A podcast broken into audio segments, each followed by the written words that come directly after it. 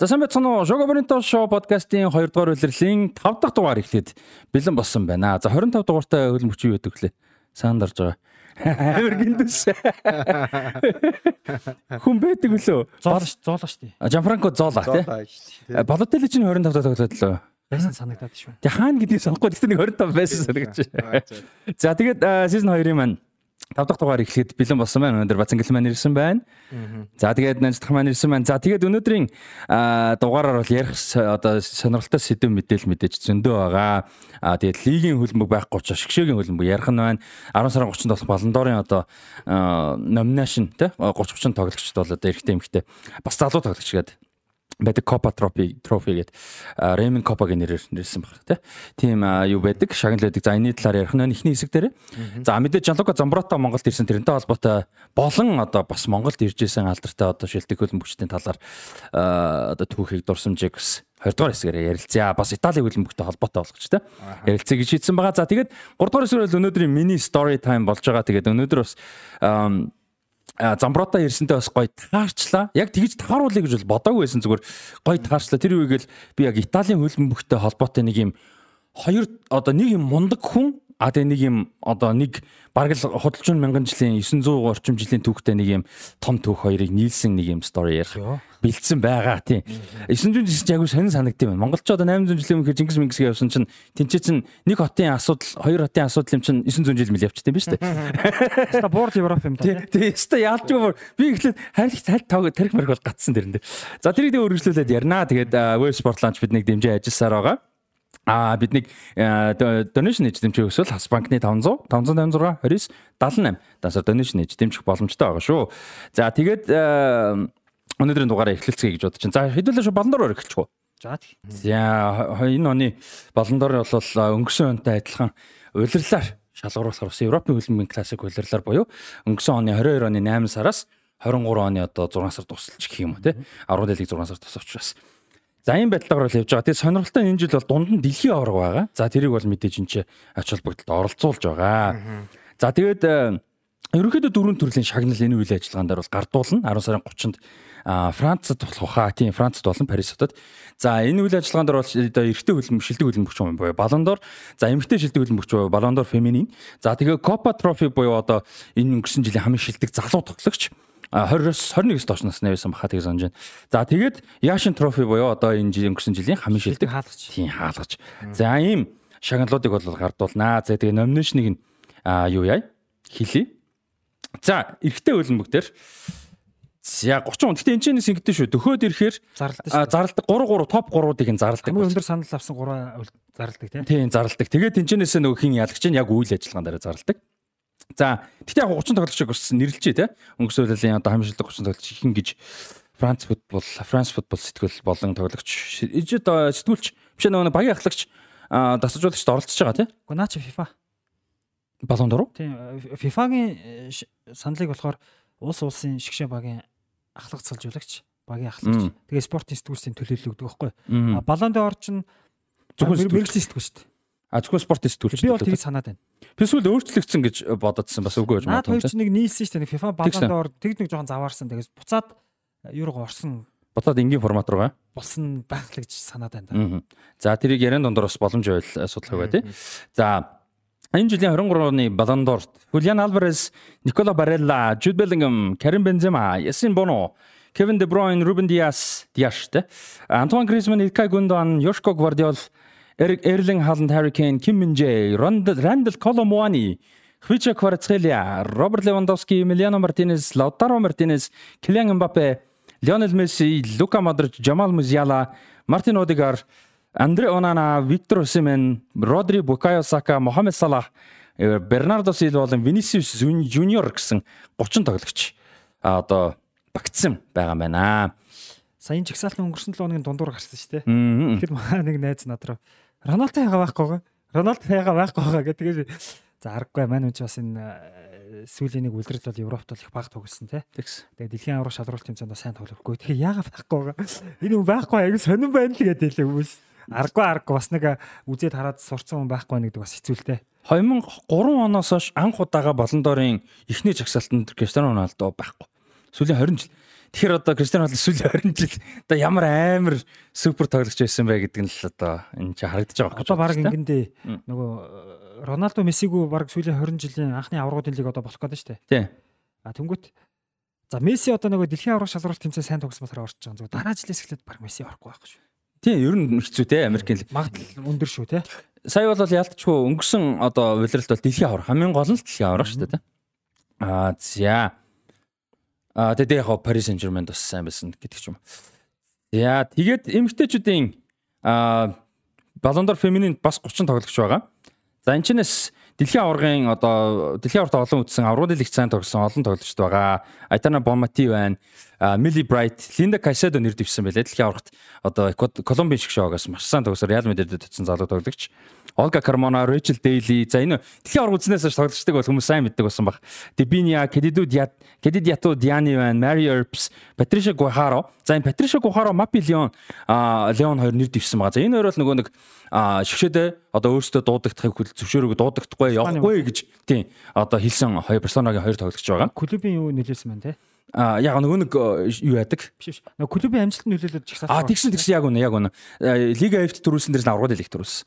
За тэгээд Юи Хасагава Япон тоглогч, Аманда Хилштет, Сам Кер, Кэти Макгей Ирландын тоглогч байгаа. Арсеналын шок, Арсенал тоглолдог, Ирландын шок тоглолдог.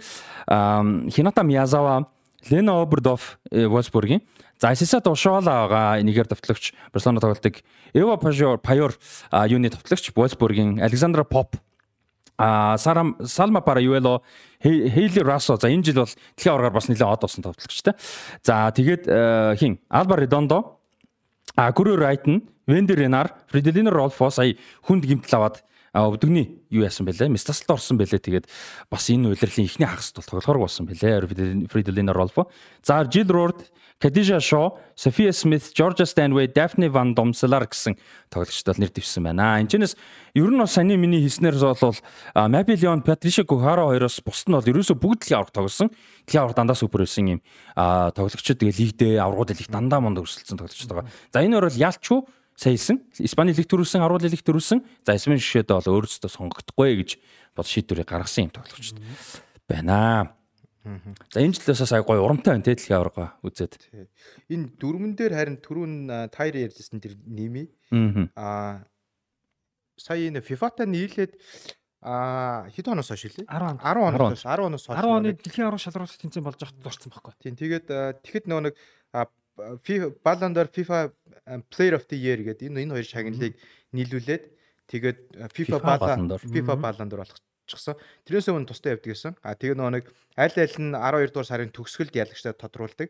Цуурж ингэж ялагч нь тодордог. Гэхдээ ихэнх тохиолдолд баг 2 хүн тодордог гэсэн. Нэг жил хоёулынгийн авчсан тоглогч юу байна вэ? Супер те. Рональдиньо нэг тэгэж авсан. За ер нь зөвхөн Рональдиньо л нэг авсан 5 онд. Хайх чинь. Дөрөв онд чинь Баландорын хин авчдаг үлээ. Ханрын авдаг үлээ, хин авдаг үлээ. Дөрөв онд Шевченко дөрөв онд Шевченко аваад Рональдиньо дэлхийн шилдгийг аваад 5 онд хоёулын Рональдиньо авдаг санагдаж байна. Тийм билүү те. Явсан тэр Анри хамгийн супер ахта авч чаддаг шүү дээ. Алин ч авч чаддаг шүү дээ. Авах хэрэгтэй байсан үедээ гэх юм уу те. Тэгээд тэгээд тэр үед яасан бэхэр нөгөө нэг Баландорын дөрмийг өөрчилсөн. А өмнө нь FIFA-гийн оны шилдэг тоглогч яадаг гэсэн бэхээр Шигшобагийн ахлагч, Шигшобагийн ахлах тасгалжуулагч хоёр гээд FIFA нийт хэдэн гишүүнд 200 гаруй гишүүд тайхан бол 400 хүний саналаар шийддэг байсан. А оны шилдэг тоглогчийг. А Баландер болохоор тухайн үед Европын тэргүүлэх хідэн сэтгүүлч жилээ. Европын хөлбөмбөгийн албаны хөл бөмбөөр дагнан бичдэг тийм хөлбөмбөөр дагнан дагнан бичдэг 50 улсын билүү дээ. Улс олгоноос төлөөлөл бас нэг нэг сэтгүүлч оролцоод 50 улсын сэтгүүлч одоо саналаа өгдөг байсан. А тэгээд энэ хоёр нийлсэн дараа энэ хоёрыг 50 50 болгочихсон. 50% нь болохоор тэр юунаас одоо шгшабагийн дасгалжуулагч болон ахлагчдаас ирж байгаа санал 50% сэтгүүлчдээс ирдэг санал байсан. Гэтэ эн чинь бүр дэлхий тэр аяар байсан. А тэгээд сая энэ 21 онд өөрчлөлтсөн шүү дээ. Тэгээ орны шилдэг тоглогч нь FIFA-д тусдаа өгдөг болоод баллон дээр тусдаа гараад 18 оноос өөрчилсөн байна.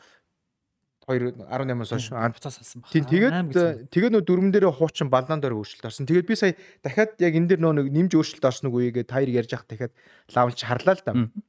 Тэгээд яг нэг орсон өөрчлөлт нь бол өмнө нь 2010 оноос өмнө яадаг байсан бэ гэхээр 50 хүртэлх сэтгүүлч байсан санагдаад байна. 50 сэтгүүлч яг ингээ оноонод өгөөд санал авдаг гэсэн нэг өөрчлөлт FIFA-гийн чансаагаар дэлхийд ихний 100-д байж байгаа 100 улсаас нэг нэг сэтгүүлч юм байна. Нэг нэг сэтгүүлч буюу 100 сэтгүүлч гарч ирсэн 30 хүний чигсалтан дээр оноо өгөх юм байна. Тэгээд 1-ээс 5 хүртэлх байранд 5 4 3 2 1 гэсэн оноонууд өгөөд тэгээд тэр дундаас хамгийн олон оноо авсан. Аа тоглогч нь одоо ялагч болох юм байна.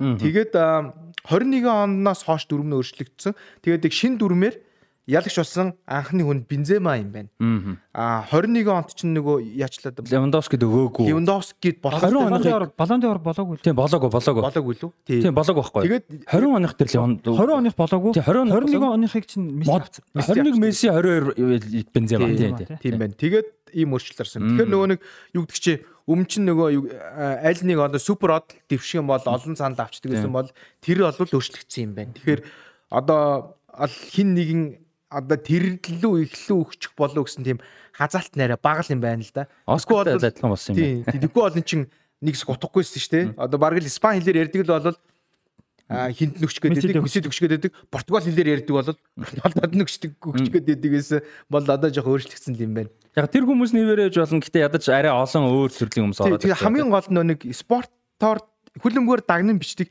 мэрэгжлийн сэтгүүлч санал өгөх болохоор бас нэг этик юм яригдчих. Арай арай нэг жоохон за яг энэ хүн сайн байсан да гэдэгтэй л санал өгөх юм байна. Тэрнээс тэр хүнийг таньдгүй, таньдаггүй гэдэг нөлөө мэдээж тодорхой хэмжээнд байж магадгүй гэхдээ тэр нөлөө бол асар бага л болж байгаа юм байна. Тэгээд өмнө нэгдэг өсөн шүү дээ. Нөгөө нэг FIFA-г оны шилдэг тоглогчийг тодруулдаг байхад тэрнээс илүү нэр хүнтэй шагнал баллон дор исэн шүү дээ. Яагаад гэвэл баллон дор болохоор ямар нэгэн тим нөгөө нэг хазаалт байхгүйгээр мэрэгжлийн сэтгүүлчид саналаа өгдөг гэсэн болохоор энийг илүү нэр хүндтэй гэж ярьдаг байсан тий. Тэгэхээр яг тэррийгээ одоо Франц футбол хадгалахын тулд чанаржуулахын тулд FIFA-гийн жинсаа ихний 100-д байж байгаа усаас нэг нэг сэтгүүлч дуудаж оруулдаг л болж байгаа юм байна. FIFA болохоор өөртөө нөгөө the best гэдэг ийм шагналыг гаргаж байгаа шүү дээ. FIFA-ийг бол нөгөө нэг хуучнаар байгаа хөө. Гэхдээ нэрээ best болгосон тий. Тийм the best. Player of the year шүү дээ. Тийм FIFA World Player of the year. Тэгээ тэрийг монголоор хөрвүүлээд аягүй гоё. Тэгээ зүгээр дэлхийн шилдэг, Европын шилдэг хоёулыг нь ярьцдаг. Эмэгтэй тоглогч аяа юу гэж хэлэх юм бэ? Аа, тухайн үед үү? Биш FIFA. Аа, the best the best men's The best women's гэж тийм. Зүгээр амар тэнэг байхгүй зүгээр шагналын нэр нь the best байхгүй. Амар тэнэг шүү дээ. Биднээс илүү англи хэлтэй хүмүүс баймаар юм. За тэрж байгаа. А тэгээд за Баландарын юу бол 21 оноос гоё өөрчлөгдсөн юм байна шүү дээ. Тэгээ Оскартай адилхан болцсон юм байна. Оскар чинь тийм байдаг. Бүгд ингээ номинашн нэвдэвшүүлээ. Тэгээ номинашн зарлагдангууд тэр зарлагдсанаас дараагийн санал асуулт хүртэл хуцаа явж байгаад тэрэн дээр санал асуугаад ялагч нь тодордог. Тэр одоо энэ 30 дээр бол яг саналаа хураах нь шүү дээ дахиад тий. Тэгээд сая харлаа л да. Тэгээ 21 оноос өөрчлөгдсөн гэдэг нь яг Месси нэг Вандайкээс илүү санал аваад ялагч болсон шүү дээ. Тэрэн дараа дөрмөө эргэж харсан юм байна.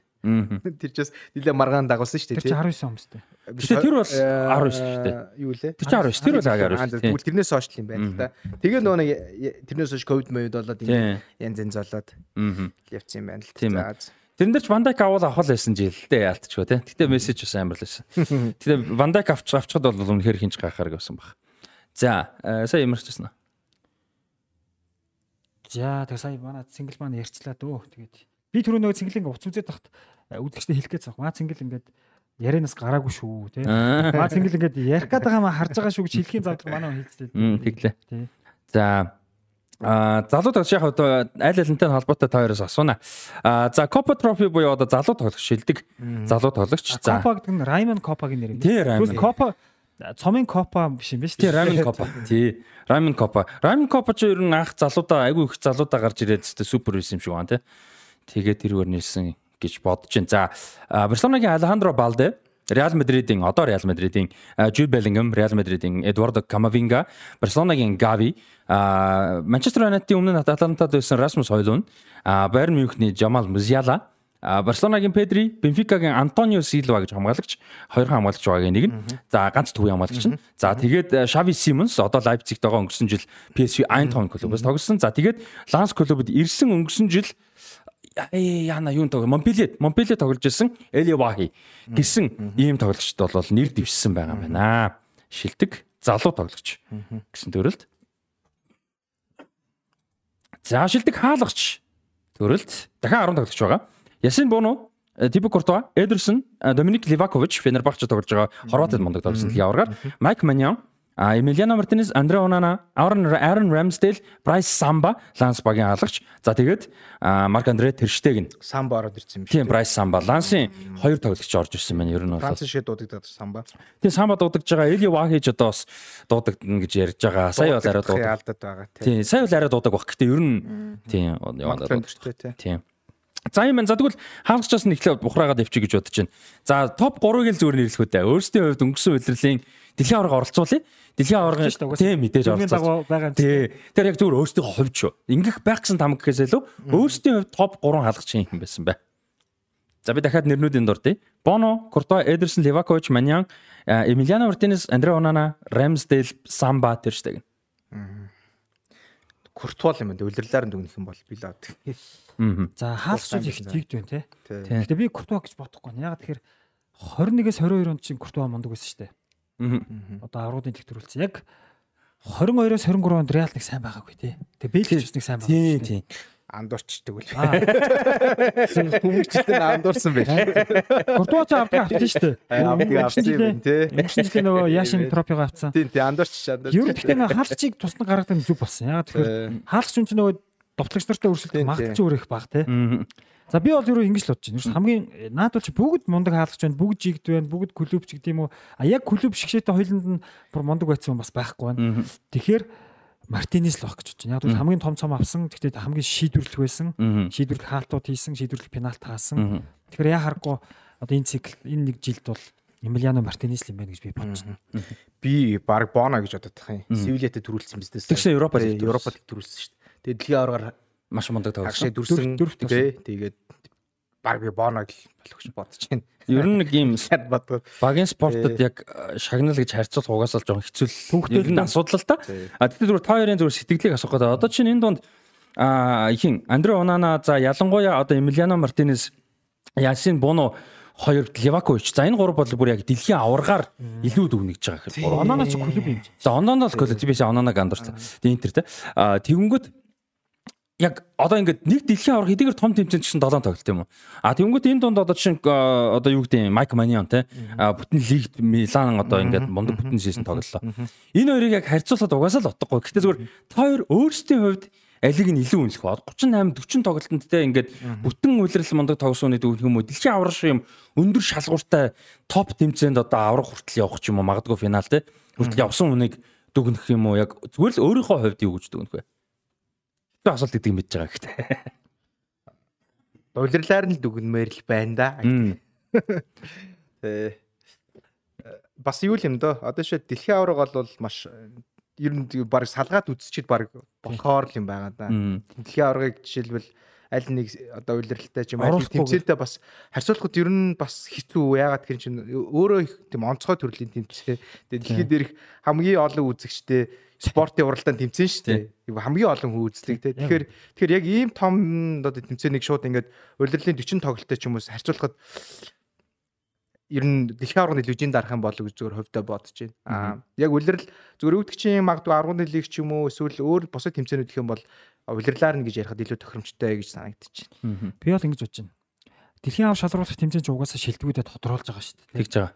Тэгэхээр ер нь зүгээр дэлхийн аврах шалруулах тэмцээн за өмнө нөгөө нэг юунд болдог байхад гоё байж л те. Хоёр удирдлийн дунд болдог байхад ямар ч маргаан байхгүй те. А энэ жил ингээд орж ирээд ер нь зүгээр дараагийн удаа ингээд дундуур мондор орж ирэх юм зүйл хэрвээ байх юм бол дэлхийн аврах шалруулах тэмцээн угаасаа л өөртөө шилдэгүүдэд тодорхойлж байгаа тэрийг тусна авч үзээд а энийга тийм Тийм гэдгээр клубийн үзүүл. Яг а, тий. ийм гарахгүй болов гэж Харин тий. Мгм. За. Тэгээ сая яг боцсон ч эдэрсэн ч гэсэн мундаг мундаг л байсан юм байна яг үнэ. Тийм шүү дээ. Трэп биш шүү дээ, тий. Тийм тэгээд яг нэр баг боно хим байна уу те бусад дэлхийн аргаар мундаг тогсон тоглогчдоос илүү гэж магадгүй санагдаж байна. Эдэрс тэгээд Бразилийн шиг шог зүгээр үндсэн алдаж байсан бол тэгээд бат байхгүй. Тий. Аа, Даад тий. Бразилтаас сэлгээ болчиход Тий. байгаа, тий. Яг айлсан ч бас сайн юм да тий. Айлсан ялч уу яг нөгөө гол кипер тал дээр арай илүү баха. Тэгээ одоо наад хаалт чинь бүгд ингээд нэг өөрийн онцлогтой давуу талтай сул талтай байгаа Тий. зү. Одоо бас нэг ийм сонирхолтой сэдв байна л да. А зөвхөн яашин одоо энэ трофин дээр зүгээр жишээ авахад Bryce Samba тий. За одоо залуу тоглогч нар жишээ нь одоо юу гэдгийг Jude Bellingham, Pedriтэй Eli Wahig өрсөж байгаа чинь. Юу гэдэг Eli Wahig яг одоо илүү тоглогч гэж хааж байгаа бинтэж биш ойлгомжтой тий. Одоо Bryce Samba танилцсан юм байна яг үнэ. Танилцсан юм байна. Бодгоо таньдаг бодлоо. Ер нь таньдаг бас хүмүүсийн нэг шүү тий. Тэгээ одоо Bryce Samba ч гэсэн тий. Юу гэдэг Courtois-тай адилхан чадвартай гэж байгаа даа биш. А гэхдээ яг ямар багт ямар хүрээнд ямар орчинд ямар хэмжээний амжилт үзүүлж одоо яаж боломжоосоо давж тогсон бэ гэдэг яг үнэ. бас сонирхолтой тий. Маш үнэ. Тий.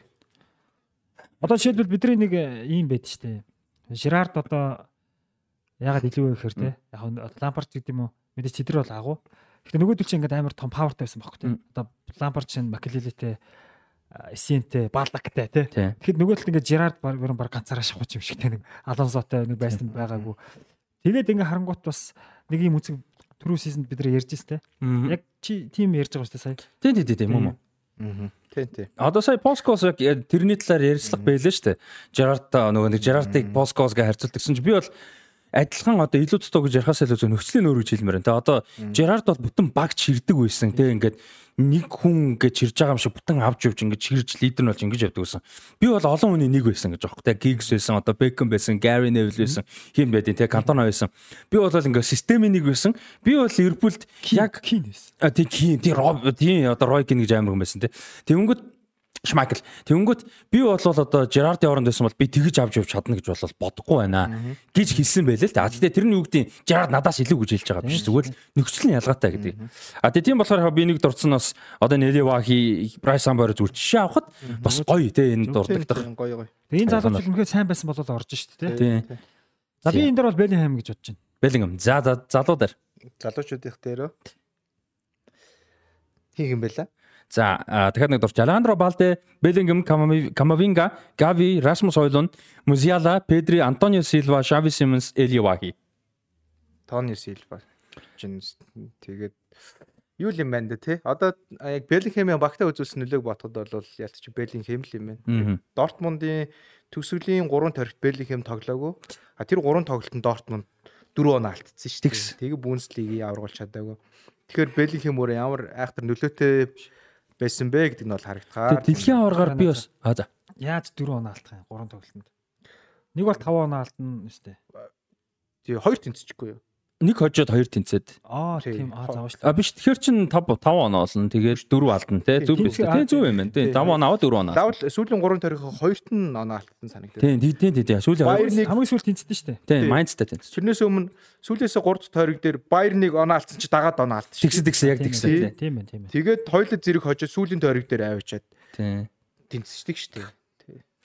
Аа за бисээ. А тий Беллингем дээр нэмээд ярихад 4 оноо гэдэг би нэг 4 оноо авахаа аа бодсон юм байна. арай өөр үзэхээс бодчихлоо. Беллингем бас нэмээд ярихад нөгөө дэлхийн аваргын баг хамгийн супер нөгөө нэг одоо шинэ залуу тоглогчийн нэг байсан. Гэхдээ яг хуу Гонсало Рамош нэг тоглолтод хедрик хийдэг ч юм уу. Энцо Фернандес дэлхийн аварга авсан Аргентинд гялалцсан гэдэг юм. А яа Уильян Альварес те. Тим мотор жоохон дарагдсан баг. Яг одоо анхаарал бодлоос. А түүнээс яг яг яг тоглолтоор бол Беллингем билээ. Беллингем хамгийн супер залуу тоглогч. Яг нөгөөх нь амжилт нь илүү. Тий, тий. Төрүүлч гисэн. Үнэ үнэ тий. Беллингем яаж хагас шигшэд орсон бол бас өөр аахгүй тий. А Тэгээд тэгээд тэгээд нөгөө багийн спорт хувийн шагнал өгөхөд бас багийн амжилт бас огт харгалцахгүй байна гэдэг бол бас хэцүү болчиход байгаа л тий. Одоо энэ дээр бас хим байл да одоо Эли Вахигийн хувьд бол бас айгу гоё байхгүй байгаад нь баярлж байгаа те. Монпелье багаас залуу тоглож гарч ирээд мэрэгэн бочод өрсөлдөөд те. Аа тэгээд н чинь нөгөө нэг Олимпик Лионтой 4-4 тэнцдэг тоглолтын дээр дөрвөн гол юу. Тэр Эли Вахи. Лаказет нөгөө талаас нэг Тэгээд Лаказет нөгөө талаас нь хедрик хийгээ Эли Вахи нөгөө талаас дөрөв бидэг. Тэр Эли Вахи. Тэгээ энэ залууч их мундаг тоглож. Зөвхөн ганц тэр тоглолтын дээр цороог байхгүй гол нь. Өнгөрсөн удирдж байгаа их сайн байсан. Тийм тэгээ одоо энэ жил нөгөө нэг Опендаг орлох гол ланс дэрсэн байгаа. Тий 20 нэмэх гол оруулсан өнгөрсөн За манай хоёр бол нэрэ залуу хөлбөмбөгтэй. Үнэхээр гаргаадаг биш. Манай Расти байна. Цэнгэлийг бол мэдж байгаа шүү дээ угаасаа бүгдээ. Таалант таалант цэнгэл биш үү? Угаасаа. Талент цэнгэл за постэр хийнэ шоо гэх. Аа талент скаут бо цэнгэл. Аа тэгээд бас нэг тоглогч энэ чинь нэг хүмүүс Антони Силэг нэг мэдгүй гэж магадгүй гэж бас бодоод байна л да үзэж байгаа сонсож байгаа хүмүүс арай юу багтаа. Манай бол Португалийн шогт яг тоглоод эхлэхийн үед л эхэлсэн. Гэхдээ дэлхийн аваргаар бол ойлгохтой дуудагдаагүй те. Дуудагдсан сэлгийн суулуу. Дэлхийн аргаар дуудагцсан. Дуудагдаа сэлгийн суусан те. Дуудагцсан. Дуудаг. Гэхдээ сэлгийн суусан те тоглоогүй те. Тоглоог. Тийм метр 87 тоотой төвийн хамгаалагч. Мундаг мундаг. Үнэхээр мундаг супер хамгаалагч. Одоо 20 нас л хүрж байгаа. Одоо дөнгөж 20 урж байгаа. А 20 хүрх юм байна. Хүрээжгүй 10 сарын 30-нд хүрх юм байна шүү дээ. Тийм. А Антонио Силвагийн тухайг супер хамгаалагч болно. Одоо жишээлбэл өгдөг чинь Бразилд бид нар Тиаго Силва гэж мэддэг гэсэн бол өөр нэг Силва Португал бид нэр одоо мартахгүй бай болох болов гэж бодож байна. Тэгээд Португалийн шиг одоо аа бас үе үед яг тийм хоёр супер төвийн хамгаалагчтай байсан бол тун ховор. Одоо л яг яг тийм цаг үеийн байх шин. Рубен Диаш байна. Хажууд нь Антонио Силва гэдэг мундаг залуу гарч ирж байна. Одоо ерөөсөө өнгөрсөн үеэрл мэржлийн карьераа эхлүүлсэн. Ерөөсөө өнгөрсөн үеэрлийн ихэнд эхлүүлэл шууд Бенфикагийн гараа болцсон. Ерөөсөө. Тэгээ тэр бол бас тийм амар зүйл бол мэдээж шүү дээ. Бенфикагийн яг хүүхдийн актемаас тодрон гарч ирж байгаа залуу. Тэгсэн. Тэгээд сая энэ зүүн нэлээд олон клубүүд сонирхсан. Гэтэ Бенфикад үлдсэн баг тэр нөгөөсөө зөв цагийн чуулаг баг. Тэгээд юу гэдэг чинь одоо Бенфика ч аврагууд лиг тогсон шүү дээ. Тэгээд маш сайн тогсон. 8-д үлдсэн шүү дээ. Тэгээд бөмбөг таслан мөргөн хамгаална. Тэрнээс гадна хамгийн гол нь бөмбөгтэй маш мондыг тоглож чаддаг. Одоо бид нэр сая Премьер Лигт Челсигийн Колвил гэж залууг харж дээ. Тийм, Ливай Колвил. Тийм, бөмбөгтэй маш гоё зөрөгтэй тоглож чаддаг. Аа тэгээд хойноос довтлогоо эхлүүлэхэд багт ямар нөлөө үзүүлж байгаа гэдэг талбай дээр нь бол харагдахаар байдаг тий. Ер нь одоо Премьер Лиг хичээлэлд ирэх юм бол тийм Колвиллоос ч бараг давхар хэмжээний тийм бөмбөгтэй ажиллаж тоглож чаддаг тоглогч юм байна лээ. Тэгээ одоо Одоо бол сая энэ намраас эхлээд нэг Португалийн шиг шиг нисгэлжүүлэгчин Роберто Мартинес болчихсон. Тэгээд өнгөрсөн баг хавраас энэ баг шууд гараа хамгалагч удаад эхэлсэн. Оо тийм үү. Тэгээ сая энэ энэ намар энэ намар сая сүүлийн хийсэн э, сонголт шалгаруулалтын нэг өнө хоёр тоглолт хоёуланд нь Рубен Диаштай хамт төвийн хамгаалтанд зогсож байгаа. Одоо шууд ингэ тоглох. Тэр хэмжээний тоглогч та. Дараагийн Европын аваргаар бид нар угаас хангалттай таних бахаа. Тэгвэл хэрхэн авч байгаа юм ч тийм. Бенфикагийн академид байхад нь л одоо The Athletic ч юм уу, Guardian ч юм уу, айгу олон одоо хөлбөмбөгийн том хөлбөмбөгийн хүрээнд ярьдаг сэтгүүл сайтууд юу байгаадсан. Антони Силва онцчээс тоглогчдын нэг байсан. 21-оос 22 оны улирал Европын хөлбөмбөгийн холбооны Youth League гэж байдаг. Яг нэг аврагууд лигийн 32 баг хэсэг хуваагдсан шүү дээ. Яг тэр 32 баг яг тэр хэсгээрээ 32 багт одоо баг ингэж 18 хэсэгт хуваагддаг. А тэгээд яг цаашаа үргэлжлээд яг тоглолтыг юм аврагууд одоо залуучуудын аврагууд лиг гэх юм уу академи. Энд бол Бенфика төрүүлсэн 22 онд. Тэгээ энэ бүрэлдэхүүний бол одоо хамгийн гол тоглогчдын нэг байсан. Тэгээ шууд ихний багт нэгдүгээр багт орж ирээд одоо цоороод мундаг явж байгаа. Метр 87 өндөртэй юм хамгаалагч байгаа шүү. Гой залуу байгаа. Гимтчгүй л болоо. Тэг хүн гимтэл бэртэл авчихгүй бол ер нь их мундаг гой тоглогч байгаа. За эмэгтэйчүүдийн шилдэг тоглогч баг ойлгомжтой юу? Чийл мэдж байгаа л. Гэхдээ одоо яг энэ үйлрлийг ингээд харах юм бол юу л байна л да.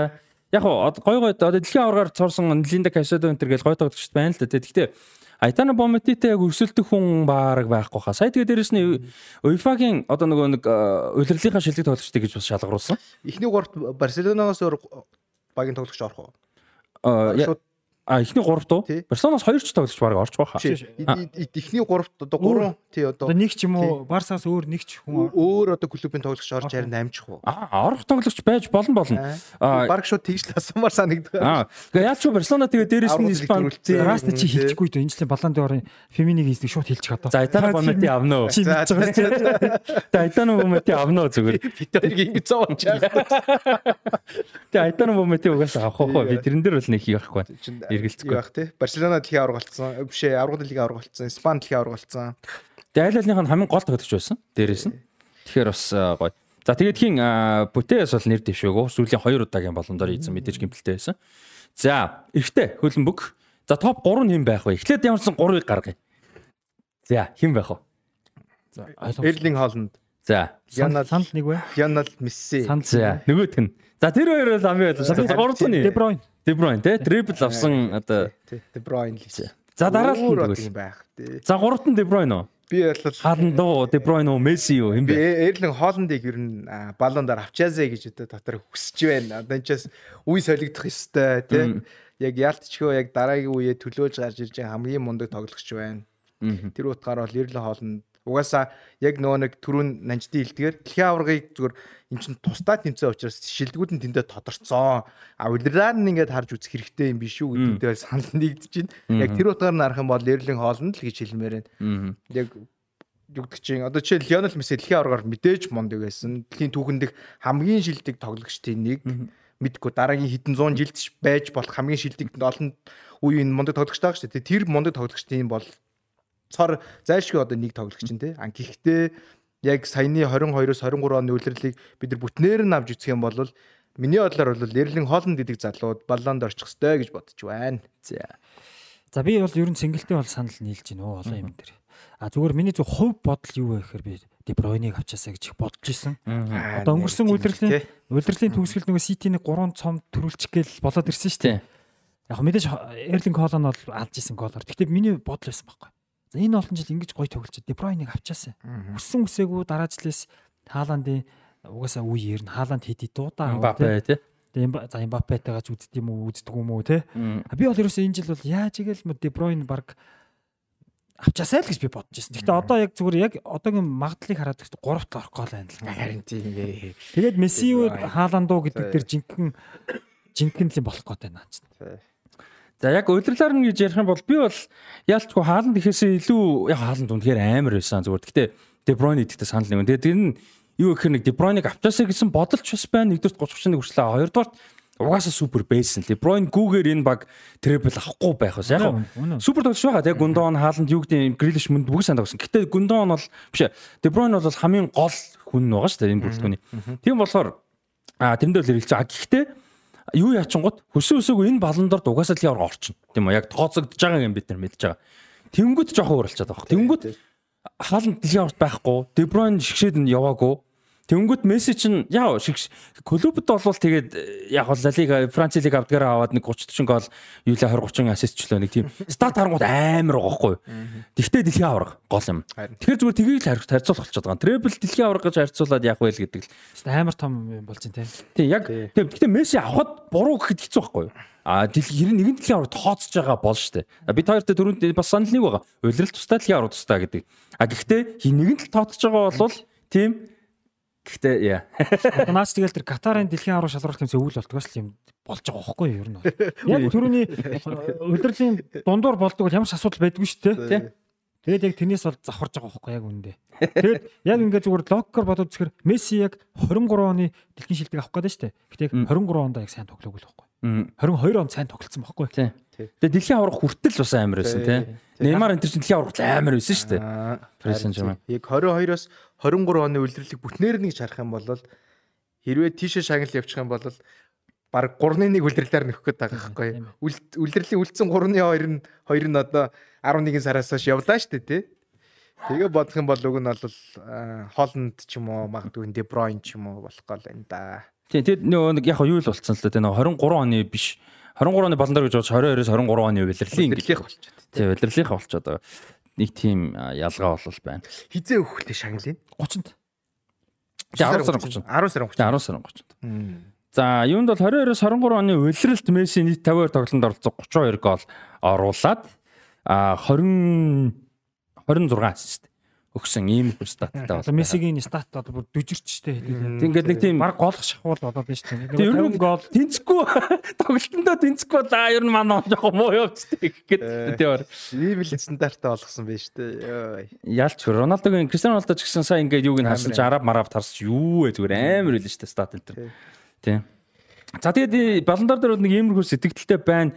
Яг Де Бройн авал бид гур гурлаа баярлах шинжтэй байна хааланд авахд л ойлгоно, Месси авахд ойлгоно нэг иймэрхүү байдалтай л. Тэр нь энэ гурал байлгүй дээ топ 3 тий.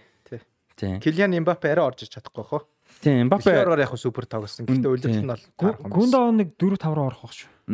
Тэг Гүндон орох шүү. Гүндон. Гэхдээ Мбаппе бас дэлхийн аваргын финал дэлхийн аваргт тэгээд яг юунда Францад төрүүлж байгаа шүү дээ. Тэг гоолыг бол бас бөмбөгдсөн хэдийгээр нэг тийм хүсээд ахаар лиг улирал байгаагүй ч гэсэн бас амар л байсан л да тий Мбаппе. Эхний гурав сюрприз орж ирэх боломжтой Мбаппе ажиллах юм тий. Саяны гурын оронд хин нэгнийх нь оронд ороод ирэл магадгүй. Мбаппе ч нэг юугаар ороод ирж магадгүй. Супер од болохоор ямар супер од нэг павер байдаг штэ тий. Тэгээд дэлхийн авраг ядж байхдаа амар тоглолцсон тий.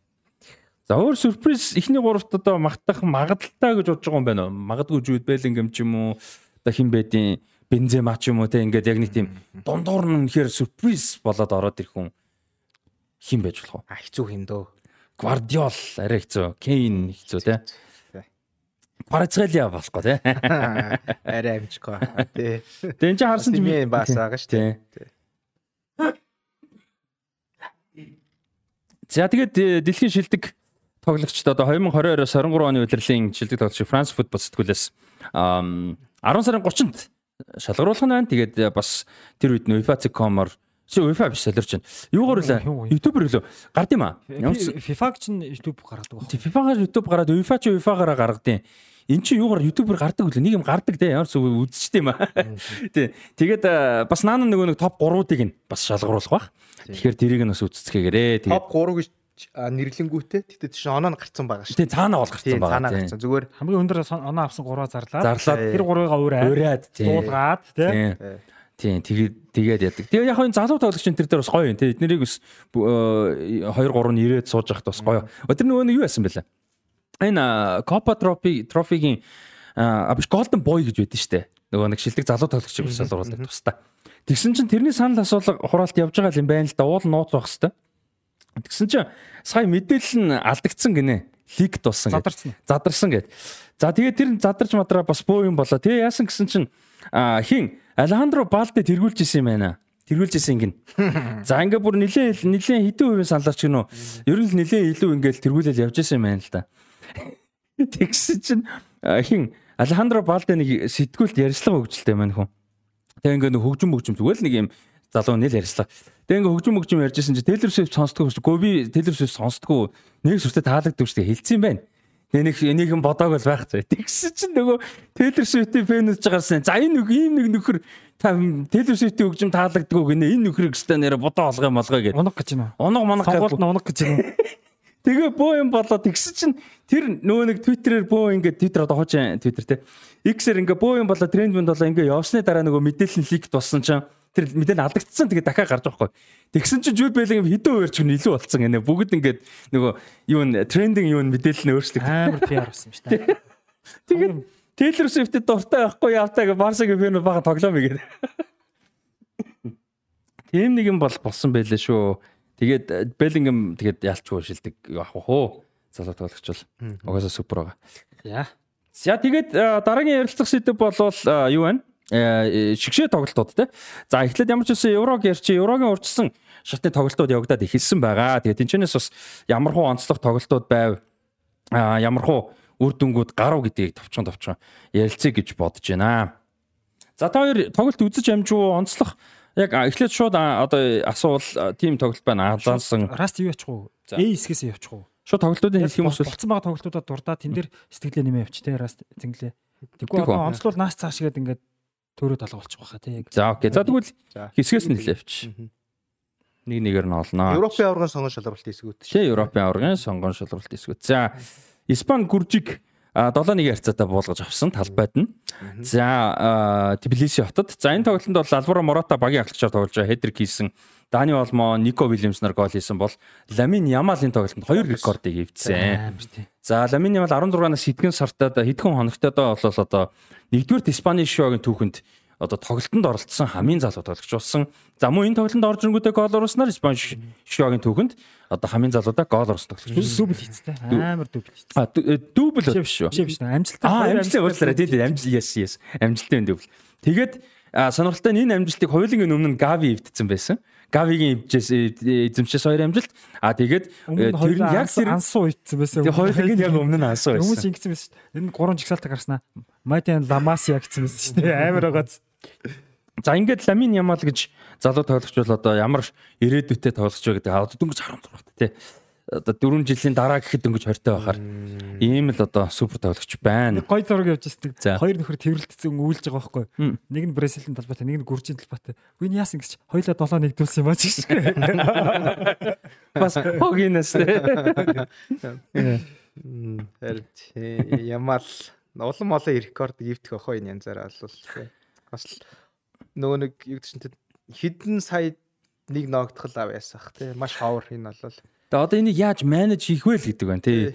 Яаж гимтэхгүй байх уу, сэтгэл зүг нь яаж зөв барих уу, карьерийг яаж тогтоох уу гэл үнэхээр супер тоглогч. Одоо Барселонагийн тэгээд нөгөө талбайгаас гаднах асуудлуудаа уулан зэгжилж чадах юм бол Барселонагийн ирээдүй байж болохоор Педри Гавитай хамт тий ийм тоглолт топ тоглогч. Уул нь Ямал ч бас Марокко гаралтай хүүхэд байгаа. Тэгээд бас Мароккогийн шгшээдээ дуудагдаж магадгүй гэсэн тийм бас яриануд их байсан. Аа тэгтээ ч нэг юу олон улсын одоо хүлэмжийн холбооны дүрмээрээ хоёроос олон тоглолтод л оролцож байгаа бол иргэншлээ сольж болохгүй. А ийм болцсон байгаа. Наа ч одоо банданд асуулцсан. Өө ийм болцсон байгаа. 3 хүртэлх тоглолтод 21 наснасаа өмнө оролцсон бол сольж болно. 3 хүртэл. А өмнө нь бол бүр аль бизнес бол болдоггүйсэн байхгүй. Одоо болохоор аль бизнес болон френдлиж болно. Гэхдээ 3-аас доош болно. Тийм. Аль бизнес тоглолт байж болно. А өмнө нь 21 наснасаа өмнө Еврогийн урьдчилан шатгаж аль бизнес тоглолт шүү дээ. Энд нэг ороод нэг гач болцсон хүмүүс байгаа шүү дээ. Тийм. Одоо чинь одоо дахиад хоёр тоглолтод орж болох юм байна шүү. Тэгчээ сольж болно л гэсэн үг. Тийм. Ер нь л тийм болцсон. Нөгөө хиндэр чинь амар том жишээ гарсан. Мөнир мөнир мөнир чинь анх гарч ихдээ амар торж гарч ирээ. 17 8 таад Испани шок дуудагдаад 10 хэдхэн минут тоглолцсон. Тэгээ тэрнээс хойш хөөрхөн форм нэг олигтой яваагүй 18 маань дэлхийн аваргаар Мороккод орох гэсэн чинь мань хүн Испанд 10 хэдхэн минут тоглолцсон гэд. Тэгээ мань чинь FIFA-д бүр ингээм амар хүсэлт мүсэлт явуулаа ингэсэн зөвшөөрөөг байхгүй. Тэгээ тэрний дараа энийг өөрчилсөн. арбитрийн шүүх тандсан шүү дээ. Тэгээ дөрмийн дагуу зөвшөөрөөгүй. Тэгээ сүүл нөгөө болоод орж байгаа байхгүй. Тэгээ сая 20 оны дэлхийн орц сэлгэн дээр явсан шүү дээ тийм мөнир. Аа за за тэгвэл гоё апдейт хийлээ баярлалаа. Тийм өөрчлөлт болсон. Тэгээд аав нь Марокко, ээж нь Экваториал Гинея. Аа тэгээд өөрөө бол яг хаа Барселонад Барселонд төрж өссөн.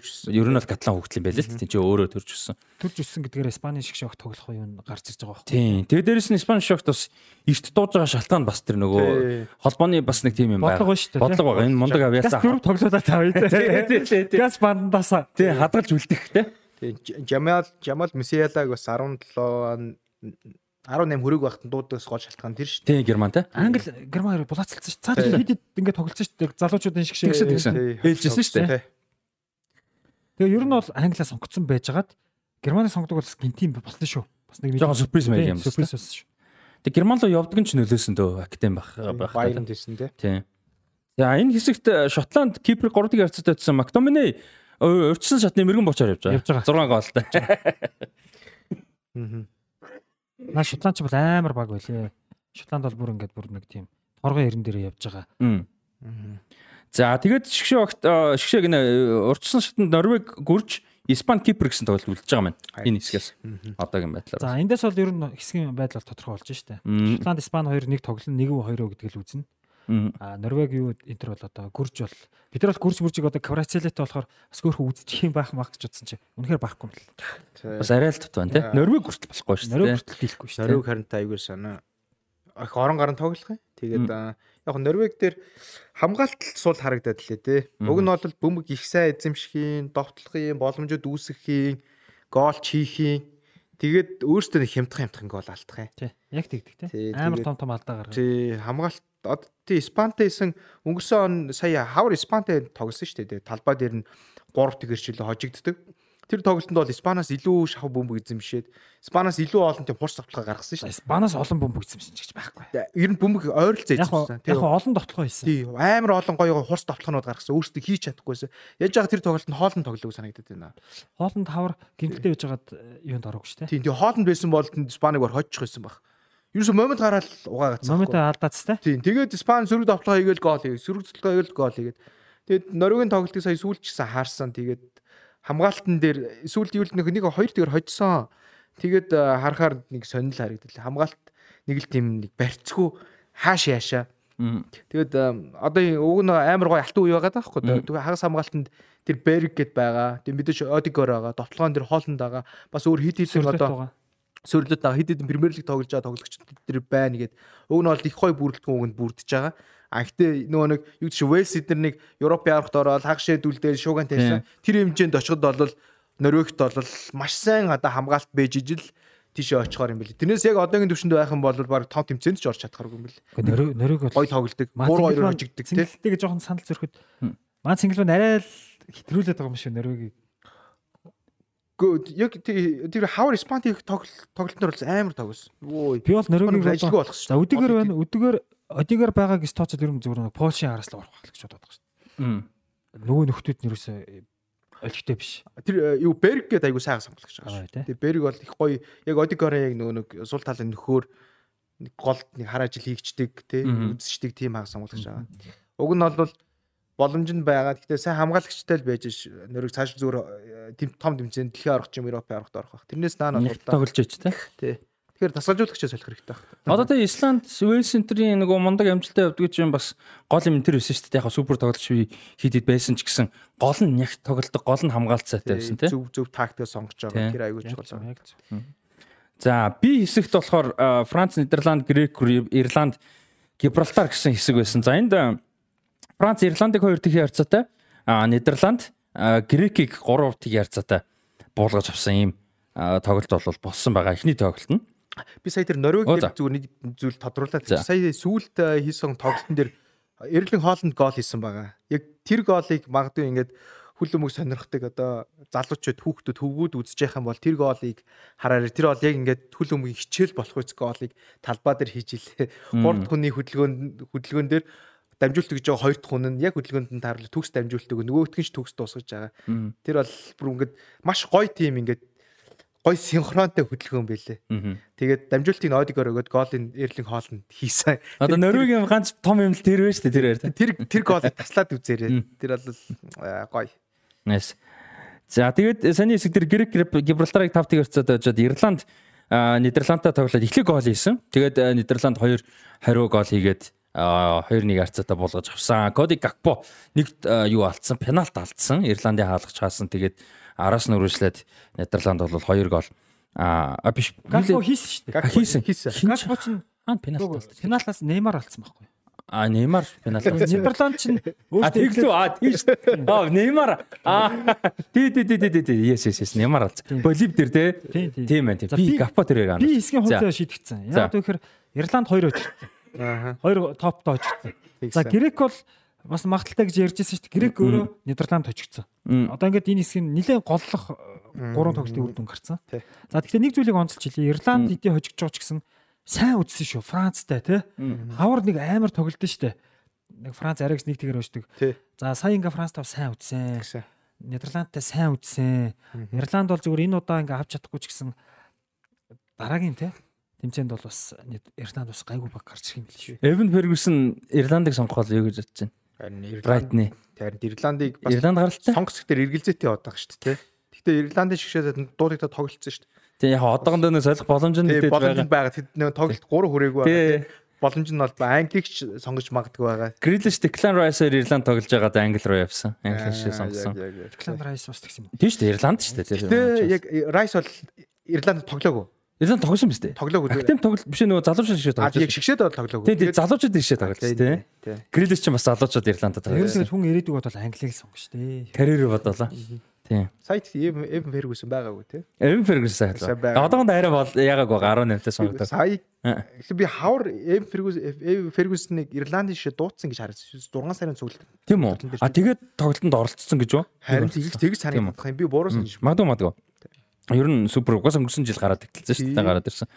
За тэгээ аа за. Тий. Заавчлаар яриаг нь тасалж. Араас тий дуусч дуусч. А тэгээ зүгээр хожлын гол Watwick first хийсэн гэж хэлдэг чинь. Тэр нөгөө тайлбарлагч нь амар юу ажил Ирланд тайлбарлагч байгаа байхгүй.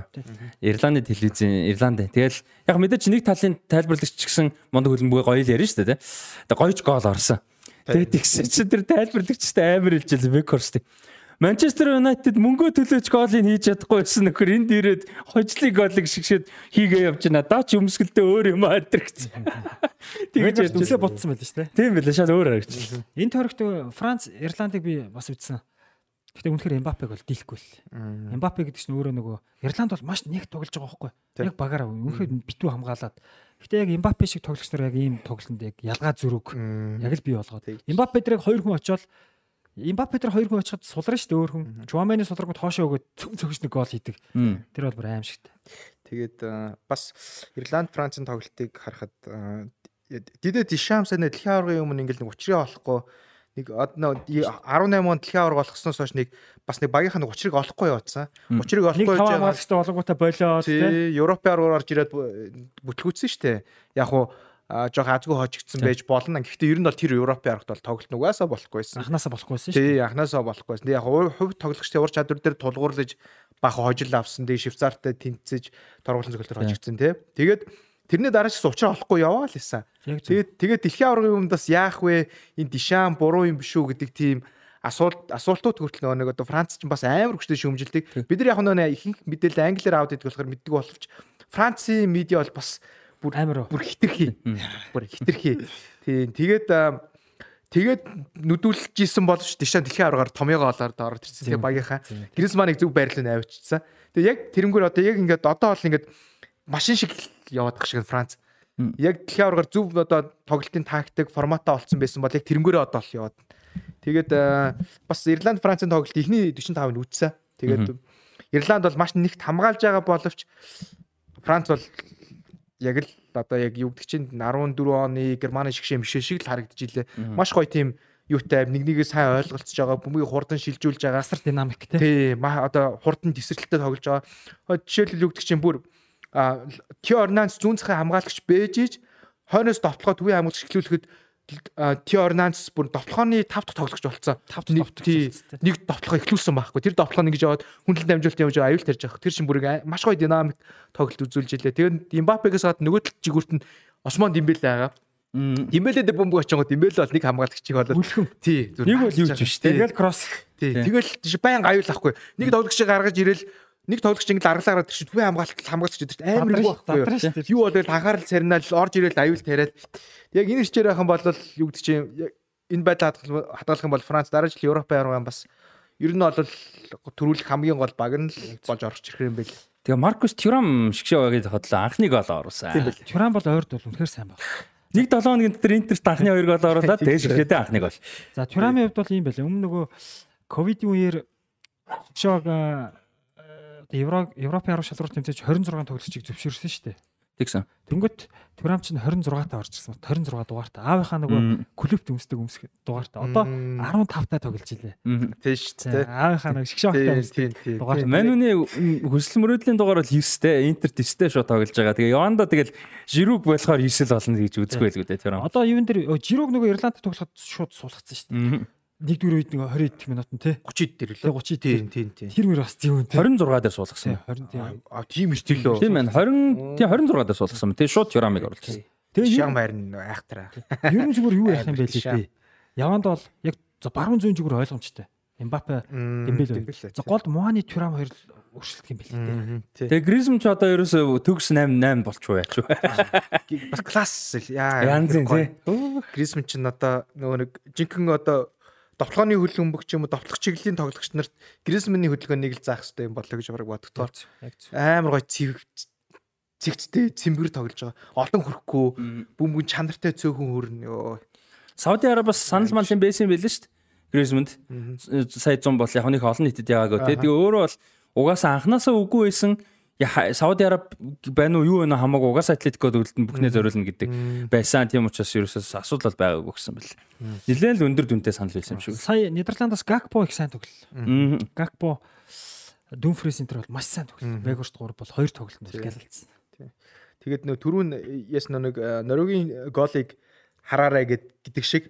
Ирланд Ирланд Нидерландын тоглолтын тэр Векхорстын голын хөдөлгөөн дээр Векхорстын Хорстын довтлогчийн хөдөлгөөнийг яаж хийдгийг бас хараарай. Одоо довтлогоо довтлогч гэдэг хүмүүс тий. Тэр бол яг довтлогч бүр яг төгс хөдөлгөөн хийсэн. Тэр хоорондоо нэг одоо хамгаалагчаас өөрийнхөө биеийг зайлуулад одоо юу гэдэг чинь нэг хөл өмгийн одоо нэг довтлогооны хичээл, довтлогчдын хичээл дэр ингэж ордог. Яг тэр төгс хөдөлгөөнийг л хийж ялээ Векорст. Маш хурдан шилжээд 5 өчиг дээрээс саалгаар зөхөг олцсон. За дараагийн хэсэг рүү орох үsil нэмэх зүйл. Аа за. Та хоёр гэхдээ яг ярихаар шууд нэмээд яриад явчаарай. За дараагийн хэсэг Си хэсэг Англи, Украин, Итали, Хойд Ирланд дөрөв хоорондоо тогсон. Малта дэлхийд тойрог тоглоагүй. Чанга хэсэг. Украин, Англи тэнцсэн. За тэгээд Хойд Македон дээр Итали очоод тэнцээ. Өмнө нь бол одоо гай оноо тий. Итали Итали гай болдог тий. Хар дарсан зүуд. Тий, Итали хар дарсан зүуд болсон тэнцээ. Эхний тоглолтод. Ээ тий. За энэ тоглолтод юу болов? Энэ англич одоо 100-аас дээш сая үнэтэй дөрвөн тоглогчтой зорын гац уусан шүү. Bellingham, Kane, Grealish нөгөөх нь Declan Rice. 100-аас Bukayo Saka. Бука яг үнэг нөгөө нэг 8-нд явснаар тий явснаар нь тий. Тэгээ одоо тэр бос үний нэмэлт чи одоо тэгээ Сака Мака ч амар юм байна шүү дээ. Наач юу яасан? Англи бол нөгөө Украины талбай буюу одоо Врослав тогсон шүү дээ. Польшийн Врослав. Польш тогсон. Тэгээд нөгөө ер нь бол дундын талбай. Тэнгүүд англичууд жоохон тааруу тогсон. Энийг бол мэрэгчлэнүүд юу гэж үзэж ийн гэхээр Англич өнгөрсөн 2022 оны 6 дугаар сард нөгөө Унгарт очигдсон шүү дээ. Nations League-т Унгар, Англи, Герман, Итали оршдог лөө. Дөрөвдүгээр очигдсон шүү дээ. Талбай дээр.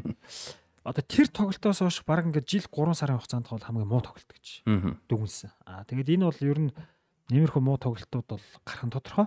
Ер нь баг хамгийн гайгүй үедээ баг гарч исэн дээр гэж тийм үзэг бол байгаа. За тэгээд Украинтай бол нэг нэгээр тэнцсэн. Гэхдээ англи бол хэсэгт анх удаа оноо алдсан. Ер нь зүгээр эрхээ авах магадлал нь бол өөрөө асар өндөр байгаа.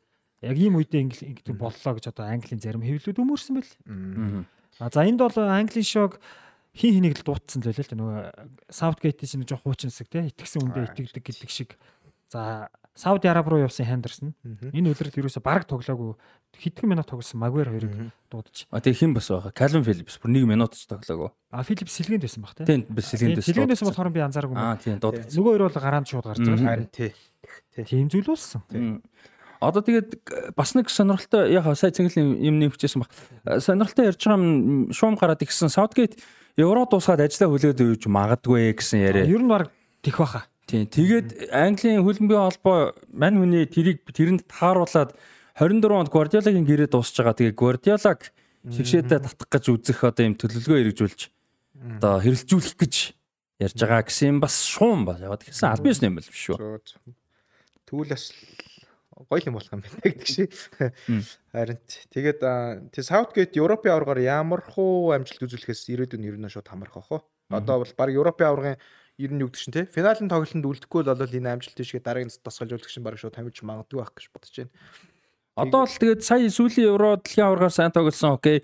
Одоо л тэгтээ аваргын төлөө шүү дээ. Тэ амбиц бол тэ. Дэлхийн аваргын дараа ч гэсэн бас байр сууринаас олон хүмүүс нэг асуултын тэмдэг тавьж ирсэн. Ягаад тэгэхээр саяны дэлхийн аваргын баг зорилт нь бол угаасаа аварга байсан. Гэтэ доод нөгөө нэг амжилт хангашаа байсан гэсэн тийм төлөвлөгөө байсан юм байлээ л дээ. Аа тэгээ тэрэндээ хүрч чадаагүй учраас үргэлжлүүлэх үгүй гэдгийг нь асууж ирсэн. Одоо бол Европын аваргаар бол шалгуур нь дахиад өндөрсөж байгаа байх. Тэгээд гол нь яг нь муу тоглолтог өдрүүд мэдээж сая таарсан баг.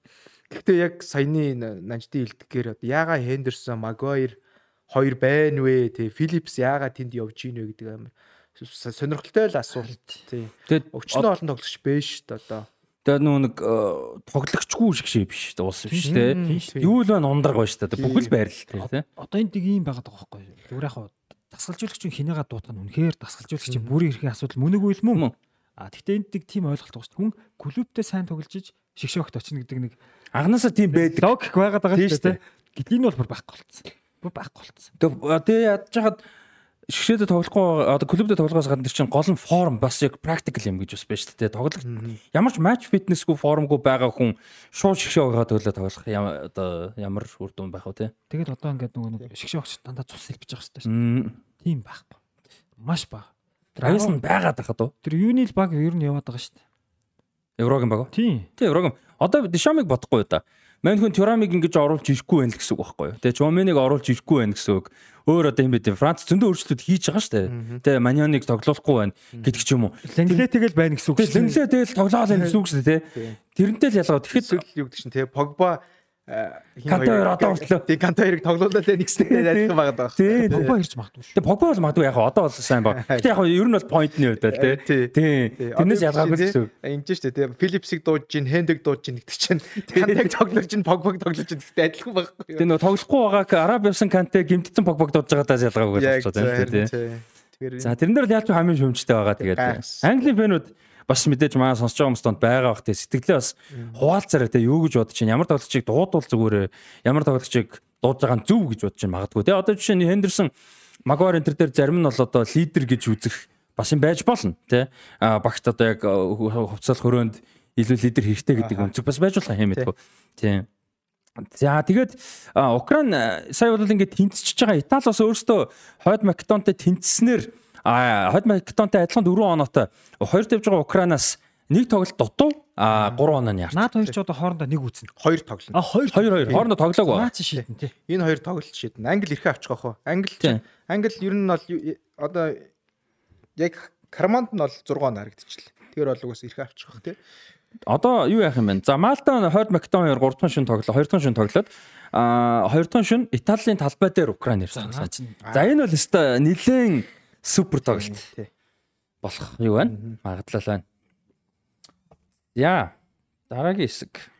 Турк, Хорват, Армен, Вест. За эндээс Хорват, Арменээр 77 оноотой, Турк 10 оноотой. Хэсгээ бол одоогийн байдлаар хэрэгүүлээд гисэн байна. Наад хэсэг чинь бол Армен бол энэ жил бас ер нь энэ удаагийн Европын аврал шалралт тэмцээний эрхийн төлөв тэмцээн их онцлог болж байгаа. Яг гоо хөлийн бүх сүүлийн үед даяарчлагдж байгаа боловч арай л хитрхи жиг болж байгаа. Хид хідэн баг сенсац тарьж байгаа. Одоо үнэхээр гой гой багууд байгаа. Дараа дараагийн хэсгүүд дээр яригдана. Наад хэсэг чинь Армен бол сайн байгаа. Сайн байгаа шүү. Гэхдээ Турк Хорватоор арай л ойлгомжтой байл. Э Туркийн үлцэн тоглолтууд нэр нь ямар байлаа? Би харин Туркийн хуурийг харчаад жир нь оноо алдах магадaltaй юм шиг нь харж ирсэн ах. Туркч одоо Хорваттай л тоглох байгаа. Тэр хоёр чинь хоорондоо нэг тэнцсэн гэж би санаад байгаа юм. Тэгээ бүх бага хожицсан гэж санаад байгаа юм.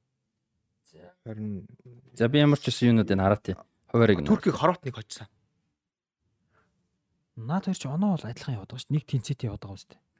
А юу оноо ийм байна. Турк 5 тоглолтоос 10 оноотой, Хорват 3 тоглолтоос 7 оноотой. Тийм аа. Тэгэхээр хоорондоо л тэнцсэн байгаа үстэй наад хоёр чинь. Хорват бол Nations League-ийн хагас шигшээд үлдээд тоглолт нь хойшлцсан байгаа байхгүй. Хорват Туркийг 2-1 харьцаад. Хоцсон. Ковачич 2 Тий хавар хоцсон. Тийм. Хавар хоцсон. Талбай дээр нь хоцсон. Аа за за. Тийм байна. За тэгвэл Хорват асуудалгүй юм ба штэ. Ер нь бол. Хорват бол ирэхээ авчна. Хорват явчин гол нь нөгөө Армен юу мууны Туркийн хуваар ямар агаас самар. Арман Турк төр Туркч Арманыг нэг хожоод нэг тэнцэж байгаа байхгүй. Аа тэгвэл дээр нь л явж байгаа юм Тий. Турк бол өмнө хожицсан байхгүй. Тэгэл ер нь бол Армен бүр сенсац дигдэхгүй л баг болцоогүй юм байна. Арманд нөгөө Nations League-с ирэх авах боломж байгаа шүү дээ. Аа Тийм эсраас тий. Сая D1-ээр тэнцэж байгаа юм шүү дээ. Тийм ээ, тийм ээ. за за. Тэгээ хэдүүлээ нөгөө хавар нөгөө зингэл үтсэн бахта заяа би дураа нөгөө шгшөөгөө тоглоход баахан буу халаа. Мгм. Тэгээ нэг баахан улс төр мөр яриад байна. Тэгсэн чи юу би яг тэр тоглолтын дараа нэг зургатаар нэг юм үзэж байгаа нэг мэдж авсан. Одоо Арман гэдэг чинь Арарат гэдэг үг алдартай. Мгм. Одоо хөл өмгийн баг нь ч Арарат, арх дарсан нь ч Арарат. Тэгээ Арарат гэж бол алдартай уул байт юм байна. Одоо бүр шүтэн нь болсон. Тэгсэн чинь зайлуул нөгөө Турк Арман хоёрч угаасаа асуудалтай. Туркийн газар нутаг дээр байт юм шүү дээ. Тэр нь яг Арманы нутаг дээр биш. Гэтэ ингээд харагдчихийдэг. Бас нэг тийм тэрийн сонсоод бас нэг э, жоо өрөвдөлтөө санагдчихлаа зайлуул. Тэгээ ер нь асуудал ихтэй ихтэй. Одоо тэр Нагорно Карабах Марбах ч одоо юун дотор байгаа шүү дээ. Азербайджан дотор байгаа. Тэр чи одоо тэгээд яг тэр нөгөө Турктэй асуудлуудтай яг үргэлжлээ нэг төрлийн асуудал байж байгаа. Э, Хэцүү. За ямар ч байсан Армен бол оноо тэнцүү гэхдээ нэг тоглолт илүү ийм байгаа юм байна. Армен гэхдээ юу их боломжгүй юм биш үү? Nations League-ээр боломжгүй маань хоёр боломжтой хоёр нь угаасаа Турк Хорват юм байна. Шигшээгээр одоо юугаар шалах боломжтой. За и хэсэгт болохоор Албан Чех хоёр Албан Чех Молдов 3 оноотой ер нь давгүй байгаа юм байна. Албан 10 оноотой, Чехт 8, Молдов 8, Польш 6 оноотой. Иймэрхүү байдалтай явж Пош байна. тус Пош 3 очигдсан. Наас Тийм. Польш бол 3 ажигдсан сая Фаро Айландыг хожиж 6 оноогоо авсан юм байна. Сүүлийн одоо 2 3 оноогоо. Тэгээд Чех Албан хоёр тэргүүлж явж байгаа хоёр бол хоорондоо тэнцсэн юм байна. Албан ч нэ шүү дээ. Албаныг Сильвини удирч байгаа зэ. Аа. Бразилийн алдар зүүн хамгаалагч. Барсад нөгөө. Аврал лигийн финал тоглодог. Тийм. Сильвини бол үнэхээр гоё удирч байгаа. Албан ч үнэхээр гоё тоглолттой баг байл. Мм. Албан ч сая Чехт хожигж явж байгаа амар гол хийгээд тэнцсэн наач. Албан ч сая Польшиг очсон шүү дээ. Тэгсэн. Сая хоёр дахь тоглолтод Польш тэгээ шанс алж байгаа. Польш 3 очигдсан. Польш ч өмнө яж хат юунд очигдсан. Молдавт очигдсан. За на Молдав гэж нэг амар баг байна. Молдав Польшид 100 2 дгээр хожигж байгаа 3 2 очсон. Наа Молдовын Ян Николеску гэж амар давтлагч байгаа. Нидерландын Херман клуб тоглодог. Наа чи Европын том багт очно. Одоо Фаро Айланд дээр тий хайцсан. Наад Молдав Албан гэж хоёр сенсац. Амар. Одоо энэ Чех Молдов хоёр оноо тэнцүү явж байна. Албан бол хоёр оноогоор илүү байгаа юм байна. Аль хоёр нь орно гэж бодож байна. За яг хөө Чех бол нэрээ бас мууг байгаа. Чех бол их гоё залуучууд байгаа. Тэгэхээр Чех бол одоо ийм хэсэгт орсны хэрэгээ гаргадаг байгаа. Мм. Аа тэгээ нөгөө хоёрын нэг л одоо Яг алдсан да. ялцсан да. Молдов. За одоо энэ жилийн энэ еврогийн урьдчилсан за бас мэдээж дэлхийн аварга урьдчилсан эхэлсэн байгаа. Бусад тэгүүдэд сонирхолтой нөгөө юу яаж байгаа. 9 10 11 сард гурвууланд нь шишөөгийн цугларалт байгаа. Тэр бас айгу гоё те. Э, Бас байж байгаа л гоё үзэх боломжтой. Яг зарим хүмүүс жоохон дургу байх шүү. Лиг те. Лиг тасралтаа тасралтаа гэд бас тиймэрхүү тал мэдээж байгаа. За дараагийн хэсэг Бэлэг Австри 2 10 10 оноотой, Швед араас нь 6 оноотой. Швед сая Эстоник 5-1 ярцаатай а, буулгаж авсан байгаа. За тэгээд нөгөө тоглолтод нь болохоор Бэлэг Азербайджаныг 2 1 тийг харьцаатай буулгаж авсан. Нээс гиснес Караско ч юу вэ? Сауди Араб руу явсан юм л шүү дээ. тий? Сая. Каско гол хийж байгаа үстэй. Тий, тий. Наа наа чи юу яасан? Азербайджан их сайн баг байлаа шүү бас. Ер нь үзээтэй болцсон байлаа шүү. Тийм гайгүй. Тий. Сая бол наад гол ч яста азны гол орсон шүү. Нөгөө нэг Бакайка гэдэг нэг залуу байгаа шүү дээ. Бэлгт гадарсан. Бакайкагийн цогсон бөмбөг хаалгач унжахт Караскогийн хөлийг оноод чиглэлээ өөрчлөө орцсон. Түүнээс Бэлэг бол зовсон шүү. Наад. Тийм. Тэгээ энэ хэсэгт э, яг Бэлэг баг ирэх авчих байхаа. Тэгээд э, Австри Швед хоёрын хоёрын үлдсэн тоглолтуудад Швед өөрхийн талбай дээр бол Австрийг хожих таалбартай юм бэл. А Мгм. өөрхийн талбай дээр Австрийг хожихгүй бол Тэгэл Австрал дуусаа. ер нь бол ихэ аваа явчих байх. 4 оны зөрүүтэй адилхан тоглолтод оролцсон баг. Тий. Одоо би бол тэгж харж байна. Аа шивэд бол хэцүү гэж харж байна. Мгм. Шивэдийн бүрэлдэхүүн бол гоё л байлаа л да. Кулишевскийтэй, Исаак. Исаактай, Форсбергтэй, Линдолофтой. Гэтэ шивэдийн тоглолт үнэхээр унтаа байл. Тэгээ шивэд Австрал өрснөө 100 тоглоод Австри дээ. Тий. Тэгэхэд Австри хаал руу 13 зөгж Робин Оос нь 11-ыг нь хаажсан. Аа, Бүр нүдүүлсэн байхгүй. Тэгээ нөгөө шивэд тоглолт ерөөсөй байхгүй. Аа тэгээ шивэд чи энэ хэсэгтээ нөгөө хоёрт хоёуланд хожигдсон. Яг боломж байгаа боловч нөгөө хоёр нь хоорондоо тэнцчихсэн. Одоо нэг нь хожлоо ч гэсэн бас нэг өөртөөс нь шалтгааллах юм одоо юу хэмтэй. Ер нь магадлал бол шивэд их бага баг. байгаа байх. Их бага баг. Дор хойж ер нь бол Австрали талбай дээр хожиж өөрсдийнхөө боломжийг ер нь сэрэг ихээр байгаа. Бусдаар бол хэцүү болцсон шүү дээ. За G хэсэгт болохоор Унгар а сая Сербиг 2-1 харьцаатай буулгаж авсан. Яг за тэгээ энд 2-1 харьцаатай буулгаж авснаар оноо тэнцээд гоолын зөрүүгээр нэгт ороод ирж байгаа. тоглолт дутуу дээ. За тэгтээ тийм Сербис дээрээс нэг тоглолт дутуу. Тэгэхээр одоо Унгар бол бүр том давуу Тэгээ наад шин дахиад тоглоно. Дахиад бол хариу тоглож байгаа. Тэгээ саяхан Сербийн талбайд тогсон. Одоо унгарчуудын хувьд хамгийн том давуу тал нь тэр те. Талбай дээр нь очсон. Одоо дараа нь талбай дээрээ тоглоно. За тэгээд энэ хэсэгт байгаа нөгөө хоёр нөгөө тоглолт нь ихний тоглолт нь Литван, Литв Монтенегро хоёр тоглоод хоёр хоёр ярцаатай. Наач алаан болсон шүү дээ. Ихний тоглолт нь те. Наач зургатаар гарсан шүү дээ. За. Алаан болсон шүү. Сүүлийн минутанд л юу хожигдж явж хагаад нэг тэгэр хожигдж явж байгаа хоёр хийгээд тэгээ нөгөөх нь шүүгч мэдлэн цагт амар гол хийдэж шүү дээ. Мм. Надад ирж бүр алаан болсон. Нэг шүүнээс унтуулаагүй шүү дээ. За тэгээд дараагийн тоглолт нь болохоор Монтенегро Болгарыг 2-1 ярцаатай буулгаж аваад Литв Сербид 3 ярцаатай хожигдсан. А тэгээд Серб энэ тоглолтод одоо хожоод буцаад 10 оноотой болсон гэсэн үг тий. 7-той байсан. Тий. Тий. Тэгээ энэ хэсэг бас айгүй нэг сонирхолтой юм нь төв болон зүүн зүүн Европын 5 улс баг. Тий. өмнө нь ийм хэсэг Европын аврагт баг байгаа. Унгар Серб Монтенегро шатанд тий. ядах Серб Монтенегро тий. Тий. Тэгээд Болгар айгүй ойрхон шүү дээ. Ингээд Тий. тийгд айгүй ойрхон. энэ дундаа Литв хөөрх юм арай жоохон хойшоо юм уу та. Тий. Тий. Бус нөгөө дөрөв чи ингээд Яг ингээд зэрэгцээ. ойрхон байж байгаа. Тий. Тэгээд айгүй тийм сонирхолтой хэсэг татсан байл. Болгарын хэн удирж байгааг мэднэ үстэй яраас те. Мэдгүй юм байгаа. Младен Крстайч удирж байгаа А тийм үү? Сербийн домог. Оо за за за. Тэгээ серб чинь нэг хэсэгт байгаа байхгүй. Тийм байна. 100 болгар серб хоёр үзээд та. Амар юм болов. Баланга алдсан шүү нөгөө. Болгар нэг тэгэр хожиж явж хагаад Аа. сербийн бүр хачин болоод 94 билүү 6 дээр. Да- Дарко Лазович гол иш тэнцүүлж За. Унгартаа оноогоо тэнцүү авч үлдсэн байхгүй. За за за. Тийм. Тэгээ энэ хэсэгт Унгар сүүлийн хоёр Унгарын одоо нэг одоо энэ чи дөрөв тоглолцсон байгаа. Дараагийн дөрвөн тоглолтынхаа хоёрыг нь талбай дээр хоёр чухал багтай энэ. Монтенегро Серб хоёрыг хоёуланг нь Будапештад авч тоглоно. А тэр хоёр тоглолтынхаа аль нэгт нь Унгар хожиход баг Европын аварга ирэхэд шууд авчих байх. байна. Нөгөө тоглолтууд нь харьцангуй гайгүй. Монтенегро бол 8 оноотой 3-т яваад байгаа шүү дээ. Аа бас эйгүү те. Тий. Монтенегрод Стефан Яватич энэ төр байлаа шүү дээ нөгөө. Тэгээ Йовитич чинь тэгээд яг клубын карьер нэг сүртэй явахгүй байгаа ч гэсэн а, шигшэд бол угаасаа супер байна. шүү Тийм дээ. бил. Сайн бил. Тэгээ Унгар угнаас боломж Савич байгаа. дажгуулсан байгаа. А тийм шүү дээ. Савич Тийм, байна шүү тийм. дээ. Савич сайн шүү дээ. За тэгээд H H H H дараагийн H хэсэг рүү орцгоё.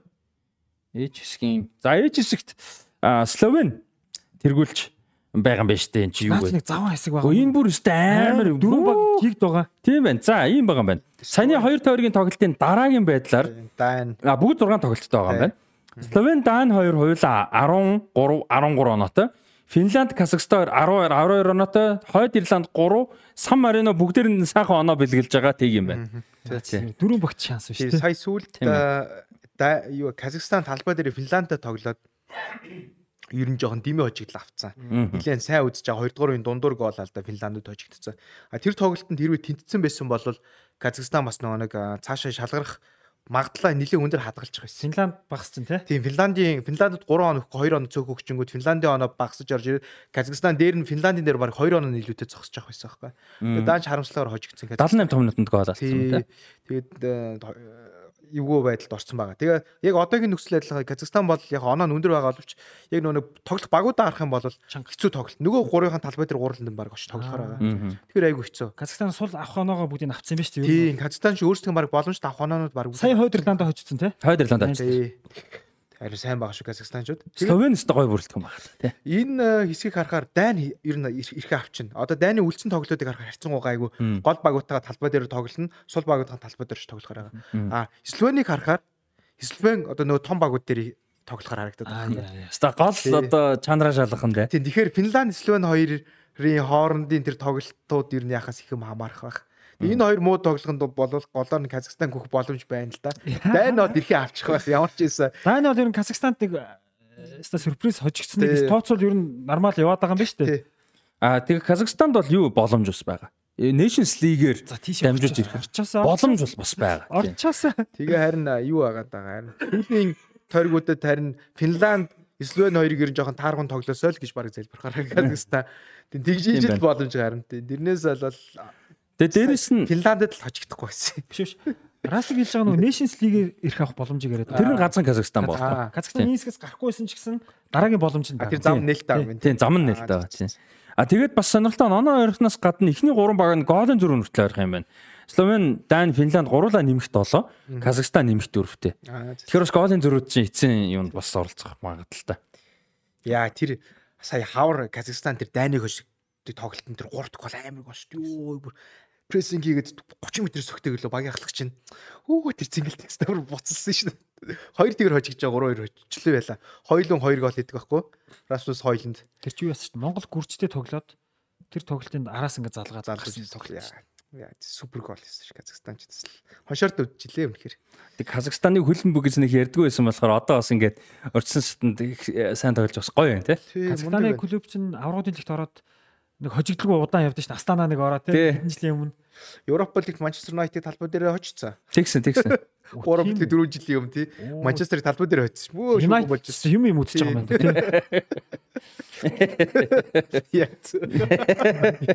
Яна United fan. Аа хямрах үдэ. За. За дараагийн хэсэг болохоор а, ш- хоёр тойргийн дараагийн байдлаар Швейцар тэргүүлж байгаа. Бүгд тав тоглолцсон 11 оноотой, Румын 9 оноотой, Израильд а, 8 оноотой, Беларусь 4, Косово 4, Андора 2 гэсэн. Чиг бонус хэсэг байна да тий нэг амьдралын хэсэг байна шүү дээ Беларусь Андора сая тэнцсэн Косово Швейцар Швейцар хожиж явж эрдээр нэмэх дөрөвдөр нөгөө Лалиг тоглолтын дээр тоглож байгаа да. Өөр юу нэ тоглож байлаа. Видад Мурики гэх нэг тоглож байдаг шүү дээ. Косовогийн сайн тоглож дээ нэг. Манху эрдээр нэмэх нөрөвдөр тэнцүүлээд багта. Оноо авчирсан юм. Швейцар бол хожих боломжтой байсан байна. Аа за тэгээд Румын Израиль хоёр тэнцсэн нэг нэгийн харьцаатай. За одоо Израиль Беларусь хоорондоо тоглоно, Румын Косово хоорондоо тоглоно, Швейцар Андора гэсэн тоглолтууд одоо бол явагдах юм байна. Гурван тоглолт. Энэ хэсгээс Швейцар ирэхээ авчих байх. Харин Румын Израиль хоёр. тэр хоёр аль нэг нь л байлээ тий. хоёлаа гоё байгаа тий Тий. Энэ Швейцарын нэг онцлог харагдаж байгаа юм байна Швейцар бол одоо юу гэдэг ямар ч том багтаа бол ойрхон тоглолцдог баг штэ Тий. а тэгтээ сул багуудтайгаа бас ойрхон тоглож гээд байдаг тий Мм, гол ихтэй биш тий Тий. яг тийм болохоор тэнцээ бол харагдаад байгаа юм Швейцарт байгаад байгаа юм одоо нэгтэнд хоёр ч тэнцсэн байна уу? А тийм тийм тийм. тий тий. Швейцарч нэг тийм Хоёр тэнцээд гурав очсон ба. тий нэг тийм баг аахгүй. Тэгээ яг Швейцар аавна л да тэгээд за Румын бол Румын Молдовын хөлбөмбөг сэрэгцсэн юм шүү. А тэр аваар сэргээд байна тий. Молдов сайн үзэж байгаа шүү дээ. Румын Молдов хоёр чинь нэг үндэстэй юм билээ шүү баг Ер нь бол Тийм нэг хилтэй. тий Тийм. Тэгээд нөгөө нэг хилийн наан цаана байдаг. Тэгээд ахнар бол ярьдیں۔ Юу гэхээр социализмын үед ингээд хөлбөмбөг үзэхээр Румыны хөлбөмбөг өөр байсан. Румыны хөлбөмбөг бол нөгөө э, коммунист улсуудаа бодоход тийм илүү дамжуулттай. Одоо тийм гоё хөлбөмбөг байсан шүү гэдгийг ахнар бол ярьд юм байлээ. Юу ч Молдов ч Монголоос зам муутай ганц нийслэлтэй ус гэдэг шүү дээ. Нөгөө замын замын нийслэлүүдийнх нь улсуудын нийслэлүүдийн замын ингээд юу чанарыг статистикасан чинь нэгт нь Молдовын нийслэл чи юу вэ? гişini биш үү? Тийм. Тийм баха. Тэг санаж би яг үү? мэдгүй. Яг одоо сан голч ирэхгүй. Гişini юу? Тэгвэл тэр мөн ба. Тэгээ тэр хотон тэгээ дараа нь Улаанбаатар байсан. Тэгээ би гайхчихсан байхгүй. Монголоос долоонзар зовтой бас байдаг. Молдав ч нь ковидын үед хөлбөмбөг зогсоогоогүй ганц улс дээ. Никарагуа тэр өөр чинь. Беларусь зогсоо. Аа Беларусь. Беларусь энэ хэсэгт байгаа тий. Локашенко юуг зогсоо. Локашен гой гой юм ярьсан шүү дээ. Надад харагдахгүй бол асуудалгүй. Харагдах юм бол би зохион унгаач нь мунгаач нь хокой тоглож байгаа гой гой юм ярьсан ковид юу. За. А дараагийн хэсэг Португал Словак хоёр Португал 15 оноотой 5 тоглолтоос 5 ажилтай а, хэсгээ итгэл төгс тэргүүлж байна. За тэгээд дараа нь бол Словак юу хоёр Люксембург хоёр одоо хамгийн том сюрприз те энэ еврогийн урьдчилсан шүү дээ. Адилхан 10 оноотой. Явж гин Босния 6, Исланд 3 зааж Лихтенштейн дахиад хожигдсон. Тий. За энд Португал 100% амжилттай ганц баг байна да баг тий. А нөгөөх нь юу Франц. Франц. Тий тий. Англи бол сая тэнцсэн шүү дээ. Тийм ээ. Тэгээд Португал угаас ирэхээ авчна тодорхой. А харин араас нь харин Люксембург Яндаар бол харин магтал харагдчихлээ шээ. Сүүлийн тоглолтод. Одоо яг Португалийн талбай дээр очсон. Тэр тоглолт нөөсөө хожигдно. А тэгэнгүүт юутайгаа тоглох байгаа. Словак. Словактайгаа тоглох байгаа. Тэгэд Словактай Исландын талбай дээр очих юм байна бас. Тий. Словактай тоглолтод тэрүү хожих юм бол дээр нь гараад ирнэ шүү дээ. Өмнө нэг нэг тоглоо баг Словакига торгцсон байгаа. Люксембург. Тэр нь юу гэсэн үг? Исланд Исландыг өмнө нь хожигдсон Словакт л хожигдсон юм байна. Словак а хоёр хожигдсон Словак Португал хоёр юм ба шүү дээ. А би тэгвэл юм байна уу? Андуурсан юм байна. Хэцүү юм байна уу? Словакийг хоцсон гэсэн чинь Исландыг хоцсон юм байна. Люксембург чинь Босныг Босныг хоцсон шүү дээ. Тий. Одоо ихтэй Словакийг талбай дээр авах байгаас дээ. Тэгээ Словакийг одоо талбай дээр. Словакийг талбай дээр авах гэсэн байна. За тэгтээ Люксембург арай дийлэхгүй байна. Харин арай дийлэхгүй л. Словак ч бас юу лээ те. Гэхдээ сайн үзэж байгаа маа 9 оноо авцсан шүү дээ. Наа ч Босны яста замарж байна те. 20 жилийн өмнө 20 жилийн өмнө Люксембург Лихтенштейн хоёрыг Европын аваргын чи дэлхийн аваргын сонгогчлуулалтын хүснэг тарангууд Люксембург Лихтенштейн хоёр хасах баг 50 40 50 мөнгөтэй харагддаг байсан шиг. Сан Марино энэ дөө. Жиг бонус байсан шүү дээ. Тэгсэн чинь одоо Лихтенштейн Сан Марино эднэрнийх гавиг Люксембург ч харин багуудыг айлгадаг болчихсон. Гэхдээ одоо юу вэ бас нэг Португалч нь тэр хоёрт их таардаг те. Тэр хоёроо ч нэг лаадаг темир. Португал ялчгүй тэгээд хэсгээс бол ер нь асуудалгүй яач тийм дөө. гарч тийм дөө. Асуудалгүй шээ. Португалч хэдэн жил дандаа хоёроо гараад плей-офф хийдэг байсан шүү дээ. Ер нь гурван том тэмцээн дараалж плей-офф хийсэн шүү дээ. Шивэдтэй хоёр таардаг те. Тэгээ уул гарахтаа гэхдээ нэг тийм зовоод байдаг шүү. Хоёроор гардаг. Гэхдээ нэг тийм юу гэдэг фейлдэд байдгүй. Тэгснэ гарч ирчээд квалифайер дээр дандаа ундаг те плей-офф дээр. А плей-офф тэр гардаг байхгүй да. Плей-офф тэр чинь а хоёр гарсан шүү. Хоёр гарсан юм тийм ээ. Хоёр гарсан. Португалч нөгөө дэлхийн аврах шалралт тэмцээнд 22 онд орхон Сербд очигдсан шүү сүүлийн тоглолтод. Тэгээ хоёр л оронгот нөгөө А Митрович хийдэг те. Тэнгүүт нөгөө нэг Италитай тоглох гэсэн шүү дээ Португал. Тийм чи Македон орж ирж Италиг мулцаа тэгээ аварсан байхгүй. Португалч хэсгээс бол бас эвгүй шүү бас. Нэг хоёроор гаруул гарчих гад идэв шүү. А гэхдээ энэ жил бол асуудалгүй л дээ. Тийм энэ жил угаасаа Сайн Словактайгаа тоглосон байх гэсэн үү? Юу ли хоёроо ол нулаал гарч ирнэ шүү дээ. Сайн Словактай тоглоод Бруно Фернандеш цорын ганц голыг хийсэн юм байна. Бруно Фернандеш. За тэгээд ингээд юуны Еврогийн урьдчилан шатны хэсгүүд болвол дуусж байгаа зүг бидтэй. Тэ. За ингээд э, ерөнхийдөө нэг юм хөө байдал юм. Одоо 10 11 сар дахиад тоглолтууд яваад ер нь бол 11 сарын сүүл гэхэд эхний хэсгийн шатын тоглолтууд бол дууссан. За плей-офф гэж бас байгаа. Тэгээ плей-офф нь нөгөө плей-офф гэж байгаа. Дээрэс нь юу гэж бас байгаа. Nations League-ийн тоглолтууд Тэр нь хавар дуусах бах тий. Тэр нь хавараас дуусна. Бас хэд хэдэн багууд боломжтой гэдэг. Зөндөө бас нэлээд болно. Одоогийн байдлаар гурван тоглогч Еврогийн урьдчилан шатанд мэрэгэн бочоор явж байгаа юм байна. А Скот Мактомине, Расмус Хойлун, Ромело Лукаку гэсэн гурван тоглогч явж байгаа юм байна. Тий. Лукаку мэрэгэн боч болж магадгүй юм байна тий. Дахиад бас тех бах Лукакуч тэр шишээдээ ер нь сайн тоглолт шүү дээ. Сайн тоглолт тий. Сайн тоглолт. За 26 оны дэлхийн аврах шалралт тэмцээний урдчин шат зарим төвүүдэд эхэлсэн байгаа. Өмнөд Америк төвд эхэлсэн. Коммебол эхний тойрог тоглолтууд явсан. Нийт 10 баг бол орж байгаа. За Бразил, Уругвай, Аргентин, Колумб, Парагвай гэж байгаа шүү дээ. Эхний 6 ороод 7-т нь Интер Confederation Playoff 7.5 ирэх гэсэн үг тий. 6.5. А 6.5. Тийм 6.5. Тэгэхээр ер нь бол нэлээд боломжтой болж байгаа тий. Сенсац бол баг гарах нь шүү дээ. За Парагвай, Перу тэнцсэн, Колумб, Венесуэла хоцсон. За Колумб, Венесуэла хоцсон тоглолтын дээр бол Рафаэл Сантос Борре гэдэг одоо нэг Антракс Франкфуртаас Барса дээр нөгөө Барсаг мулталдаг, Европа лигээс мулталдаг гоолыг одоо цөм зөгдөг. Гоолыг гэдэг Колумб товтлогч бол цорын ганц гоолыг хийсэн. За энэ гоол 2006 оны дэлхийн аврал шалралт тэмцээний хамгийн анхны гол. Одоо урьдчилан шатны 26 оны 26 оны дэлхийн аврал шалралт тэмцээний урьдчилан шатны хамгийн анхны гол яг цаг хугацаагаар бол Месси биш юм уу те? А хүмүүс Месси гэдэг нөгөө пост явцсан. Гэхдээ Месси бол биш. Энэ Рафаэл Сантос Борре 46 тамганд гол оруулсан. А энэ тоглолтод яг зэрэг эхэлсэн байсан Аргентин Эквадорын тоглолтын дээр Месси 78 тамганд дээр хийсэн.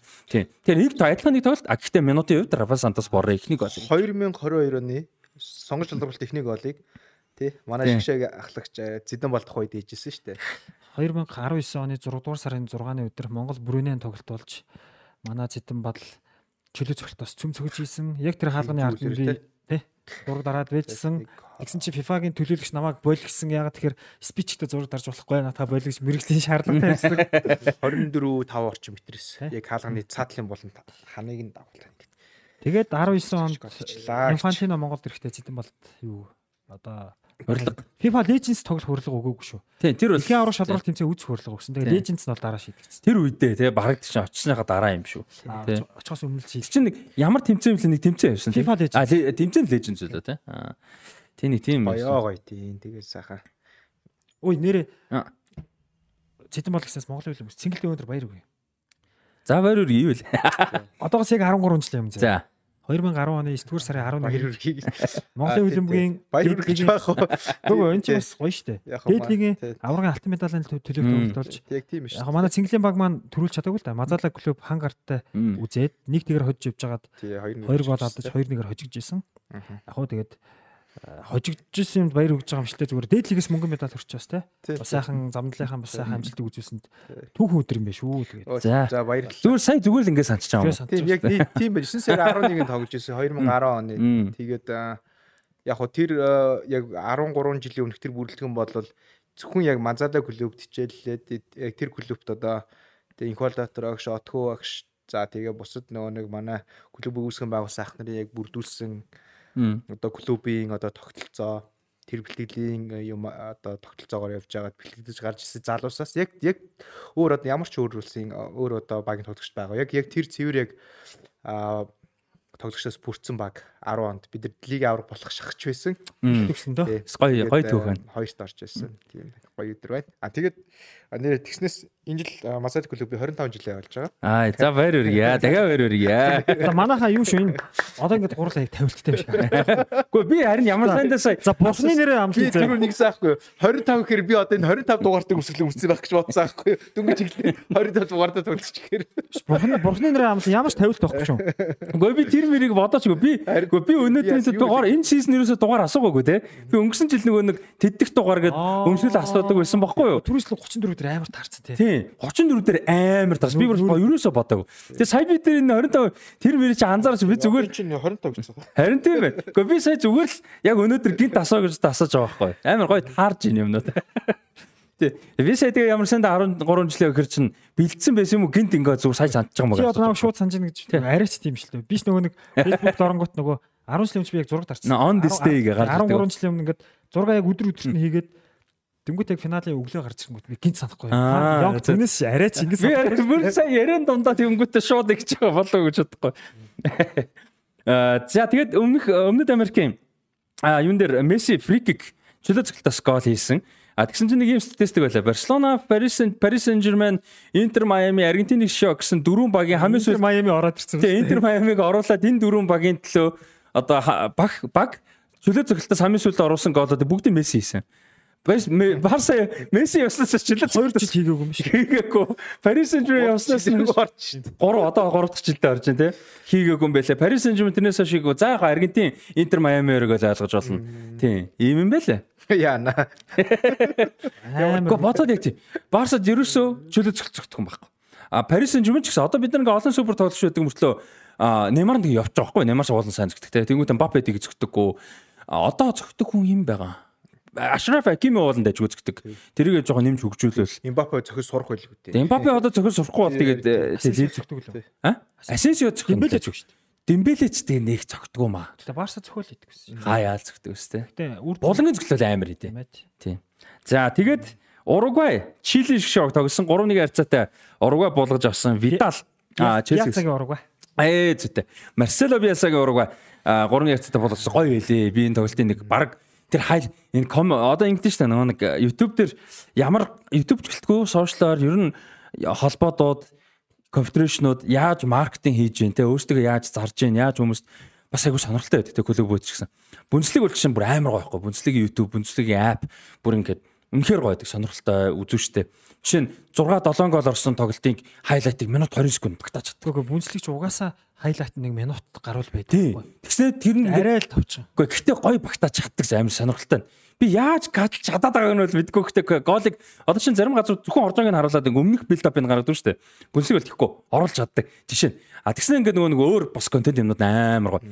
Тэгсэн чинь юу Комо боли хайлайт гэсэн чинь 20 хэдэн байна. 10 хэдэн минут зэнэ одоо. Ямар ч тайлбаргүй. Тий, Тайлбар байдбар юу ч аахгүй 10 хэдэн минут 20 минут гэсэн тэр нь зүгээр нэг зүгээр нэг рандом 20 хэдэн минутаас тоглож шнэ зүгээр нэг шалгаа зүгтэж шнэ сайн мэн биш үү.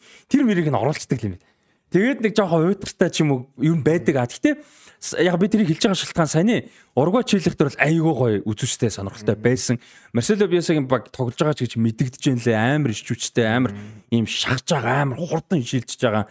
А дээрэс нь чилч гэсэн нөгөө алтан үеийн дуусцсныг ч хэлэхүү тэг их удаан байлээ. А тэр нь л мэдэрчил яг Уругвай чиглэлээр л. Тэр тэр тоглолтын дараа а тоглосон тоглогчдын одоо чигсаалт хийхэн гол оруулах хийхэн яаж тоглох статистикийг хараад харахад нэг сонирхолтой юм харагчлаа л дээ. Артуро Видал, Алекс Санчес тэргүүтээ Чилийн бас нэг алтан үе явлаа шүү дээ.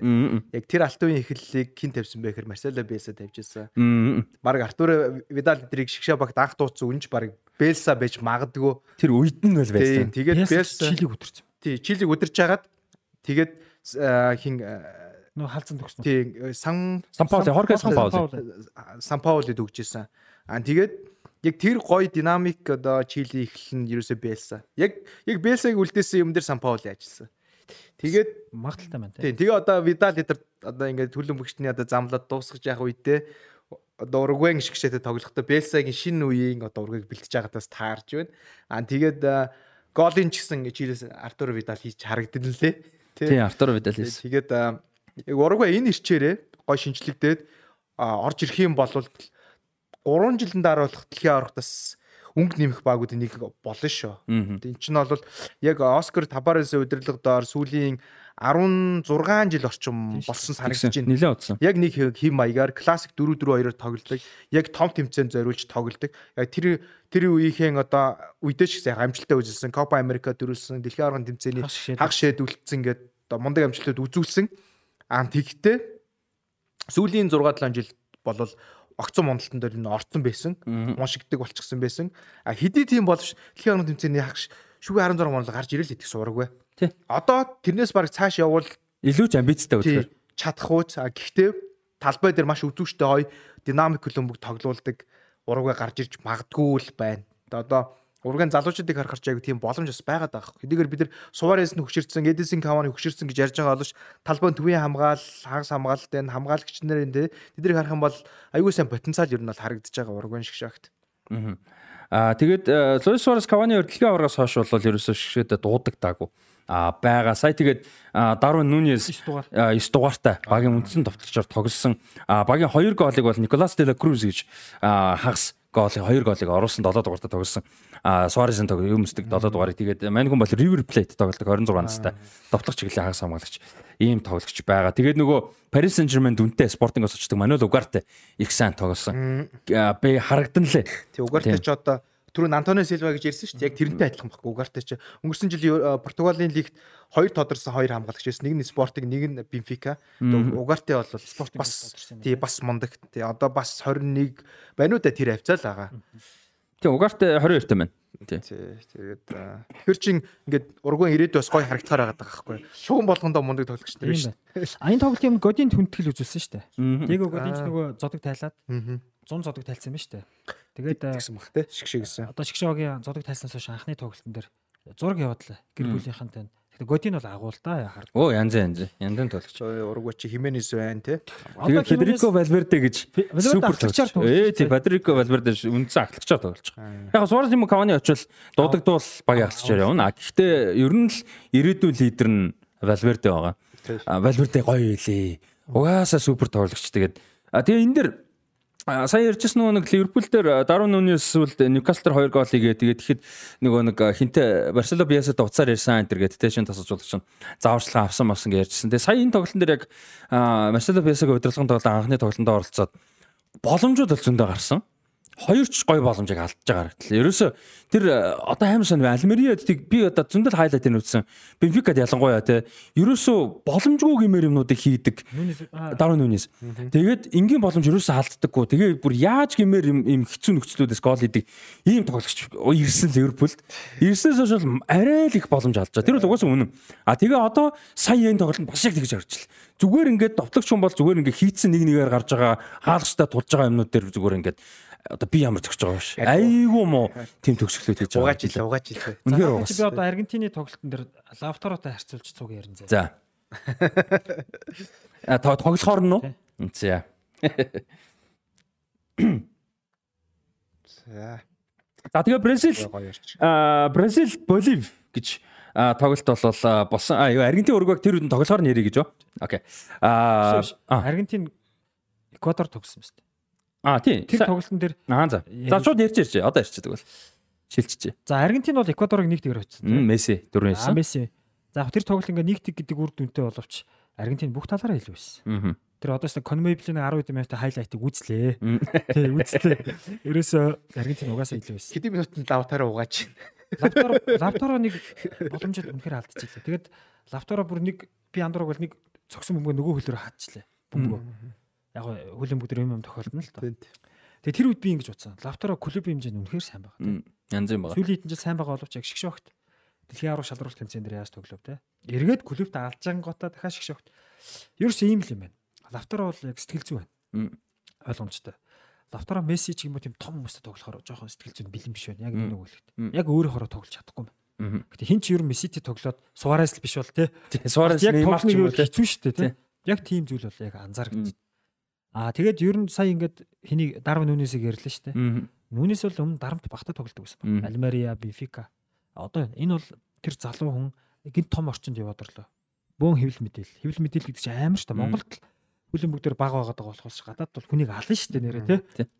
Зүгээр аюултай. Алхаар юм баггүй. Тэгэхээр барин шүү дээ. Одоо наад довтлогчунд бол юу хамгийн чухал байдаг вэ сэтгэл зүй хамгийн чухал байдаг.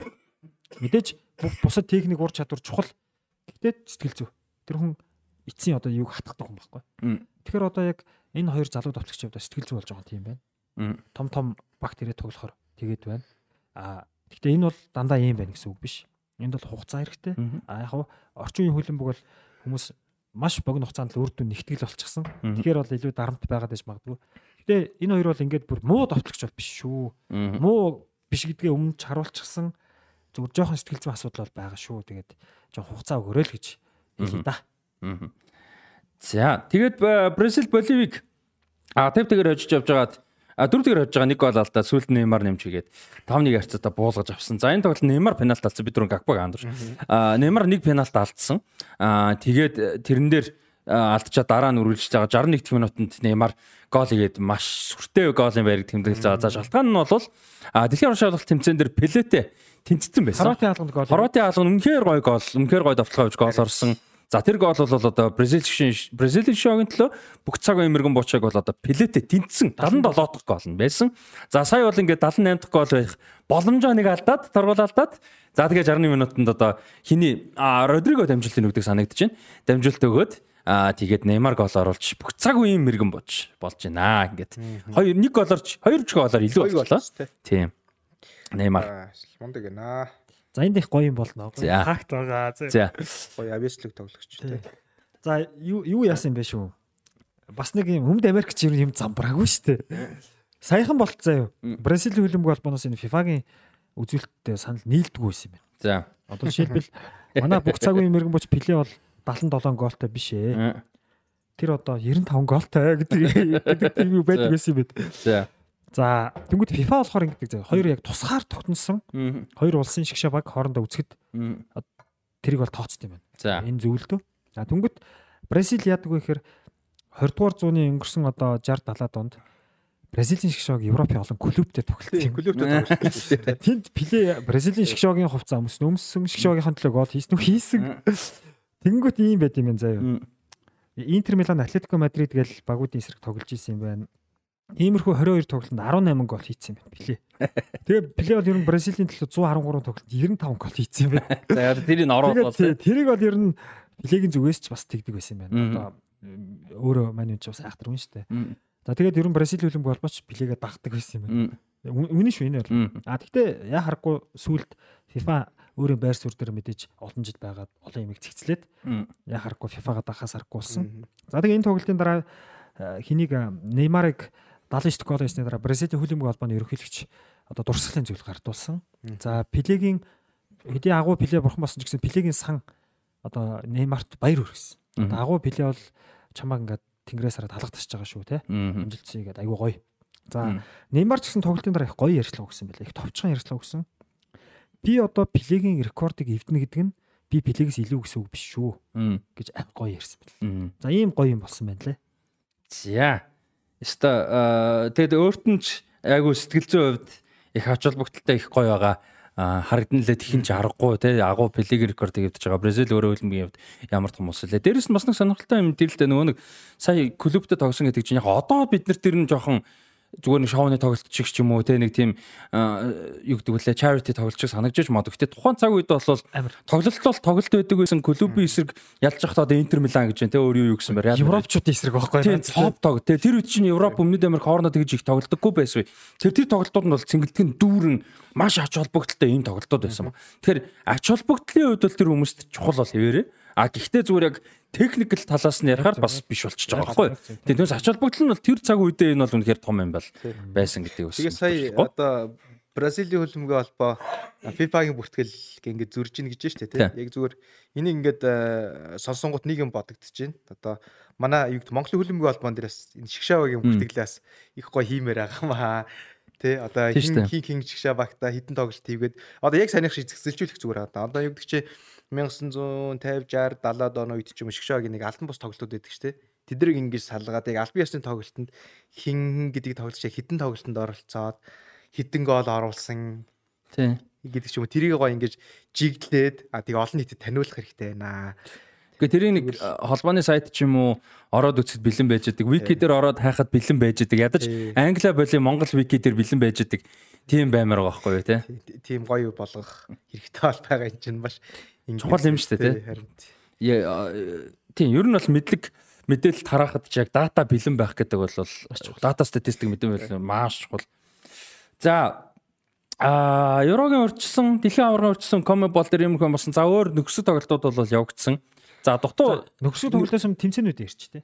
За Азийн 20 руу За. А эсвэл за шгшөөгийн за зөө нэг нэг нөхсгийг би дурдах гэдэг юм л да. Ганц нөхсгөөс ганцаа тоглолт онцлог гэж бод. Тэгээд Монголын нөгөө 23 руу ороод тэгээд хэсгээ тусгах. Тэгвэл гоё юм байна. Тэгээд за 26-ны дэлхийн аваргаар тоглохгүй гэж ер нь хэлсэн шүү дээ. 22-ны дэлхийн аваргын дараа. Тэгээд дэлхийн аварга болсныхаа дараа би болохоос өмнө хэлсэн. А энэ бол миний сүүлийн дэлхийн аварга. А тэгээд дэлхийн аварга болсны дараа ч гэсэн а 26-ны дэлхийн аварга дахиж тоглохгүй гэж хэлсэн. Хол байна. Би баг баг копа тоглоал ер нь болох байхаа гэдэг. Тэгээ арай хол байна гэсэн. Тэгээд э, тэрний дараа болохоор яасан бэхээр Аргентины шгшиг тасгалжуулагч бид нэр Мессиг 26-нд тоглуулахын төлөө чадах ятгаараа ятгана гэж одоо хэлсэн байсан тийм ээ. А тэгээд дараа нь Месси дахиад ярилцлага өгөхдөө яг би одоо ингэ шгшээд ингэ тоглоно. Гэхдээ би зүгээр 26-нд дэлхийн аврагт одоо орох гэж биш би ингээд дэлхийн аваргын ингээд цомтой өмсгөлтэйгээр 3 5 шүт Тийм өмсгөлтэйгээр тийм. Алтан өмсгөлтэйгээр тоглох гэж тийм. Энэ энэ өмсгөлтэйг хідэн тоглолтод оролцмоор байна гэж хэлсэн байхгүй. Мэдгүй одоо одоо шилсээ ингээ юу гэдэг чи Эквадорыг арай гэж нэг тэгэр очиход Мессиг ол хийж штэ. Энэ байдлаараа бол би хайлайт би юу гэж утсан гэж. Одоо ингээд он гарч чинь 24. Копа Америка болно те. Одоо манай 2 жил явж байгаа юм биш үү? Яаж чад Америкт тэр тийм Америкт тоххой. Өөрт маш хэрэгтэй тоххой. Ядж яхад ингээд Майамид очсон Америк цаг уу. Тэгээд 6 дэлхийн аврал шалруулалт тэмцээнд орсон зөө. Анхны хүн болно. Дөнгөдөө гараад нэг цэлгээр орол нэг пенальт гусгад. Яа тэр 39-тэй Америкт тэгээд тий. Цаач зүтгэх баха. Ятгаж чадах уу? Цаач зүтгэх. Одоо тэгээд карьер нь жоохон урамтай байгаад байлцдаг. Гэтэ бас хугацаа бас байна тий. Ялч хугацаа болол байна. Гэтэ Месси одоо сэлгээний тоглогчор ч гэсэн явж болно шүү дээ. Интер Майамид бол 2 жилийн гэрээтэй. Уг нь яг тийм хэлсэн байхгүй. Месси хяд сэлгээгээр ч авч явах гэж хэлж байгаа. Аргентин шиг гэсэн. Гэтэл тэр чинь авч явах хэрэгтэй л дээ тий. Хэрэв тоглож л байвал 6 дараа очиж жинхэнэ гоод болно тий. Тэгин тэгин жинхэнэ гоод болно шүү дээ. Юу ярих та одоо тэр чинь. Ядах Америкт нэмчин тэгэл Америкууд хүртэл шахна шүү дээ. Интер Майами талаас, MLS талаас, Америкийн хөлбөмбө холбоо маркетинг юу вэ? Асар олон талаас давуу талтай. Цаа чинь өөрөө шахуулахгүй өөрөө хийчих واخ. Өөрөө Америкт одоо аль болох мөнгө олох гээд байгаа шүү дээ. Тэгээ одоо 2 жилийн гэрээтэй тэр нь яах вэ гэдэг сонирхолтой. 25 өөрөөд гэрээгээ дуусаад зодог тайлах уу эсвэл одоо хунгах уу? Тэр үед Европын өнөж бол байхгүй. Тэгээ Америк Аргентиныг дэлхийн аврах болохоор дэмждэг лөө. Би ер нь багаас Аргентины тэмцээн нэгсэн үнэ. Тэгвэл тэгвэл ингээд орох ороос ингээд Мөр шахор даа. Гэхдээ ер нь бол Мессигийн хувьд бол тэр ба шүү дээ. Удахгүй тэгээд зодог тайлна шүү дээ. Ганцхан жил гүрийн тэр чи амар их юм баггүй. Тэр тэмцээн чинь Америкт болж байгаа байхгүй тий. Хамгийн гол нь. Тэр бол бас том юм байгаа ялтчихв.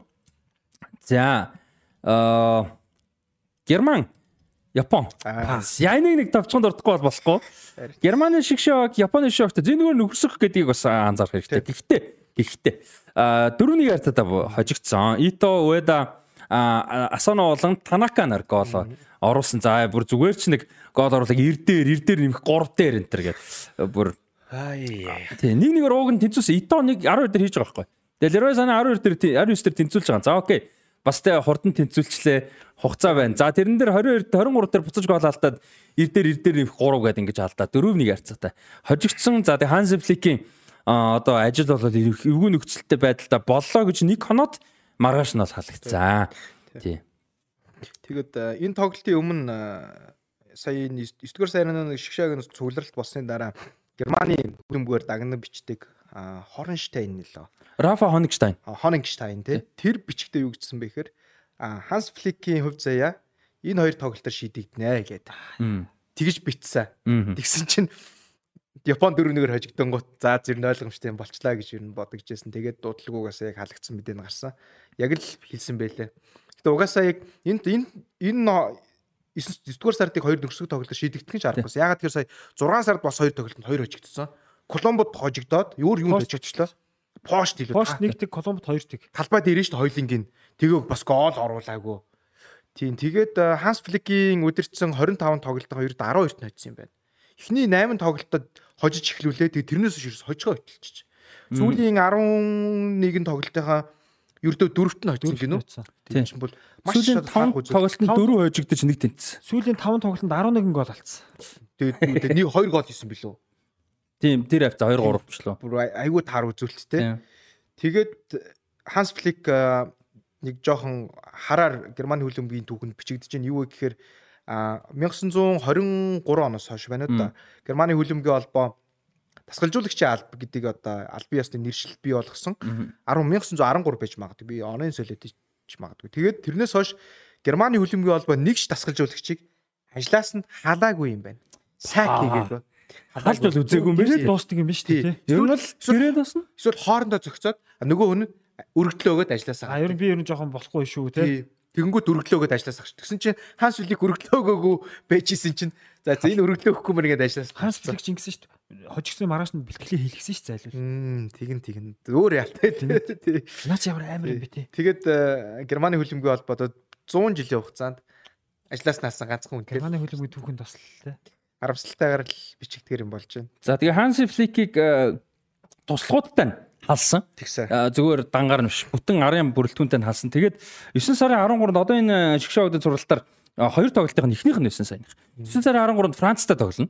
За энэ тоглолтод бол одоо бас ач холбогдол өндөр хэдийгээр нэг юу боловч одоо юу гэдэг нь өксөг боловч ач холбогдол мэдээж өндөр том өрсөлдөгч учраас. За тэгээ одоо Руди Фоллер түүцэр одоо юу гэдэг вэ кертек. Тий одоо манай ч нөгөө техникийн да. Тий техникийн захирал байсан. Тэгээд болохоор одоо шууд очино л доо. Тий төр зураг одоо орлон тасалж болох шийдэж байгаа юм. Тий. За ийм болсон одоо Германы шиг шоуг бол Герман улс бол эх 2024 онд Европын аврах шалгаруулах тэмцээнийг нутагтаа зохион байгуулнаа. За тийм болохоор сонгон шалгаруулах тэмцээнд бол орохгүй шууд ирэхээ авч байгаа. За энэ шигшээ огоодын өдрүүдээр дандаа нөхцөг тоглолтууд хийж явж байгаа. За сая нөхцөг тоглолтуудын амжилт ямар хар бараан байсан бэ гэдгийг манай хоёр маань сайн гоё хэллээ.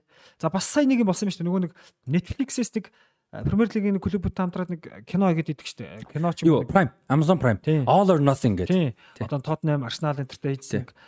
Сая юу яасан бэ? Дэлхийн аврах шалралт тэмцээний үеэр Германы хөлбөмбөг холбоод хамтарч ажилласан юм байна. Тэр нэвтрүүлгийн сайн баасан гарагт гарцсан юм байна. Тэр нь ер нь жоохон эвгүй уур амьсгал дагуулсан юм байна. Одоо Японтой тоглох өмнөх өдөр гарцсан юм байна шүү дээ. За за тэр мөрч яах вэ? За тэгээд юу бол юуны эсрэг тоглолоо. Германы шог бол Японы эсрэг тоглоход яг Bayern нэг Hansi Flick удирж явах үеих шиг 4 2 3 гэсэн байрлалаар тоглуулсан байна. За гимтэлтэй товцогч Никлас Фулкругийн оронд Кай Хаварц тоглосон боловч олигтой тоглосонгүй. Харин тийм ээ. За Йошуа Кимихийг баруун жигүүрийн хамгаалагчаар тоглууллаа. За зүүн жигүүрийн хамгаалалт Нико Шлоттербергийг тоглуулсан. Шлоттербек Шлоттербек. Тийм Шлоттербек. Шлоттербекийг тоглуулсан нь ер нь Ханси Фликийг ажил болгочлоо гэж хүмүүс бичиж байна. Төвдөө амар амар сонин сонголт. Төвийн хамгаалтанд. За тэгээ Шлоттербекийн алдаанаас болж ихний 2 гол орсон. Шлоттербекийн маш том алдаанаас болж 3 дахь гол орох шахсан. За энэ бол үндсэндээ тоглолтыг бол өөрчилсөн. За тоглолтын дараа багийн ахлагч Илкай Гүндаа юу гэж хэлсэн бэ гэхээр хувь хүмүүсийн алдаа хитрхи их байлаа гэж хэлсэн. Арга байхгүй. За Ханси Флик маргааш нь маш өөдрөгөр тэр тоглолтын дараа хэвлэн байгуурал дээр өөртөө ихтгэлтэй байсан маргааш нь багийн бэлтгэл хийлгэсэн боловч маргааш нь Германы хөлбөмбөг албаны харахгүй шийдвэр гаргасан. Германы хөлбөмбөг албаны ерөнхийлөгч бол өөрөө шийдвэр гаргасан.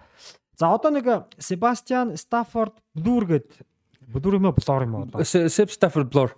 Герман хүн юм. Үгүй юу шүү. Герман англи шүү. Атлетик сэтгүүлч. Блур биш юм уу? Blur. Аа за. За энэ хүний дүн шинжилгээ юм. За айгуу гоё. За Герман бол одоо шинэ чиг хандлага тогтоох хэрэгтэй гэж байна. За энэ дээр зүгээр нэмэлтээр хэлэхэд Герман бол 2000 оны еврогийн дараа уналтанд орсон Германы хөлбөмбөг. Тэр үед нэг шинэ одоо систем тэр нь одоо ингээд дуусч байна те. Дуусч бүр ингээд тактикта тулчлаач бүр доошо дуусаад тий. За Ханси Фликт бол маш том дутагдал байдаг гэж байгаа байхгүй. Өөрмөц шинэлэг имийг ерөөс хүлээж авдаг гэж. За тэгээд Ханси Флик тоглолт болгондоо ямар нэгэн туршилт тэгээд шин биш нэг тийм туршилт хийдэг боловч тэр нь ерөөс үр дүн өгдөг. Одоо хамгийн сүүлийн бүтлгүй үр дүн Шлотер Бекийг зүүн хамгаалсан явдаг гэж байгаа байхгүй. За нэг тийм болсон гэж байна. За одоо Германд ерөөс итгэл өмжил хэрэгтэй гэж. Герман бол ерөөс бүр ингээд итгэл өөртөө итгэл бүр байх байсан гэж Хоёр дэлхийн авраг шалралт тэмцээнд дараалж ийн баг. Хэсгээсээ гарсангүй.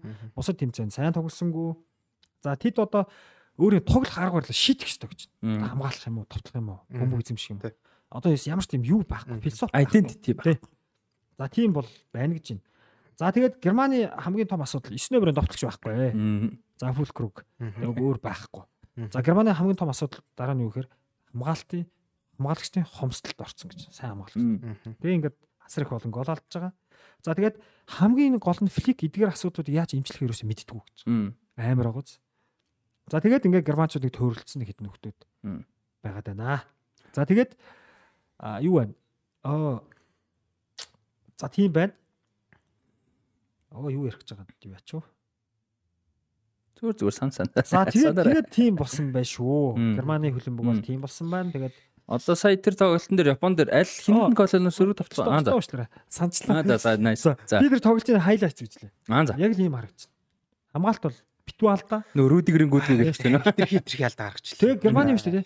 Хамгаалагч нар Японы тоглогчдын хурдыг ерөөс гүцгүцгүй. Яг тэр хамгаалах моментн дээр дандаа хоцроод л. Тэр ихний авч байгаа гоолууд. Тэр хамгаалагч хүн чинь яг тэр моментийг л хамгаалах хэрэгтэй шүү дээ. Яг тэр моментийг А тэгэхэд тэр момент хамгаалж дийлэхгүй зүгээр алуу. Тэр нөгөө зон дээрээс Рүдигрийн 2 секундын дараа гүдийг харсан шүү дээ. Япон цэрэг довтлоо яваад хурд аваад довтлоо явсны дараа зогсож зогсожсэн 2 3 секундын дараа араас нь гүйжлээ. Тэр дөрөвт гол мол алдчихж байгаа тэр бол арай биш лээ. Герман одоо хизээний Герман тийм байл тий. Тий, арай дэндүү болчихлоо.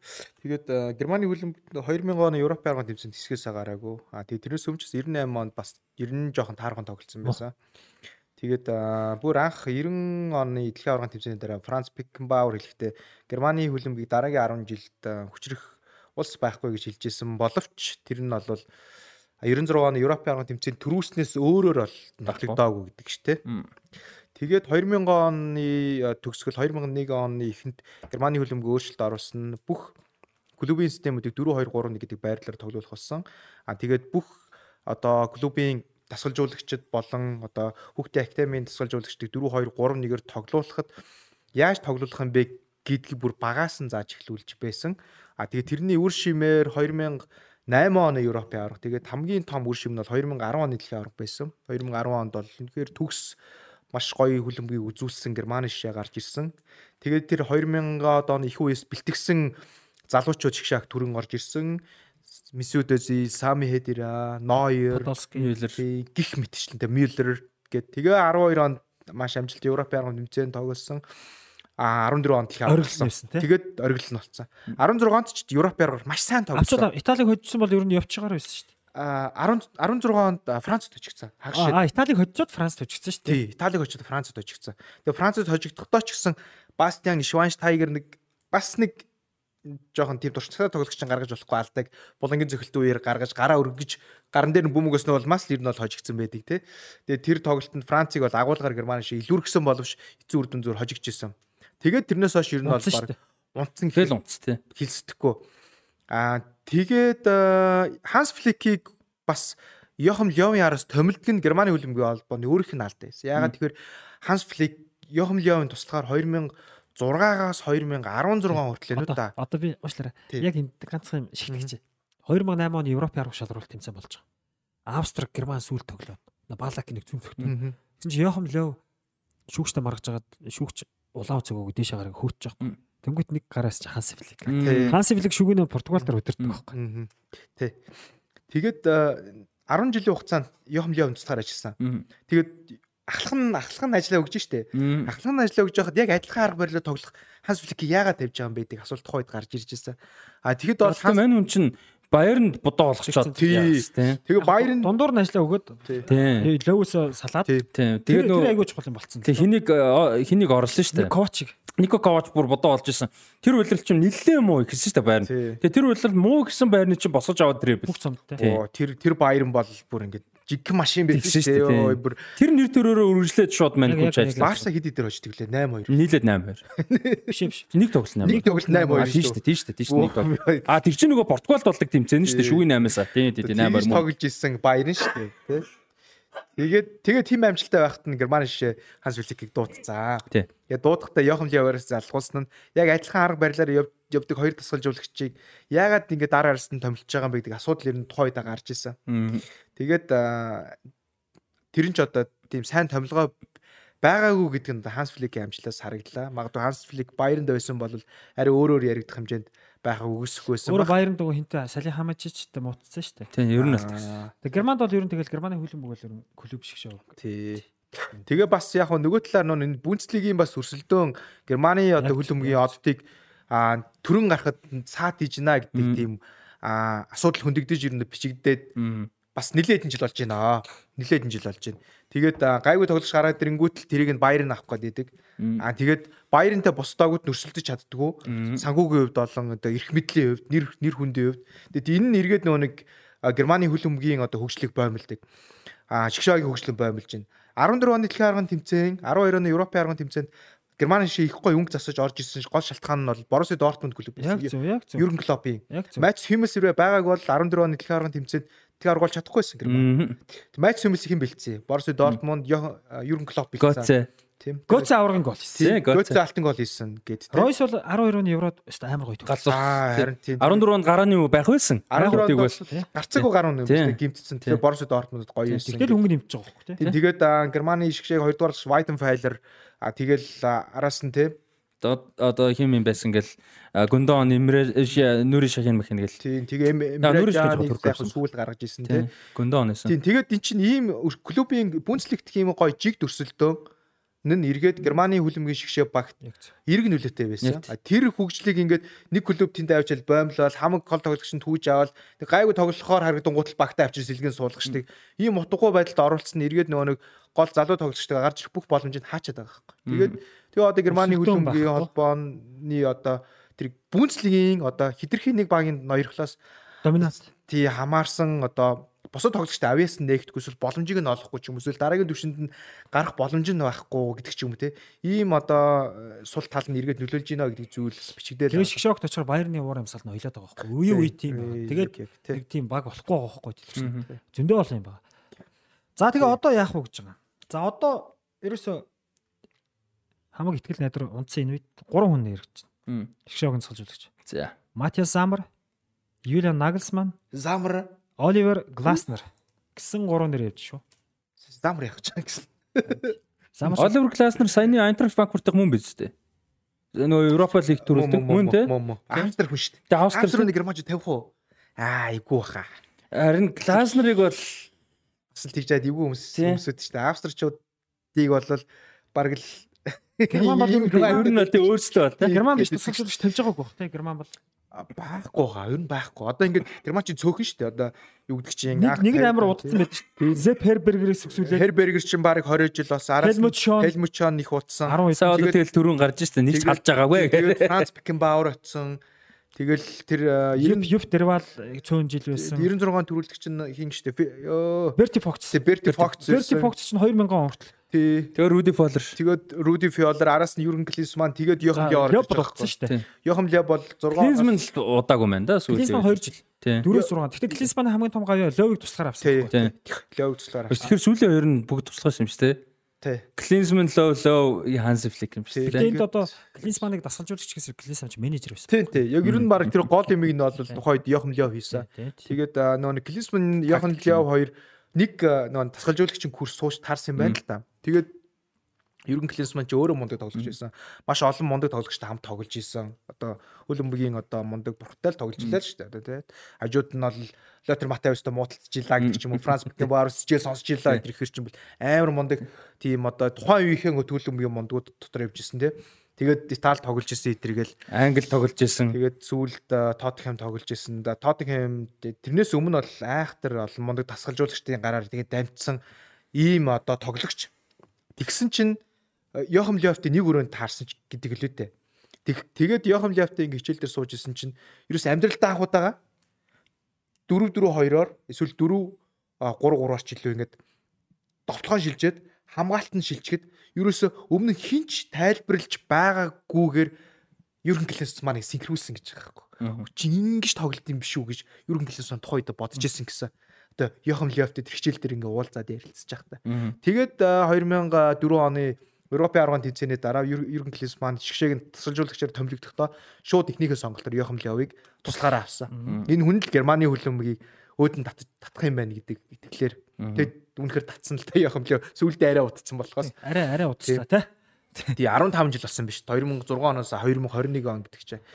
Тийм. Тэгэхээр одоо Германы хөл Герман шиг тэгтээ мундаг учраас учир нь олчихгүй хаа. Тэгээ Германы хөлөмбөгт одоо тэр 2000 оны дараа бүх системээ шинчилсэн шиг тим шинжилт хийгээд удахгүй гой сэргээ гараад ирэх байх.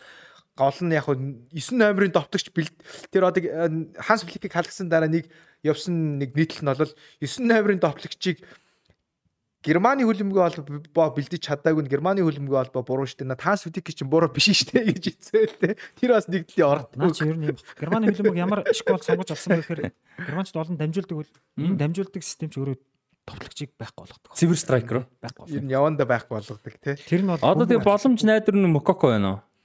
Хэрвээ товтлогч одоо олон гоолтой товтлогч болж чадвал маш залуу байна л да. Магадгүй. Дөнгөж 18 та тий 18 та. Энэс хөлбөмбөгт авьяаснууд ихтэй үнэхээр ундраг байгаа Германы бол Флоран Вирц байна. Вирц сая нэг гол хэлсэн шүү дээ сая. Вирц Музиала Мококо. Тийм тэгэл араас нь Мококо тэгэл зөндөө уу? Германы хөлбөмбөг бол багаас авьяасан тасарахгүй хамгийн гол нь тэр Баярнтэй өрсөлдөх Германы Бундслиг нэг гоё баг гарч ирж Баярныг задлах юм. Талтан боолог бодлох байх. Тий. За саяны тэгэд орлох магадaltaй гэж ярьж байгаа юмс. За нэг нь Оливер Глазнер Австри хүн байна те. Австрид тасалжуулагч Айнтракт Франкфурт холоо.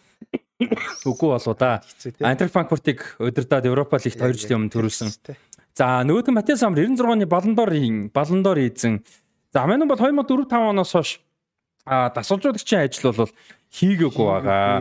4-5 онд Штутгартыг удирдсан 2000-аас 2004 оны хооронд Байерн Боруссия Дортмундыг удирдаад 2002 онд Бундслигт бол төрүүлж ирсэн дасгалжуулагч баар. За энэс хойш бол ингээ 10 бадаа худалчуун тойрог техникийн захирлын ажил хийгээд байгаа тий. Тий, техник дандаа удирдлагын биш тий. Дасгалжуулагч дандаа удирдлагын арын албаны ажлууд болол хийгээд одоо хүртэл явж байгаа ийм байна. За нөгөөх нь болохоор юм байлаа сая Юглиа Нагасман. За одоо тэр л юм биш үү? А гэсэн чинь яг тэр гэхдээ тийм баттай шуум бол биш. Зүгээр яг зүгээр л хүмүүсийн шуум Клопд санал тавьж магадгүй гэсэн юм явсавч л. Тэг Клоп санал тавина шүү дээ. Тэгээ тэгээд тэгээд Ливерпулээс бойл гэж болж чадахгүй. Еврог дуустал Еврог дуустал зэрэг. Яваач гэдэг санал амар санал. Тий. Тим санал угаасаа явж байгаа. хөө ойлгох. Гэхдээ Ливерпул зөвшөөрөхгүй хөө. Тэгээ Ливерпул зөвшөөрөх үгүй гэдэг чухал асуудал байна. За Клоп ч гэсэн Ливерпул ч одоо 10 дэлэгт тэгээ дотоодоо 3 тэмцээн 4 тэмцээнд өрсөлдөж байгаа багийн стресс ажил Клопт өөрөө динжигэнжиж яриад ихгүй. Тийм, тийм байхад юу вэ? Тэгэхээр дахиад нэгүтвэл Клоп тисгүй шүү. Тэгээд би бол тэрнтэй бол яг арай санал нэг биш. Би бол гэрээгээ дуусгах чинь гэж бодоод байгаа. Биш биш. Энэ жил одоо бас жоохон муу тоглол тэгэл Клоп юу шүү дээ. А өнгөрсөн жил халагдана л гэсэн шүү дээ. Энэ жил бүр магадaltaй шүү дээ. Клоп руу санал явна гэсэн байсан. Тийм, тийм соо яриад байгаа тий. Гол нь ажил хийгээг байж байгаа хамгийн гол нь бол Нагelsmann л энэ да. Хамгийн гол Nagelsmann арай залууд ч магадгүй. Хамгийн гол нь Германы Герман чи Еврог цогцоод идэг. Тий, жил хөрөхгүй хугацаа үлдээд бүх юм 100 задгаа байдаг. Тийм сонирхолтой юм яг юутай адилхан бай санагдаад байгаа байхгүй юу? 2004 оны Еврогоор бадарчаад 2 жилийн дараа Еврогыг хийх гээд яах вэ гэж суужсэн шүү дээ. Тухайн үед чинь одоо яг тий яг гилтаах тоглогчтой айгу ховортой байсан шүү дээ. Тэр Еврогоор чи бүр үнэхээр бүтггүй тоглосон шүү. Одоо 2 жил биш шүү дээ. Одоо ч нэг жил те. Одоо жил ч хийсэн.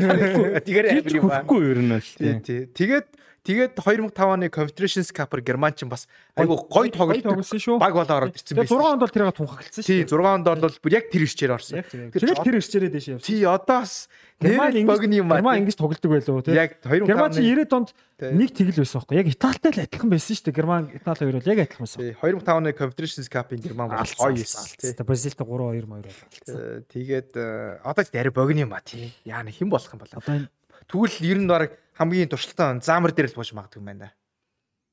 Ядаж тасалжууд байсан гэдэг утгаараа. Тий. Юу Нагels манаас айх баг. хомсдод орчтой. Тийм туршлага жоохон тиймэрхүү юм байна гээд нөгөө э, Австригаа болохоор бас Австри юм байна гээд Уг нь рангникал авчрах байж та ажилгүй байсан бол. Тэгээ рангнигтээ тасалжуулахаас илүү нөгөө удирдлага систем тогтоох тэр юмд л Рангник одоо Австриг гэсэн мундаг өдөрч байгаа шүү дээ. А, тий Австриг бол мундаг байгаа мундаг. Рангник гэснээс за Германы үлдсэн Хомс тоглолтоос түүхэл бас яригдчихсэн шүү дээ яг түүхэл тий тухайн үед нөгөө хэнийг томилгоо одоо Хансигийн өмнө. тий Йохам Лёв явах гад эвгүүд динжигнээд байхад наад чин Томас түүхэл Тэгвэл ажилтаа байгаадсан ба тэр. Тэгсэн. тэгээд таарахгүй. За Гэтэ түүхэл яг шигшээ хэр сонирхолтой юм бол да. Түүхэл чинь ингээд нөгөө бэлтгэл мэлтгэлээ амар хийлэгдэг ингээ юмд нөгөө нэг нэг тийм тасалжуулагч юу та өдөр бүр ажил өдөр бүр тоглогчтойгоо ажилдаг тийм дасгалжуулагч нар багт тий. дургуй гэсэн. Түүхэл бол тийм штэ ер нь бол тийм. Дургуй. За Герман одоо 9 сарын 12 Монголын цагаар шөнө 3 билүү 2 цагт Францад тоглож шүү дээ. Францтай тоглоно. Яа, Вестфален стадионд тоглоно. Антони Тейлер шүүгчээр ажиллах юм байна. За ингээд э, 9 сарын шигшээ цугларалт болол энэ тоглолтын дээр Руди Фоллер бага удирдна. За 10 сарын 14, 10 сарын 18-нд хоёр тоглолт байгаа. Хоёр тоглолт нь хоёулаа Америкт хийх тоглолт байгаа. За нэг нь бол Америкийн шгшөөгийн эсрэг тоглоно 10 сарын 14-нд. А тэгээ 10 сарын 18-нд Америкт Филадельфи хотод Мексикийн шгшөөгтэй. Нөхсөг тоглолтын за тэгээд 11 сарын шгшөөгийн цуглалтаар одоогийн байдлаар нэг гэн тоглолт одоо хуваар заачууд байгаа. Тэр нь бол а, 11 сарын 21-нд а, Австрийн Вен хотод Австрийн шгшөөгтэй. Тоглох ийм тоглолтууд бол байгаа юм байна. Аа яа. Бас чанга тоглолтууд байна. За одоо энэ тэгээд 10 сарын тоглолтоос юм асуудлаа шийднэ л те. Ойлгомжтой. Руди Фиолер цааш явуул явахаар юм биш үү ер нь. Руди юу? За Фуллер бол нэр үнэтэй гэсэн. Угаасаа яг 20 жилийн өмнө амжилтыг бид мэдж байгаа Тий. те. Одоо ч гэсэн бас нэр үнэтэй байгаа л техникийн захирал Хийгээл явж байгаа. яг туршлага байна. Тэр үнэ асрах туршлага байна. Богино хугацаанд бол одоо туршлага сэтгэл зүйд л ажиллана. Түүнээс их олон юм өөрчилж чадахгүй. Тэгээ одоо нөгөө нэг яг саяны бацанглын хэлтгтээс зэглэн хэлтгтээ санал нийлжлээ нөгөө клубүүдийн өсөлтөө тэнчнээс нь авьяас чадвар тоглогч гарч ирэх их чухал байна те. Тэгээ одоо эсрэхгүй хэдэн сар юм бэ? 6 сарын 14 мөрөнд эхэлж байгаа болоо те тэр хавцаа Тий. эхэлчихэж байгаа. Тэгэхээр ч айгүй баг хугацаа болж байгаа байхгүй юу? хугацаа. Тий. Яа. Ийм үйл гүйсэдэг хийгл дуудмаар байгаа юм да. Богино Бага хугацаа. хугацаанд асуудал шийддэг байна. Хугацаанд асуудыг шийднэ. За Юрген Клоп явандаа бол Герман гэдэг дээр юу гэж боддог вэ ер нь? Тэгэл яриа л байдсан шүү дээ. Оо клубын юм юм жоохон юу яах үед маань хүн бие амрыг харах үз. Мм. Бас л гоё юм шүү дээ. Супер. За Германы хөлбөмбөг нэг юмрхүү. За Германы тиймэрхүү байна. Аа за тэгээд дутуу ярьсан юм бол гайг бах. За энэ шгшөөгүүдийн авшлаараа. Герман дээр дутуу ирсэн юм гайг бах те. Тийм гайг. За энэ үеэр бас одоо нэг 23 хүртэл насны Азийн авраг шалруудах тэмцээний эрхийн төлөв тэмцээнүүд болж байгаа. За манай Монгол улсын шгшөөг бол Сауди Арабид оч тоглосон. Хэсгийн ихний тоглолтод Сауди Арабын хүчтэй огтой бас сайн тоглож 3-1-ээр хожигдсон. За шгшөөгийн цалжуулагчдын ярьж байгаа яриагаар бол манайх бол Сауди Арабын багт ихний 15 минут битүү прессинг хийж тоглосон байлээ. Тэгээ прессинг амжилттай болж Нэг гол хийсэн. тургуулийн цогт олж авсан. За түүнийг бол амжилттай болгож хийсэн. За гівч одоо яа харахгүй хол зам туулсан, бэлтгэл сургалт дутуу байсан, олон тоглогч гимтсэн. Тааварсан солилцоогоо хийж чадахгүй байж байгаад тэгээд олон тоглогч нь гимтсэн төвийн хамгаалагч хоёр хамгаалагч нээлж дараалал гаргасан хаалгач хүртэл солигдсон шүү дээ. Харин хаалгач. Тий. Тий. Тэгж Тэгж байж- тоглолт авсан ба. Тэгээд нэлийн ачаал авсан, эрт хамгаалтанд орсон, хоёр дуур бүтэн хамгаалсан. Тэгээд 86 дэх гол алдаад тэгээд цаашаа 2 гол алдаад Дуусч яхад хоёр хожигдсон. Тий. Тэгвэл яхаа үр дүн бол давгүй. А Сауди Арабид очиод тэг Сауди Арабын нөхдөж адуу шиг нөхдөд байл шүү дээ. Бэлтгэл илүү сайн байна те. Тэгээ дээрс нь орчин мэдээж өөрөө газаагаар гэд те. Хол явж байгаа ядар ядралт гэдэг бас мэдээж байгаа. Бэлтгэл хангамж бас тодорхой хэмжээний дутуу байсан ч юм бас байж болох бах те. Хоёр тоглох болов. Хэд тоглох? Тэгээ хоёр дахь тоглолтод Камбожтой игээд сая 2-1-аар хожигдсон. Ер нь тэгэл энэ нөгөө бас нэг жоохон нөгөө ядуу хнэ шин тийм улсын зовлон л доо. Одоо гадны FIFA-гийн дүрмээр ийм баггүй. Одоо FIFA ч юу бах вэ? Олон улсын дүрмээр тухайн улсын шгшөөг бол тэмцээн болохоос 2 хоногийн өмнө очих хэрэгтэй. Мм. 2 хоногийн өмнө очиод яг аль биесний хөтөлбөр эхэлдэг. Цус буудалтай ордог. Тоглолт болох цэнгэлт хүрээлэн бэлтгэлээ хийдэг те. А түүнээс өмнө очиж болно. Гэхдээ Хүсэх юм бол. тий Гэхдээ тэр хүртэлх зардлыг холбоо өөртөө та. Тэгэхээр л энэ дээр унчаад байгаа байхгүй. Хоёр хоногт бодлол дээр одоо Сауди Араби гэдэг чинь бас цаг агаар уур амьсгал бол өөр шүү дээ. Тийм шал өөр. Бас нэг 4 цагийн зөрүү байгаа бах те. Тийм. Дөрөвч баг олон баг шүү. 4 5 те. 4 5 орчим цагийн зөрүү байгаа бах. Тэгээд нэг тийм зүйл бол болсон. Тэгээд хоёр тоглолтоо Камбожтой 2-1-ээр хожигдсон. Энэ дэр бол бас жоохон тааруу тоглосон. Яг үнийг хэлье. Цэнгэл энэ тоглолтуудын тухай Тий, хоёр тоглолтыг хоёулыг нь үтсэн. Тэгээд Сауди Араби шгшэгтэй болвол санснаас хамаагүй л тоглосон. Тий, ялтчгүй. Тэгээд сүүлд тэр тэнцэнийг бол алдаа. Дараа нь 2-1 болдог голыг алдахад талбай дээр аруулаа байлуу да. Тэгсэн нэг хамгаалалт цаашаа гарцсан байсан. Ширмсдад 30 татаа гарцсан байсан. Тэгээд чи нөгөө бас юу л юм бэ л дээ. Ингээд сүүлд юмнууд хараад тахаар халуун газар сүүтэн газар ирж тоглоход нэг тийм зөрүү нэх байдаггүй гээд. Аа яг тэр хүн амьсгалж байгаа хүчил төрөгч нь одоо хүрэлцээтэй байдал нь хангалттай байдаг. Харин хүүтнээс сэрүүн газараас халуун газар очиж тоглох нь илүү хүн тусдаг юм байна л да. Тэгээд сая тэрч бас тодорхой хэмжээнд нөлөөлж байгаа. Яагаад гэвэл бид нар бүр тийм маш халуунаас очоогүй шүү дээ, тийм. Ер нь бол дундаж температураас бүр халуун газар очиж тоглохоос тодорхой хэмжээнд нөлөөлсөн баг. Тэр нөө нэг тоглолтын төгсгөл рүү одоо юу гэдэг чинь хүн амьсгалаад амьсгалсан амьсгал маань хүний одоо биеийн одоо бүтлэх хэвээр тий одоо эд ис болгон эсэг болгон бүртийн хүчил төрөгч хүргэж явах хэвээр Аа тэгээд ачаал ачаал даах чадрыг ингэ нэмж явах хэвээр. А тэгээд дутуу ингэ хүрээд эхлэхээр ачаал даах чадвар буураад тэг нөө нэг булчин болон шүрмсийн нөө нэг сунж агших чадрууд нь сулраад тэндээ гацж байгаа хэрэг. Тэгээ ядарн шийдвэр гаргах модон. Тэгээ ингэ шүрмс талбаагаас ингэ аргагүй хөрхөнд гараад эхэлж байгаа. Манай хаалгач одоо хаалгач тийм одоо шүрмс татаад гарч байгаа тохиолдол тун ховор. Тоглогч биш тий. Тий. Тэгээд чин тэгэхэр чин тэр тоглолт ямар ямар халуунд бас ямар ачаалттай болсон бэ? Тий хүнд нөхцөлт тий болсон бэ гэдэг нь харагдаж байгаа. Тэгээд ийм хүнд нөхцөлд тоглоход бол залуучууд үнэхээр мундаг тоглосон, урам зориг авахар гой тоглолт үзүүлсэн. Хожиж шуугаан тарихад ойрхон 5 6 минут утсан тийм ээ. Тийм байсан. Тий. Хоцсон бол өстой бүр AFC-гийн шууд хом пэйж дээр монголчууд Сауди Арабиг энэ бол тэр нь хожлоо. Энэ бол зүгээр яг Монголын хөлбөмбөг хамгийн том юм болох байсан тийм түүхэн тийм. Одоо юу гэж чинь тийм AFC одоо 23 насны Ази аврагын тэмцээний сонгон шалгаруулалтын хамгийн том шууган боллоо гэдэг AFC-гийн шууд хом пэйж дээр тавигдах байсан. Даанч тэндээс нэг хэдэн минут дутлаа. А тэгээд Камбож дээр бол дараа нь тоглоход харьцангуй бас жоохон суулгандуу тоглосон.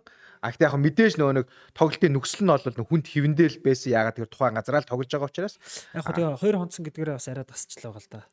Арай нэг өөр болж байгаа л да. Тэгээд Гэхдээ Камбоч гэсэн тэнд бас тасж байгаа шүү дээ бас. Тийм, Камбочос тасж байгаа. Тэгээд дээрэс нас яг нөгөө нэг эхний тоглолт хүнд болцсон учраас хоёр дахь тоглолтын дээр бүтэн сэргэлт тас хангалттай орж чадаагүй байх магадлал байгаа. Яг үнэ. Тийм, муу тоглолт шиг тийм баггүй. Тийм. Одоо юу гэдэг чинь 72 цагийн тэр сэргэлжтэй шүү дээ. Тэр чинь 48 цагийн дараа тоглолцохоор бүтэн сэргэлт авч чадаагүй бас а тоглолт нөлөөсөн баг. Жохон нөгөө би юу гэдэг чи одоо энгийн үгээр хэлэхэд би жоох хүнд байдлаар тоглолт эхлүүлнэ гэсэн үг байхгүй. Би хүнд байгаа оргиод идэг. Яг тийм байдлаар тоглолт эхлүүлчихэнгүүт нөгөө тоглолтондоо төвлөрөхөд хэцүү. А тэг хүрч чаддаг юмд хүрч чадахгүй болчдаг. Гүйцэтгэл багсан тийм. Тэгээд нөгөө нэг бөмбөгөө дамжуулъя гэсэн газарлуугаас явуулж чадахгүй бодож исэн юмнаас өөр юм болчиход байдаг. Тэгээд тиймэрхүү одоо ядралт нь бүтэн сэргэлт аавгүйгээс ер нь шалтгаалсан л болов гэж бодож байна.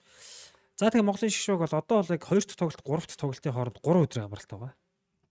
Тэгээд 3 дахь тоглолт одоо хизээ их жагалраас тий. Аа. Одоо одоо 3 дахь тоглолт өнөө маргааш маргааш их баг та. Маргааш их баг тий. Одоо маргааш гэж нь одоо подкаст гардаг өдөр л. Тий 2 дахь өдөр гэсэн. Тэгээ манайх бол 3 дахь өршөлтөгчөө тэгээ сайхан тоглоод хожоод ирэх юм бол бас бас гоё тий. Тий гоё гоё тий.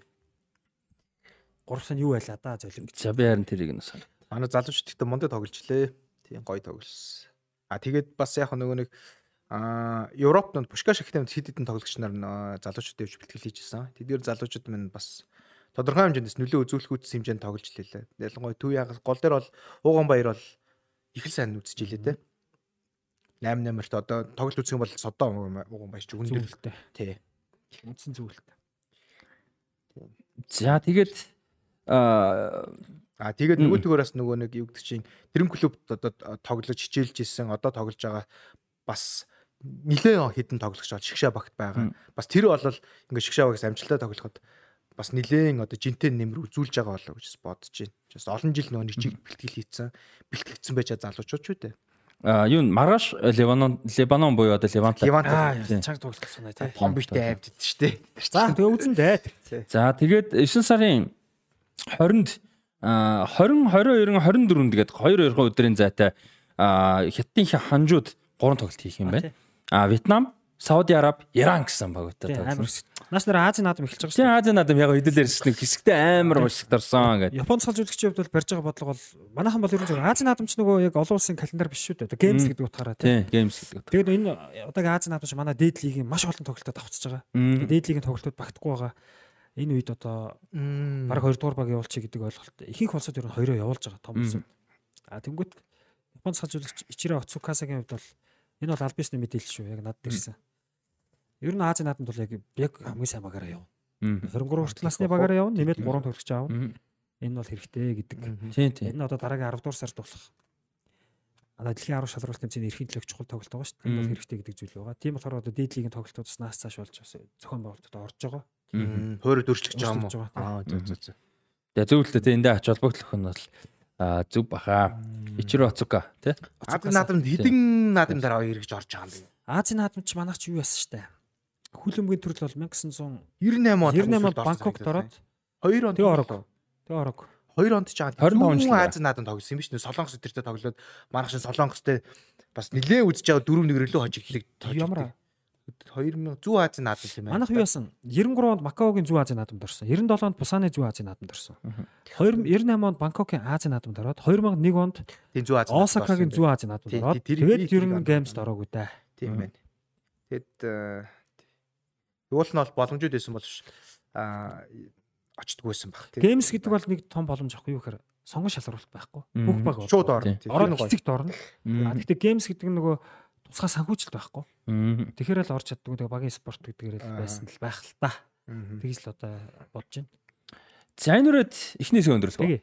За ингээ Монголын шгшөөгийн бас мэдээлэлээр залуучууд тий 23 талхт насны шгшөөгийн мэдээлэлэр эхний хэсгээ өндөрлж байна. Тэгээ сонирхолтой байсан гэж найж байна. Ер нь үе үе бас шгшээр гой боломжууд байдаг. Тэгээ энэ жил бол 10 11 сард бас дахиад шгшээр ярих юм гой боломжууд бас гарах нэ. Тэгээ тэр үед бас Монголын залуучуудын шгшөө 23 дахь насны шгшөөг маань бас 3 тоглолт 9 сард энэ сарда хийх нь тэрийг бас тухайд нь ярина. За тэгээд э, эхний хэсэг маань өндөрч 20 дугаар хэсэгт бол одоо Жанлука Замброта гэж хөлбөмбөгч Монголд ирсэн. За энэ өрн хөлбөмбөгч ямар хүн ямар тоглогч байсан, ямар учлаа ажиллаар ирсэн. За дээрэс нь бас өмнө нь ер нь Монголд ирж исэн ямар тоглогч байсан юм бэ гэдгийг бас ярий те аа сонирхолтой авах болоо гэж бодож байна. Тэгээд бидний дэмжих өсөл Хас банкны 500 556 2978 гэсэн дугаартад ансаар донеш нэж дэмжих боломжтой. Westport Lounge бидийг дэмжиж ажилласаар байгаа. Тэгээд 20 дугаар хэсгээрээ уулзцгаая.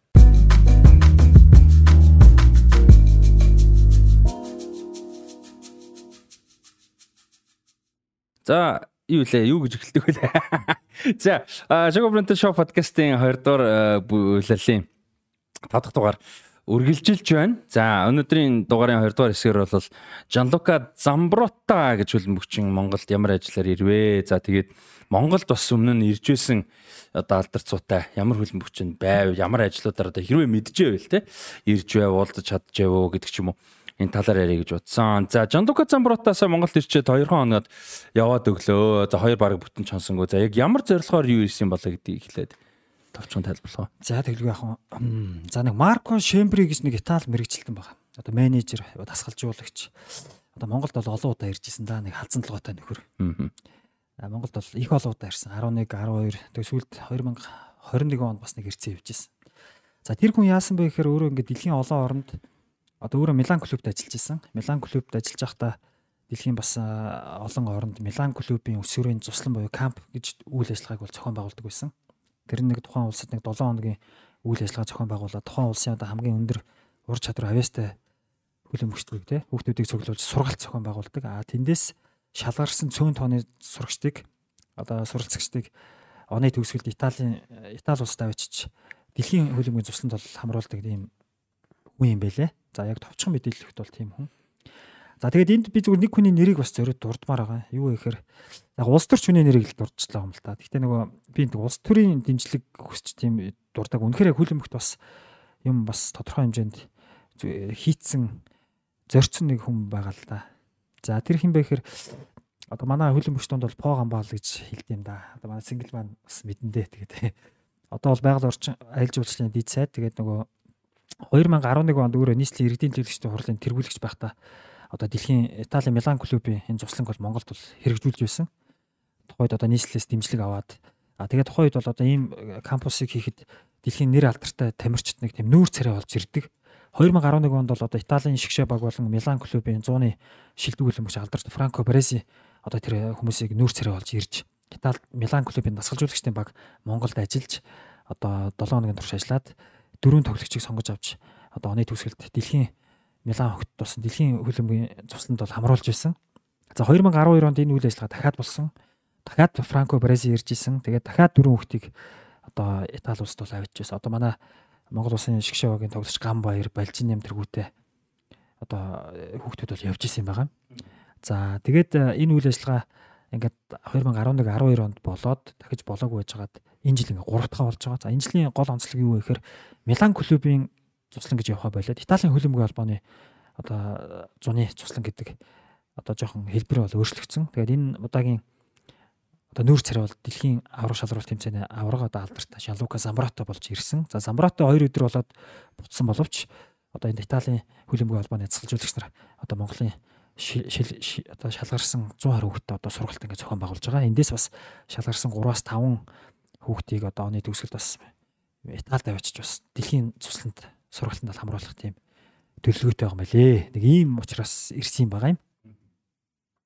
За За Замбротагийн хувьд бол яг тоглогч байхын карьерийг товчхон зүгээр ярихад мань хүн бол яг нэг яг нэгэн цаг үед бол дэлхийн хамгийн шилдэг жигүүрийн хамгаалагчдын нэг байсан. Ялангуяа нэг 2003 4-өөс нэг 5 6 он, за 6 7 ч гэх юм уу онуудын хугацаанд бол дэлхийн хамгийн шилдэг баруун зүүн жигүүрийн хамгаалж ялангуяа баруун дээр байсан. За мань хүн бол өөрөө Италийн комод төрж өссөн, комодо карьераа эхлүүлсэн. За тэнцэнээс Барид очоод Бари бол бас Италидаа бол бас дажгүй багуудын нэг тийм. Хуучин бол бүрч том баг байсан. За тэгээ Барид дажгүй сайн тоглож байгаа залуу 22 настай Ювентуст очоод ер нь бол одоо карьерийнхаа хамаг оргил эд үеийг бол өнгөрөөсөн гэж хэлж болно 29 нас хүртлээр Ювентус тоглосон. За тэгээд нөгөө нэг Calciopoli-гийн одоо том асуудал болоод Ювентусээс маш олон тоглож. Ер нь Буфонхийн, Del Piero өрхийн үлдлээ. Трезигэ, Зибина энэ тав. Бос нь бүгд явдаг. Ибрахимович гэдэг тийм баг цолтой нөхдүүд бол үлдсэн л дээ. Тийм. Тэгээд юу Замбротта бол яг 29 хүрсэн байсан. Тэгээд Барсал очсон. Барселона руу явсан. Тюрамта цуг явдсан шүү дээ. Тюрам тийм Тюрам ч бас юунд байсан те. А Ювентустэйсэн. За тэгээ Барсад бол аврагын лигийн авраг болцсон Барселонод очсон. За гэхдээ тэр үед бол Франк Райкардо удиржсэн Барселона бол ерөнхийдөө унж явж байсан. Оргил нь бол аврагын лиг аврагч гисэн. Тэнцэнийн сүүлийн 2 жил яг унсан үед нь бол тогш таарсан. За тэгээд Тинчэнээс Барселонад 2 жил тоглолцоод AC Миланд 2 жил тогсон, Аучлаараа 4 жил тогсон. Гэхдээ тэр үед бол бас гимтэл бэртлийн асуудал их байсан. Бас яг тэгж одоо удаан тогтмол бол тэгж бас их тоглоогүй. За тэр үед Массимо одоо илүү их тоглолдог байсан санагдаад шүү. Би андуурч байна уу? За яг заснаа. За за андуурч байвал засаарай. Одоо байсан үгүй байсан. За тэгээд сүүлд нь бол Киасо гэж багт болол Швейцарын багт тоглож байгаа зодог тайлсан. За юм байна. Тэгээд Францын Италийн шишүүд бол 99 оноос 2010 оны хооронд 11 жилийн хугацаанд 11 2 жилийн хугацаанд 98 тоглолтод оролцож 2 голыг оруулсан. За шишээ огийнхаа төлөө тоглосон хамгийн сүүлийн тоглолтод бас а харамсалтай юм бэлээ. Сербийн шишээ огийн эсрэг хийсэн тоглолт Италид хийсэн тоглолт. За тэр тоглолт эхлээд ердөө 6 минут явж байгаа Сербийн одоо дэмжигчд бол Үмэн самуу их одоо эхлүүлж тэнчэнээс гал мал нөгөө нэг флэр гэдэг чинь юу гэдэг лээ утаа гаргадаг тим юм шидээ тэгээ бүр ерөөсө бөө юм болоо. Тэгээд шүүгч бол тэр тоглолтыг сүултээ бүр зогсоосон. А тэгээ UEFA-гаас тэр тоглолтыг бол автомат ажил болгож Италид 3 тгийн ажил өгж автоматар ажил өгсөн. За энэ тоглолтод тэгээд мань хүний шишээдэ тогсон амын сүүлийн тоглолт болсон юм бэлээ. Тэрнээс хойш шишээдэ дахиж тоглоагүй юм бэлээ. За товчондоо нэг юмрхүү тэгээд нэмэх засах зүйл байл. За манай цэнгэл их гоё зүйл хэлэх байхаа. Надад бол бэлдсэн байна. Гэтэ би цэнгэлийн дараа ярий. Би яг тийм замбрато ирлээ гэд бас яг ямар шугамар яаж ирснийг сайн нэрийн мдээгүй л байсан л та. Тэгээ зүгээр нэмэх зүйлэхээр нэвтрүүлгээс бодогдчих лээ. Замброто ийм настай болсон гэж үгээд. Тэгэхээр бас л явж шөөд гэж зүгээр санагдсан да. Тэгээ замбротыг өсөн цайцсан байна. Тэгээ саяхан л 2006 онд дэлхийн арга болоод оргон тэмцээний одоо бэлэгдлийн шид нэрлэгдээл гялцж явсан хамгаалагч. Тэгээд бас л тийм олон талын гоё тоглолттой их динамик жүгрийн хамгаалагчтай. Айгу нэг тоглолттой. Тэгээд оргилноо дугаас 2006 оны дэлхийн аврагын үеийн форум байсан бах. Тухайн Ювентусын ч бас юм байсан те.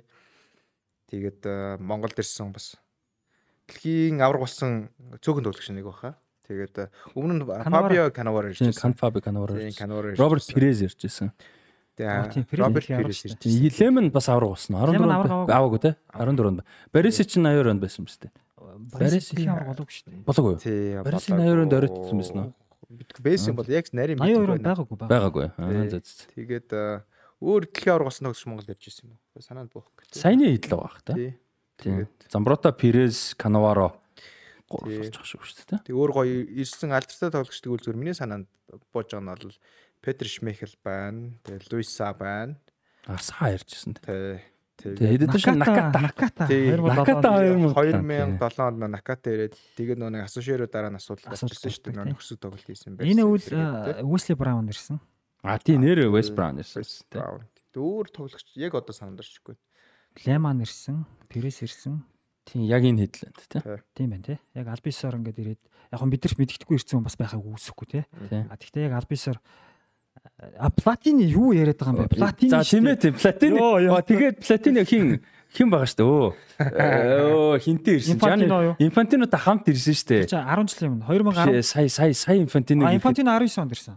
Жоркаев Жоркаев Юри Жоркаев. Ингээ ухаад байгаа байхгүй. Юри Жоркаев ирсэн шүү дээ. Саяхаас жилийн өмнө ирсэн шүү дээ. Тийм. Пандемикийн дараа шүү дээ. Дөнгөж жилийн өмнө. Би би чинь Жоркаев Маккаевтэй зураг мөрөг аваад тавьчихсан шүү дээ. Ууг. Бахуу байна хөө. Тийм байна тий. Тий. Жоркаев байна. Тийм байна. За за. Тийм. Замбратаг ер нь ингээд дүгнэхэд бол юу юм бэ л. Ерөөсөө нэгдүгürt бол маш өндөр техниктэй. Хоёрдугаар тактикийн асар өргөн одоо ойлголттой. Тим тоглогч. Одоо тактикийн маш өргөн ойлголттой байсан болохоор Италийн шигшээ багтч тэр клубүүдэд ч тэр үеийн үед мундаг дасгалжуулагч нарт ерөөсө гологдог. За энд би нэг товчхон хэдэн факт бэлдсэн юм байна. За энэ чи юу лээ? Энэ юм шүү дээ. За за сая ингээд зүгээр замналын бол манай Расти бол хэлцлээ л дээ. За 1999 онд одоо Зофос Италийн залуучуудын шгшээ багийн урилга авсан. За Зоф бол тухайн үед залуучууд болон насан туршийн үндэсний шгшээ багийг бол давхар удирдах гэсэн байгаа. За 99 онд залуучуудын шгшээ багийн урилга аваад Аа уучлаарай 98 он залуучуудын шгшээ багийн урилга аваад 99 оноос насан туршийн буюу үндэсний шгшээ баг тоглосон. За ингээд 2000 онд Европын аврах шалралт тэмцээнд тогсон. Италийн шоугийн баруун зүгрээ хасгамалагчаар тогсон. За тэр удаагийн Европын аврах шалралт тэмцээнд бас амжилттай сайн тогсон. Гэхдээ нэг хард гол байдаг. Нөгөө Нидерландын шгшээ огтойсэн хагас шгшээ тоглолтод хоёр шар уц авч талбайгч чөлөөлдөг, хөөгддөг. Тэгээ нөгөө нэг тоглолтын явцад Нидерланд хоёр пенальт алддаг лөө. Тий, хоёр пенальт. Тэгээ тоглолтын дараа бас алдаад ингээд бүр Нидерланд хожигддаг. Хоёр пенальт алдах чинь нэгийг хин алддаг шүү дээ. Франк де Бур. Де Бур штанг цогтөг тий. Тий. Нөгөөтийн Кливерт алд. Кливерт алд. Шуу бодсон шүү дээ. Тий. Тоглолт явцад хоёр тоглолт зөвлөлт. За тэгээд Замбрато бол тэгээд анх хинт тогложээ. Алдарт Дино Зоф тоглож. Дино Зоф тогтсон юм тий. За 1999 оны өвөл түүний Карло Анчелотти Ювентусын тасгалжуулагч байх та. Юунд төрсөн. Одоо Баригаас Ювентус тавсан. Бас том тасгалжуулагч урьж штэ. За 2002 оны дэлхийн аврах шалралт тэмцээнд Италийн шоуг бол алдар Жовани Трапатоны удирж орсон. За Жовани Трапатоныг бас гол юм байсан баруун жигүүрийн хагас хамгаалагч байсан. За тэгээд дэлхийн аврах шалралт тэмцээнд яг үндсэн тоглогч байж байгаад өмнө солонгосын шгшээ багт байсан тоглолтын үеэр бол гимтчихсэн ингээд талбайг бол чөлөөсөн байдаг. За 2002 яг ингээд Жанлука Самбрата баруун жигүүрийн хагас хамгаалагч байгаад Цэнгэл Санжаавал 2004 оны 1-р сард 5 цагаар сонин дээр баруун жигүүрийн эзэн гэсэн яг Самбратаг нэг тийм намтар гарч ирсэн да. Цэнгэл бол уншдаг байсан санах хэвээр доо. Тухай 5 цаг дээр ингээд төлөм биштэй намтраг гардаг тэрийг бол хамтрах уншдаг. Дэлгэрэнгүй айгүй бас гоё нийтлэлүүд байдаг гэсэн тий. Гоё зураг мөрөгтэйгээ. Чи зурагтай шүү дээ. Тийм дээ. Биеэр барьж үздэг. Интернет яг тэгэл интернет орсон ч зурагнууд нь тийм том жижиг жижиг зурагнууд байдаг байлаа. Интернет кафед ороод флоппи дискэн дээр хитэн зураг хулаал авч яваад гэртээ авчиж компьютертэй үзэл ингээл үзэл хийж идэг байж лээ. Чанартай зураг олдохгүй, бүтэн зураг олдохгүй тий. Интернет удаан болохоор том зураг гацчихдаг. Тий. Тэгвэл жижигэн зурагнуудыг нь олно. Чанартай зураг Sporting Heroes net дээр л байсан шүү дээ. Тэгээд тэр зургийг нь уншуулад орхиж хүлээе гэж бодох юм бол өөр tab гэж байхгүй, өөр window нэ, өөр window нэгээд нөгөөдг нь орохгүй. Тэр гацчих. Хоёул тэр уншлаар гацчих. Заавал лигөөсөр аргагүй. Тий. За тэгээд 2002 оны дэлхийн аврах шалралт тэмцээний үеэр Замрата гимтчихсэн. Тэгээд 2002-оос 2003 оны улирлыг бол гимтли болмос бол эхлүүлж чадаагүй. А яг энэ хооронд яасан бэхээр Ювентус Мауро Камаронесиг тэр зун авчихсан байсан. Тэгээд Камаронеси баруун зүгрийн хасгамал хэрэг тоглоод гэсэн. За удалгүй тэгээд Замбратогийн гимтэл идгээд ороод ирсэн чинь байрг болж байгаа. Марчелло Липи өдөрчсөн. Марчелло Липи бол түүний шууд зүүн жигүүрийн хамгаалагч. Энэ одоо бүр амар өөрчлөлт хийж байгааз. Баруун жигүүрийн хамгаалагчийг шууд зүүн жигүүрийн хамгаалагчаар тоглуулад тэгээд Замбрато бол угаасаа тактикийн маш уян хатан тоглож маш амжилттай тоглосон. За энэ нь бол одоо Италийн шиг шогт бас их хэрэгтэй зүйл болсон. Яг тэгвэл агуу Паоло Мальдини 2002 оны дэлхийн аврах шалралт тэмцээний дараа зодог тайлцсан. Тэнгүүт нөгөө ер нь Италийн шогт сайн зүүн жигүүрийн хамгаалагч байхгүй Замбрато ингээл клубтэй ч Ювентус тоглоно шиг шогтааш тоглодог болоод ингээд бол тодорхойд гаадарсан байна. За энд нэг сонин зүйл байгаа л да 2002 оны дэлхийн аврах шалралт тэмцээнд Мексик Италийн шгшээг тоглоход яг гоо Италичууд тэмцээний турш ингээд тактикаа бол ингээд байрлалаа бас өөрчилж байсан. Яг Мексиктэй тоглоход өмнө нь бол 4 4 2 гэж тоглодог байж байгаад яг Мексиктэй тоглоход Замбротаг баруун зүгт ганцаар ингээд өргөцсөн байна. Одоо хамгаалагчаа чи хамгаалагчаа чи гэдэг. Одоо давхар давхар одоо яг тэрийг үзээрэй бас яг судвал яг гараад ирнэ. Тэнгүүд Италичууд эргээд нэг тоглогч хэмнэж штэ. Нэг атакаар гаргаж ирээд одоо Тотиг атак дээр тавиад Делперо Вере хоёрыг товцогчоор тавьчихсан. Солонгосын Мексикийн шиг шогтайсан тоглолтод. Ингээд нэг тийм одоо Замбрато бол багт бол ямар тийм тактикийн том боломж олгодог байсныг бол харуулж байгаа. За тэгээд мань хүн чинь нөгөө нэг 2020-оос 3 онд зүүн хамгаалагчаар мундаг тоглоод эхэлсэн. За ингээд ингээд ингээд Мальдини цодог тайлцсан, Италийн шиг шиг дээш тоглолт ингээд. За тэгээд явж исэн боловч юу яасан байна аа. За 2004 оны Европын арга шалралт тэмцээн болсон. За энэ удаагийн тэмцээнд Италийн шгшөг бол хэсгээсээ гараагүй. За гэхдээ энэ удаагийн Европын арга шалралт тэмцээний бэлгэлийн шгшөг Замбрато багтсан. Замбратог найдвартай тоглолт. Италичууд хаалганд Буфоноос Маронд Панучи хамгаалсан төвд Неста Канаваро зүүн Замбрато хамгаалсан. Хэдийгээр хэсгээс гарах нэг Болгартай бөө юм болдог нэг Шведан хоёр бөө юм болдог те. Тэр Евро штэ. За ингээ мэрэгчлүүдээс маш өндөр үнэлгээ авсан байгаа. За 2004 оны Европын арга шалралт тэмцээнд Италичууд муу тогсон Жване Трапатоны ажлаас халагдаад за Марчоло Липи Италийн шгшөөг өвдөрсөн. За Липи бол мэдээж Ювентуст энтэй бол хэдэн жил ажиллажсэн байсан. За тэгээ шууд Замбратог баруун зүгрийн хамгаалагч болгосон. Замбрата ч баруун хагас байж байгаа зүүн болчихсон. Тэгээ баруун хамгаалагч болж байгаа. За тэгээд ерөөсөө энэ циклд бол Замбрата багийн гол тоглогч байгаад 2006 оны дэлхийн аврах шалралт тэмцээн эхлэх гэж хахад одоо 5 дугаар сарын 28-нд Каварчанагийн бэлтгэлийн төвд Замбрата бол гимтсэн нөхөрсөг тоглолтод гимтсэн. Энэ нь бол Италийн шиг шоугийн хувьд бол маш хүнд цохилт болсон. Ерөөс орлуулшгүй тоглогчоо гимтэлээ гэж тухайн үед бол ярьж байсан. За тэгээд Липи бол Замбратод итгэж найдажсэн болохоор яаран солихыг бол хүсээгүй. За нөгөө Бонера гэдэг нөгөө Миланы хамгаалагч үүд чинь Даниэла Бонераг нөөцөнд авцсан байсан. Одоо Замбрато ингээд хэцүү болох юм бол чи орно гэх. Гэхдээ Липи бол хайртай тоглогч бол яаран алдахыг хүсээгүй. Тэгээд шинжилгээ хийгээд эхний тоглолтыг бол үнжин. Тэгээ хоёр дахь тоглолтоос тоглоно гэдэг тийм мэдээлэл аваад Замбратог авсан. За тэгээ эсгийн ихний тоглолтод Италичууд Ганыг хождог тэр тоглолтод бол тоглоогүй. За тэгээд Америкийн нэгдсэн улсын шиг шогтойсэн эсгийн хоёр дахь тоглолтод зүүн жигүүр хамгаалагчаар тоглуулад Чехийн шиг шогтойсэн гурав дахь тоглолтод баруун хамгаалагчаар тоглуулж гисэн. Бүр арай л замбрааг байгаад тийм. Замбраагүй замбраатай шүү. Яг тэгдэг байсан, яг тэгдэг байсан. Замбраагүй замбраатай. За тэгээ манай хүн чи явж байгаа шүгэ 16 Австрал Шүгэн 8-д Украины шиг шогтойсэн тоглолтод гол өгдөг шүү дээ. Тоглолтыг зүүн жигүүр хамгаалагчаар эхлүүлээд эхний голыг цөм цогч хийдэн шүү дээ. Тэгээд хоёрдугаар үед дасгалжуулагч солилцоо ингүүт ихтэй Самбратыг солиог бос тоглогч шиг солингууд баруун хамгаалагч болоод тоглолтод тусгацсан. Ерөөсөө ингээ тактикийн хувьд бол ерөөсөө асар тийм уян хатан энэ Италийн шиг шиг асар том боломжийг өгсөн. За тэгээд Самбрата 2006 оны дэлхийн 10 шалралт тэмцээний турш 213 дамжуулалт хийсэн. За ингээ тактикийн хувьд бол багт асар том одоо дэвшил авчирсан болохоор тэмцээний яа харахгүй бэлгэлийн шиг шогт багтчихсан. Үнэхээр өндөр зэрэглэлийн тоглогч. За 2006 онд Барсад ирсэн. Гэхдээ энэ бол Барсаг уналтын үе байсан. Райкарттай ажилласан. Жохон тийм хар бараан үе бол байсан. За 2000 сүүлийн жилийн 2008 оны аврагын лигийн хаш гişэд Манчестер Юнайтед Барселонад хаардаг дээ. Тэгэхэд Криштиану Роналдог супер хамгаалсан. Ерөөсөн Роналдо 2008 онд дэлхийн шилдэг болдог жил шүү дээ. За гівч одоо мань хүний хамгаалаг Пол Скос цөм цөхөж нэг гол хийдэг. За Самбрато 2008 онд тэгээ явсан. Тэгээд Милан клубтэй бол гэрээ байгуулсан. За 2008 онд юу яасан шураас тэнд. Мань хүн Милантай 3 жилийн гэрээ байгуулангууд Милан тэр зүүн Одог Байерн руу зээлсэн. Аа яг зөрөөд хардаг тий. Одоо Замброто эренгүүт л Одог явуулж штэ. Тийм ээ тийм ээ. За тэгээ Массимо одоо Байернд бол ингээд тоглож исэн. Эхний жил бол баруун хамгаалагчаар тоглоод хоёр дахь улирал буюу 2009-оос 10 онд зүүн хамгаалагчаар их тоглосон. Янголовскитэй ээлжилж эхэлж байна уу тий? Үгүй. Лука Антонинитэй ээлжилж эхэлж байна. За тэнгуут баруун хамгаалтанд Игнас Абате. Тий. А тэгэл Абате ч бат шүү дээ тий. Тийм ээ тийм ээ. Тэгээд тоглодог болсон гэж. Тийм ээ тийм ээ. За тэгээд 2000 10-аас 11 оны улирал AC Milan-ыг Scudetto олон жилийн дараа Scudetto хүртэхэд бол их чухал нөлөө үзүүлсэн байна. 20 хэдэн тоглолтод орсон юм байна. За тэгээд Грэгэ 2011 онд дуусахад 1 жилээр сунгаад 12 он тоглоо ингээд 4 жил болсон. За яг тэр үед Милан клуб бол ер нь клуб тоглогчдод залуужуулах тийм бодлого барьж исэн. За тэгээд одоо Самброта, Филиппо Инзаги, Марк Ван Бомол, Алессандро Неста, Женара Гатусо нарыг бол үдэж ингэж Милан клуб бол залуудсан боловч тэр нь яг тухайн үед баг удирдлага зөвл байсан баг. Гэтэ Милан хойш нэг хэсэг унтсан шүү дээ. Тэгсэн тэгсэн. За тэгээ Милан ингээ орхиод дараа нь тэгээ Швейцарын баг маг ингээ явцсан. За одоо яг үүгээр ингээ дүгнэхэд Одоо Италийн шогт дахиад хэлье. Алдарт Динозов, Жуани Трапатони, Марчелло Липпи, за сүүлд Роберто Донадоны 2008 оны Еврод авч ордیں۔ Ийм дасгалжуулагчдын удирдлагын дор тоглосон. Гологдоогүй.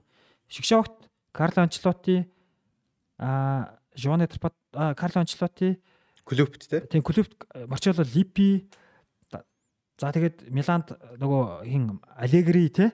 Ийм хүмүүст бол гологдог. Тэгээд 3 дэлхийн аврах шалралт тэмцээнд тоглосон, 3 Европын аврах шалралт тэмцээнд тоглосон. Энэ бол айгүй том юу шүү дээ. Хүн азар нэг евро дэлхийд орж болно те. Тэгэд ингээд тоглоод нэг дэлхийд нэг еврод бэлгэлийн шиг шогт багчсан хүн гэхээр энэ бол яхахгүй. Ерөөсөө яхахгүй л одоо супер супер супер. Аа. 3 удаагийн Сери А-гийн авраг, 3 2 удаагийн Суп Италийн супер зомын авраг, Испаний супер зом нэг 99 онд Ювентусын бүрэлдэхүүнээр Интертото зомын бас авраг авч исэн байна. Тэгээд дэлхийн аваргын алт еврогийн мөнгө медальтай 2000 оны тий. Аа. Тэр евро төрүүлсэн бол алт мөнгөтэй байхгүй тий. Тийм шүү дээ да. Ийм одоо супер тоглогч байсан байна. Жанлука Замбрута. Тэгээд Замбрутаг ярддаг нь юу дээ нөгөө сая ингээ Замбрута яриад маш олон залуучууд тий хүүхдүүд гар үсгийг аваад гоё байлээ. Гэхдээ хүүхдүүд маань бас яг үзэж байгаагүй тий. Тий, тий яалт. Яа харахгүй тэр зарим нь төрөөгүй байсан, зарим нь нөгөө мэдхгүй. Тэгээ Расти нэг асуусан гэсэн хүүхдүүдээс. Замбротыг яаж мэдтiin гэ те? А хин яасан гэнэ? Чи нөгөө нэг тэр үйл ажиллагаан дээр хүүхдүүдээс асуусан гэж. Та нар замбротыг ер нь яаж мэдтiin гэд. А тий яг хөө нөгөө нэг замбротаг та яаж мэдэж гин вэ яаж гэсэн чинь яг сая нөгөө эрг сургаар нь судалж яасан гэд барса тоглож исэн байлээ. Зарим нь гэсэн бүгд биш л те. Мэдээж бүгдийн төлөөлөхгүй. Зарим нь бол тэгчлээ. Бид нар одоо ингээ Самбротыг ярьж байгаа нь бол тийм ийм амар тоглогч байсан шүү. Байм шүү. Тэгээ хаа тийм гар үсгч юм бол амар шүү те. Тэгээд Шого Бонито одоо зориулаад одоо яванда тэгээ Шого маань гой цуглуулалттай болно гэж найдаж чинь тэгээд Шогодо зориулаад ингээд эн чи гар үсг нь харагд за саадаг тод харагдахгүй байх. Гэтэ эн чи одоо дэлхийн аваар өргөж байгаа цам дээр нэм гой гар үсгийг авсан. Цэнгэл авчих шүү. За тэгээ би надаа Италийн бас хөлбөмбөгийн сонирхолтой юмнууд бас мэрсэр байдаг. Тэгээд Италийн шоугийн нэг юм Пумагийн цамц надад энэ дээр Жанлука Замбрутагийн гарын үсгийг зурулж авсан. Ирээдүйд ямар нэг байдлаар Италийн хөлбөмбөгчтэй өөр уулзах боломж гарвал энэ дээрээ нэмээд явна гэж бодож байгаа. Энэ цамцыг одоо энэ 30 оны дэлхийн аваргын цамц мөн үү? За бүр тийм амар болно шээ. Замбрута 19 гарын үсгэн дээр 19 дугаар бичээд байгаас тий. Тийм байлаа, тийм байлаа. 2 дугаар сарын 19-нд төрсөн. Бас 19 хүртэл тоглодог байсан шүү. Аа, яг тэр өдөр төрсөн болохоор 19-т л тоглодог байсан. Тийм, тэгээ 19 дугаартаа тоглодог байсан. Тэгээд э, нөгөө нэг э, яг юун дээр Барселонагийн фэн клуб хүлээж аваад нэг э, үйл ажиллагаа бас яг ярилцах тийм тухтай боломж нэх олдоогүй. А олдно гэж найдаж исэн. А тэгвэл яг ганц хоёр аим асууж амжсан. Тэгээ зөвөр манүнийг тэр нөгөө юу яагаад? Яагаад баруун зүгүүрийн хамгаалагч руу зүүн лүү те ялангуяа орсон байл. Яг Маура Камранези энтер гэдээ ярддаг тэр би яг нөгөө орчуулагчдаа тайлбарлаж байгаа хгүй миний асуултыг орчуулагч нь хагаад мань хүнд хэлээд А тэгээд мань хүн орчуулагчтай тайлбарлаж байхад би ойлгочихгүй юу. Итали хилдээдээ биш зүгээр ерөнхийдөө концептыг ойлгостой Камранези ингэсэн липи ингээд тэнгууд нь би шууд хажуулаас хэлчихгүй аа ингээд Камранези ингээд ингэсэн юм өгсөн чинь намайг Камранезиг мэдэж гин гэж тэгснэ эсвэл Мавро Камранези нэрийг зөв дуудсан мэдгүй амар Камранези гэж жаас та гой бай гэж надад гар мар өрөөд буй бас. Тийм. Аа тэгээд э, ямар ч байсан аа ирсэн зорилго нь бас э, бүтсэн гэж найж чинь Монголоос хідэн тоглогч яг нэг тийм том бацаас нь бол 3-5 хүүхэд сонгож авна гэсэн мэдээлэл байгаа. Аа. За тэгээд бас гоё шүү дээ чинь дахиж олдохгүй боломж байх. Тэгээд тэрэндээ бас амжилттай яваасаа гэж найдаж чинь тэр хүүхдүүд нь тэгээд э, удахгүй бас тодорхой болохоор мэдээлэл явах бах тий. дараагийн юун дээр орчин орчиндөө. Тэгээд нэрээ сая юу яасан нөгөө тэр өдөр замброт ирнэ гэд би ч тэгээд нэг ажил ихтэй бас яг ийм амар хүн ирнэ гэдгийг э, мэдчихсэн ч гэсэн нэг тийм одоо нэг айгу дутуул хандсан байлээ л дээ. Тэгээд нэг үйл ажиллагаанд би нэг очсон байсан чи санаж байгаа. Би зүгээр Тэгсэн чинь тэнд хүмүүсийн надад маа нэг амар хүндтэй найз үе замброотой ирэн штэ чи очихгүй мó өстой амар юм болно штэ гэд тэнгууд нь би ойлгож байгаа байхгүй. Тэгээ нөгөө үйл ажиллагаанд дэр очисон чинь хүмүүс чинь нөгөө гоё хувц мувц өмссөн те Барса Марсагийн Миланы фэнүүд энэ төр ирчихсэн. Тэгэхээр би тэнд ганцаараа зүгээр ямар ч тийм реакц би тэгэд ойлгож байгаа байхгүй энэ чи юу болж байна. Тэгээ би гэрлэг очоо би юунд дараа гар үсэг зурулах вэ гэж бод. Тэнгүүт надаа нэг бөмбөг байсан. Тэр бөмбөг нэг 2011 онд Барисыг ирэхэд зурулжсэн. Барисыг. Тэнгүүт яг маа яг нөгөө бас нэг үйл ажиллагаа шүү дээ. Тэгэл хэнийг зурулсан. Nice. Би Барсагийн нэг цамц өгдөг нэг Деког ирэхэд э, тэр үед юун дээр гарах усаа зурх яах вэ гэж жагаад нэг угаагаагүйсэн хэртэй Барсагийн цамцаа э, аваа гарцсан. Манай ахын цамц шүү дээ. Надад үлдсэн. Хогийнхын цамц. Тэгээ тэрийг аваа гарцсан. Тэгээ тэр үед Декогийн гар усаа зурлцсан. Тэгээ тэр нь ингээд цагаан цамцаа ингээм хэр мэртэ халтаг хിവэрээ зэ. Тэгээ одоо нэг гар усаа зурлцсан болохоор угааж болохгүй. Тэгээ тэр хിവэрээ байжгаад одоо сая замбратагийн гар усыг нэмээд зурулц. Тэгээ одоо тэр цамцыг өөр одоо гэсэн. Тэгээд хизээ нэг Барсагийн тоглолт чид одоо уулзаж нэмэх юм бол тэрэн дээрээ нэмээд явна гэдэг аа бодож байгаа. Ямар ч байсан. Тийм. За энэ дэр нэм хэцүүл байгаа юу? Жанлука Замброта ч юм уу Монголд иржсэн тоглогч. Зарим нэг бусад тоглогчдын ямар зорилгоор яг тухайд яаж иржсэнийг нь санаж байгаа зүйл байна. Роберт Перес ч юм уу, Йенс Лемон, Наката Гэхдээ Наката бол баг анхны том ирсэн тоглогч баг шүү те баг тийм мэдэгдэж байгаа. Тийм яг Платины энтер бол тэгээд ерөнхийлөгч гэдэг утгаараа яг тоглолцсон үед мэдээж биш учраас. Яг тийм Накатаас санаанд орж байна яг ихнийх гэх юм бол тийм харин хамгийн тэр үедээ амар юм болж байсан шүү дээ.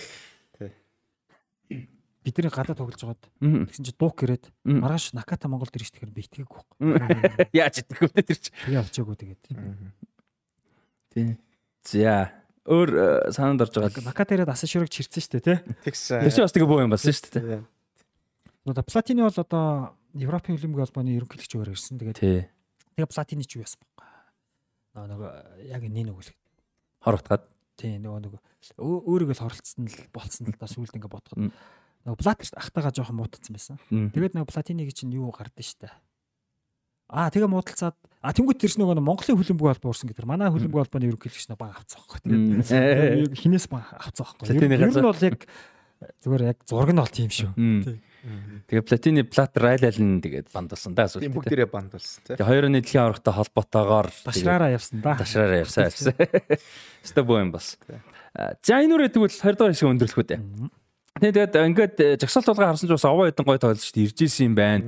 Дандаа л топ багуудад тоглож исэн олон мундаг тоглогч ирж исэн маань олон тоглогч ирэх болтгой. Тэгээд зөвхөн ирэхээсээ гадна зүгээр ирээд мэдээ зураг авалаа яриад өнгөрөх гойч гэсэн зүгээр зөрүүлээд бас э, гол нь Монголын хөлбөмбөгт бас нөлөөтэй тий эрэг нөлөө үзүүлэхээр одоо төвчлүүд хэрэгжүүлэгдээсэ гэж найдаж байна. Тэгээд 20 дахь хэсгээр өндөрлөе. За тэг өнөөдөр бас одоо Замбрута гэлтгүү тэгээд үргэлжлээд Италийн хөлбөмбөгтэй холбоотой нэг юм сонирхолтой түүхийг ярих нь байна.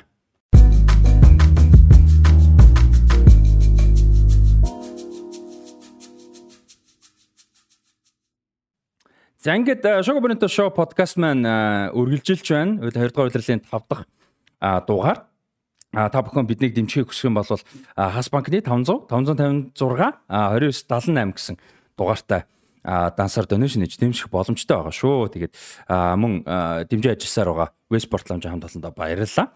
Та бүхэн 90 тэгтэг 90 30 гэсэн дугаараар холбогдож захиалга өгөх. За бас мэдээлэл авах боломжтой. За яа. За яа гэдгийг тайлбарлана. Гэхдээ би одоо шога анх эхлэхэд гайгүй би яг нэг University Talks podcast гэдэг манай подкаст улдаан авч байгаа. Тэгээ 150 хэдэн дугаар явж байгаа. Тэгээд э, үйл ажиллагаа ингээд бас хөтэлдэг. За ингээд энэ ч энэ подкаст манаас удаан удаа ингээд явж байна.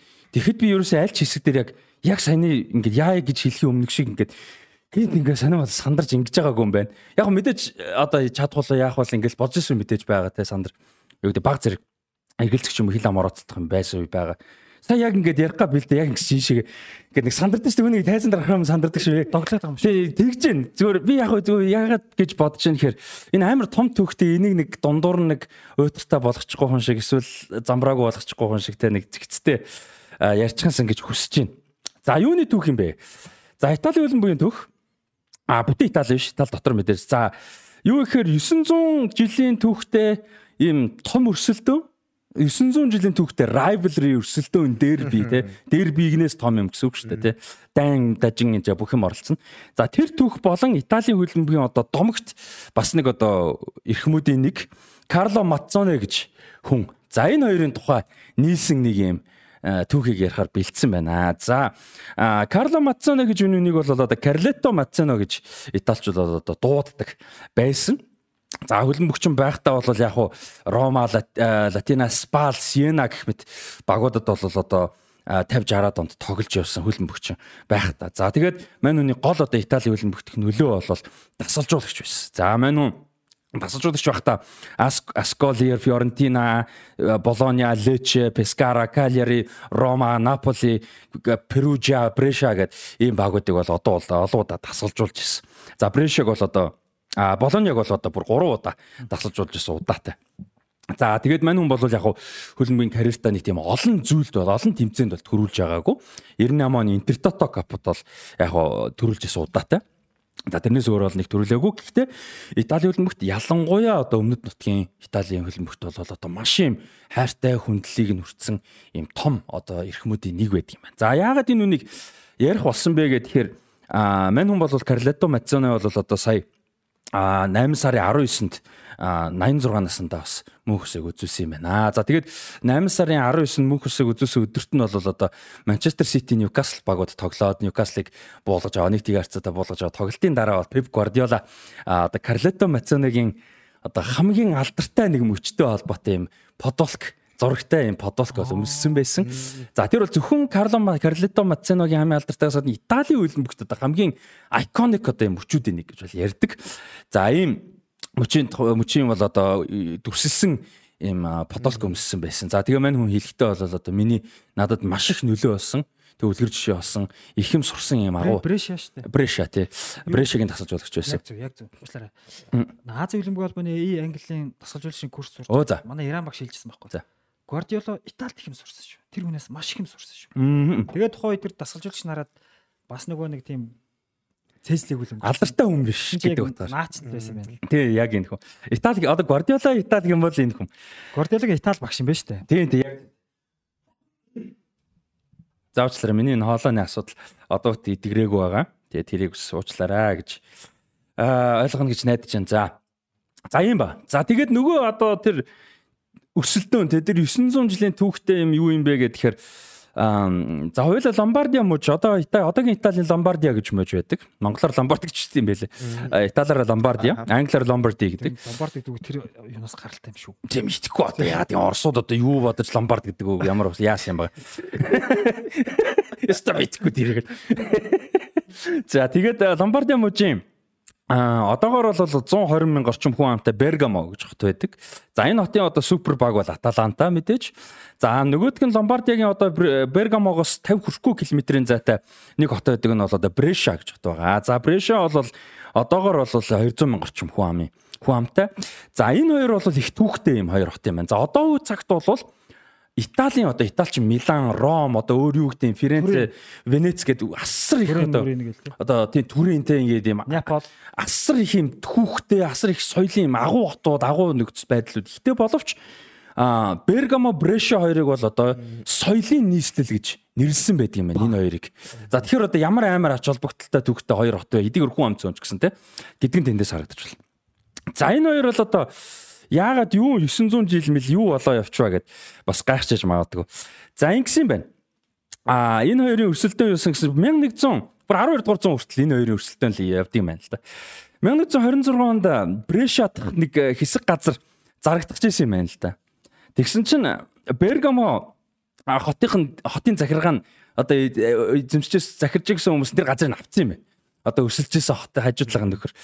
За тэгээ тэрнээс бол одоо хоорондоо нэлээ юм юунууд одоо тулаанууд гэх юм одоо том одоо дайм бол биш те. Ийм тулаанууд гарч хоорондоо бас олон хүмүүс нас орсон юм юм болсон. За тэгээд 30 орчим жил 30 гаруй жилийн юм асуудал гарсан юм байна. Тэрнээс болж хоорондоо энэ хоёрын хотын хооронд. За тэгж байгаа Ромын эмперор тухайд нэгдүгээр Фредерик гэж эмперор болол одоо тэрийг зогсоож болиулж тэр тулааныг болиулж бол одоо Брешад тэр газрыг буцааж өгсөн юм байна. За одоо та нар байлаа гэд Бергамогийн тэр авцсан газрыг Брешад нь буцааж өгсөн. За тэгээ ингээ байжсэн чинь тэрнээс хэдхэн жилийн дараа дахиад хоорондоо газар нутгийн одоо юунаас болоод дайн гарсан. Бүр яг хамгийн чухал юм газар шүү дээ. Тийм тийм газар яг хамгийн чухал юм газар. За тэр үед чинь бас анзаарах хэрэгтэй хичнээн Роман одоо empire байсан, emperorтэй байсан ч гэсэн хотууд нь өөрсдийн гэсэн маш том эрх мэдэлтэй, маш том нөлөөтэй байдаг ус. Одоо Ференце, Меренце бол маш том байсан. За тэгээ хоорондоо дахиад өрсөлдөд эхэллээ. За тэгээ Бреша Бергамог эзлэх гээд бүтэн одоо инвэжн явлаа. За тэгээ инвэшн яваа тэнцээ бол одоо бүтэн ялалт байгуулж Бергамо хотын одоо 2500 хүн бол насурсан. Тэр эзлэлтэн дайралтанд бол. Заавчлаарай. За тэгээд тэрний а дараахан бол одоо дөрөвдүгээр Энрико гэж Ромын одоо эмперор бол бас л дахиад зогсоосон. За одоо наатаа байлаа наа чи хитэрч байна. За тэрийг тэгээ буцсан бол зогсоосон боловч мэдээж зогсоогүй тэр бол дотор хадгалагдсан байсан хэсэггүй хугацаанд зогссон. За тэрний дараа Battle of Cortanova гэж одоо юм том тулаан бас дахиад болжээ. За тэр тулаанд Бергамо хотынхан бол одоо юг Брешагийнхныг бол одоо ялж ялан дийлсэн. Ийм бол тулаан болсон байна. За энэ гих мэт одоо их ийм олон зуун жилийн ийм өрсөлдөөн зүгээр өрсөлдөөн гэдэг бол айгу зөөлөө сонсогдоод байна л да. Нэг ийм тэмцэлтэй явагдчихсан. За А тэгээд энэ цаг хугацаанаас хойш бол одоо энэ хоёр хот хоёулаа одоо Венецуудын, Милануудын, Француудын, Наполеоны, Австрийн гих мэт одоо маш олон одоо эзэнтэй гэх юм одоо эзэн төрмөл эзэн төрмөлд өртөжсэн удирдуулж исэн засаглалт ор байсан юм байна. За тэгээд хамгийн сүүлд бол одоо 1861 онд а Италийн киндом те гүр Италийн одоо гүрэнд нэгдэж Италийн нэг хэсэг. Одоо болсноос хойш бол ерөөхдөө Италийн нэг хэсгээр явж байгаа одоо. Хэдийгээр Итали дотор өөрчлөгдсөн ч гэсэн энэ хоёр хот бол Итали дотор өөрчлөгдсөн. За тэгээд энэ одоо 1861 онд Италийн одоо хаант улсад нэгдснээс одоо хэдхэн одоо юуны 10-ны дараа бол хөл бөмбөгийн юу нь эхэлнэ. А түүх нь эхэлнэ. За тэмцэл нь эхэлнэ. За тэгээд Бергамо одоо хөршүүдээ а юу яадаг юм бэ? Брешагийн одоо хүмүүсийг бол одоо гахаанууд гэж доромжилдог дууддаг юм байна. А тэгээ Бергамочууд одоо Брешагийн хүмүүсийг бол одоо яг энэ Бергамочууд Брешачууд гэдэг нь яг италиар юм бол одоо Бергамаски гэж байгаа юм л да. Бергамачууд гэдэг нь тийм. За тэд Брешачуудагаа бол одоо гахаачууд гэдэг юм. За одоо яагаад гахаа гэдэг юм бэ гэсэн чинь Бреша мужид яг мэдээж царай зүс юмар доромжилж байгаа. Дээрээс нь Брешад бууж хотод юу юм? Хүн хамаасан илүү гахаатай юм гинэ. Бреша. Бас тэрүүгээр нь бол одоо бас доромжилдог. За зөрүүлээд Брешаны буюу одоо Брешачууд Бергамаски буюу Бергамочуудыг туулайнууд гэж одоо бас одоо доромжилдог гэх юм уу те ингэдэг байдаг юм байна. За тэгээ 1930-аад оны үеэр нэг э, амар дерби болж иж л те энэ хоёр багийн тоглолт. За тэгсэн чинь Стадио Рижамонти гэж одоо энэ Брешагийн өөрсдөө цэнгэлдэг. Аталантаг хүлээж авсан энэ тоглолтын дээр бол одоо а Брешагийн дэмжигчд Аталантагийн одоо фенүүдийг доромжилж байгаа ч юм уу те Бергамочдыг доромжилж байгаа гэдэг утгаар талбай дээр одоо хэдэн зуун туулаа гаргаж ирж сул тавьж ирсэн. Юу? Ийм үйлдэл бол бас хийж ирсэн байх. Нөгөөдөл баг гахаа урдаас явуулсан. Одоо баг тэгэд ялгүй. Гэхдээ яг харамсалтай нөгөө хэд нь зочилж тоглож ирсэн. Чиг доо юусан биз дээ. За тийм юм бол болж ирсэн. За тэгээ яг хөлмгийн түүхийн ярих бол Бреша бол түүхэндээ тийм том мундаг амжилт бол үзүүлж исэн баг бол биш. Баажуул тоглож исэн гэдгээр мэдэн шүү дээ. А тийм тэрийг бол мэдээж тийм тэрээр нь л мэднэ. Одоо тэрийг ч бас удахгүй ярина. За харин Аталантагийн хувьд бол мэдээж яг Ломбардигийн нөгөө хоёр агуу хоёр баг тийм AC Milan, Inter Milan шиг амжилттай биш ч гэсэн бас хажууд нь бол амжилт үзүүлж исэн. Ялангуяа сүүлийн үед. Ялангуяа сүүлийн үед Жамперо Каспаринигийн удирдлагаар за тэгээд Аталантад бас олон мундаг тоглогчд бас гарч ирж яг Актемис нь гараа гома гэхэд одоо залуу үеэ тоглож өнгөрчээсэн. За жишээ нь Барисиг Ахтус, за Жюсеппе Барисигийн талаар би бас яванда стори хийж магадгүй одоо. Интерт байсан шүү дээ. Интерийн багийн ахлагч байсан те Франкогийн ах нь те. Ахтуу хоёр ингээл гар барьж байгаа зураг бараг байдаг. Тэр одоо гахалтай өрсөлдөөн те. За тэгээ Барисигийн Ахтус, Андреа Пирло, Филиппо, Инзаги, Роберто Донадони гэх мэт одоо супер мундаг тоглогчд бол одоо Аталантад одоо залуу карьераа бол эхлүүлж өөрсдөө баттгаж харуулж те байсан юм удаатай. За тэгээд энэ хоёрын өрсөлдөөн бол одоо байнга байсаар ирсэн гэхдээ хаяал тоглолдог. Яагаад гэвэл ерөнхийдөө 2 дугаар дайны дараа 50 60-аад оноос хойшоо ялангуяа ер нь бол Аталанта ихтэй сериад Бреша C бэд ер нь тоглож исэн учраас хаяа тоглолт. Италийн цамт эсвэл Бреша хаяа дэше гарах Аталанта доош унах. Хаяа доош унах. Тийм тийм үед. За 93 онд нэг ийм тоглолт болжээ. Энэ хоёрын орон дээр би таар. Тийм одоо 30 жилийн өмнө 5 сард 30 жилийн өмнө бол за ингээд тэр үед Брешад Георги Хажи тоглож байж. За тэгээд Флорен Радчио гэж бас ийм румын тоглож тоглож исэн юм байна. Мундаг наач сонсч ирсэн нэр. Тийм үү. Би өстө тааж мэдгүй юм. За энэ хоёр ямар ч румыны хоёр те тоглож исэн байна. За тэр үед Бреша 2 тгийн харьцаатай. А хоцсон боловч тэр тоглолт 3 удаа дундаа зогссон юм байна. Үдэгчтэн дундаас асуудал болоо бөөн өөмөн саман болоод 3 удаа зогсоо. За тэгээд энэ тоглолт тогс дуусны дараа битүү зодон болоод 5 хүн баривчлагдаж 20 хүн имлэг түрэгдэжсэн. Ийм юм бол болж исэн юм. За энэ юу л ингээд одоо бидний сайн мэддэггүй бидний ч гэлтгүй ер нь Италиас гадна те хөлмөс онгоч баг мэддэг юм том дерби. За энэ бол ингээд ихний хэсэг өнөөдрийн төвх. За Аталанта болон Брешагийн. За Карло Мацоне гэж юм бэ гэдгийг бас. За одоо холбогдсон дээ. Аа тий.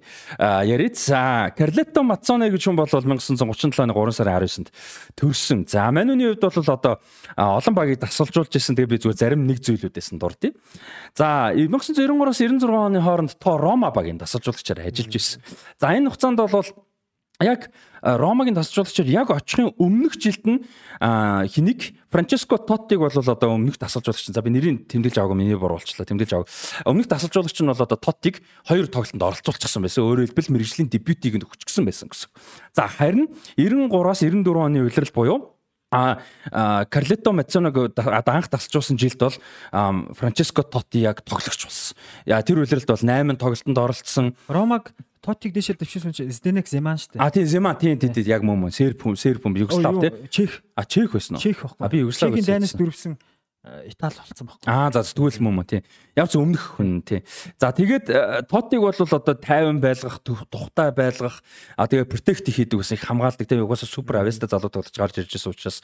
За тэгээд яг үндсэн багт бол одоо яг тогтоож өөрийг нь болоо өөрийнх нь орон зайг олоход бол маш том хувь нэмэр оруулсан. За тэгээд зөвхөн Тотиг гэлтгүү А Тоти болон энэ Ромагийн тухайн юм багт бол одоо Карлето Мацано бол одоо хоёр дахь аав шиг юм байсан гэж бол ярьдаг. За ер нь бол Карлето Мацаногийн удирдлагад орч юм уу эргэн тойронд нь байсан маш олон хүмүүс бол мань хүнийг одоо их мундаг хүн, их мөн зөв одоо үлгэр жишээ болсон хүн. За хоёр дахь аав шиг байсан гэж ярьдаг хүмүүс их байдаг. За тэрний нэг нь бол Франческо Тоти. За нөгөөх нь бол одоо Пепе Синьори буюу одоо Жусеппе Синьори гэж одоо Италийн хөлбөмбөгийн супер тоглогчдын нэг А Болониад Карлето Мацоногийн удирдлагад тоглож исэн 3 удаа Капоканониеро буюу одоо 3 удаа Италийн Сериагийн мэрэгэн буучулж исэн Италийн Сериагийн бүх цаг үеийн одоо топ 10 мэрэгэн буучаад багтдаг ийм супер тоглогч бол одоо Карлето Мацоног өөрөөхөө одоо хоёр дахь аав шиг гэж хүндэлж явдаг.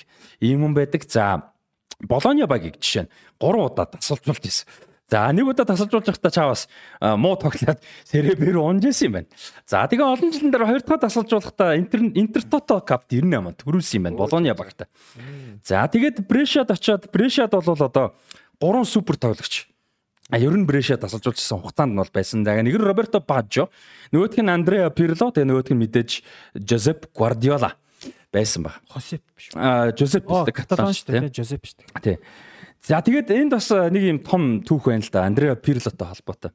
За Андреа Пирло бол одоо Интерт А Луческо тий Луческо гэж уншсан зүг баг тий Мирче Луческо тий Луческогийн удирдлагад ороо болол одоо Интер тогсон плеймейкерийн байрлалд тоглож исэн 10 одоо 10 дугаар хямд классик тий давталгааны За тэгээ ерөөсө болоогүй.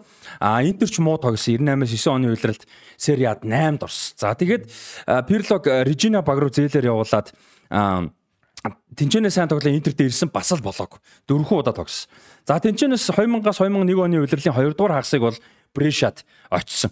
За тэгээд Брешат нь очсон чинь Карлето Мацоно тасалжуулж ирсэн. Тэгээ Роберто Бажо тоглолцсон. За Бажо бол яг нөгөө өөрийнх нь байрлалд мэдээж 10 10 дугаар дээр тоглож байгаа.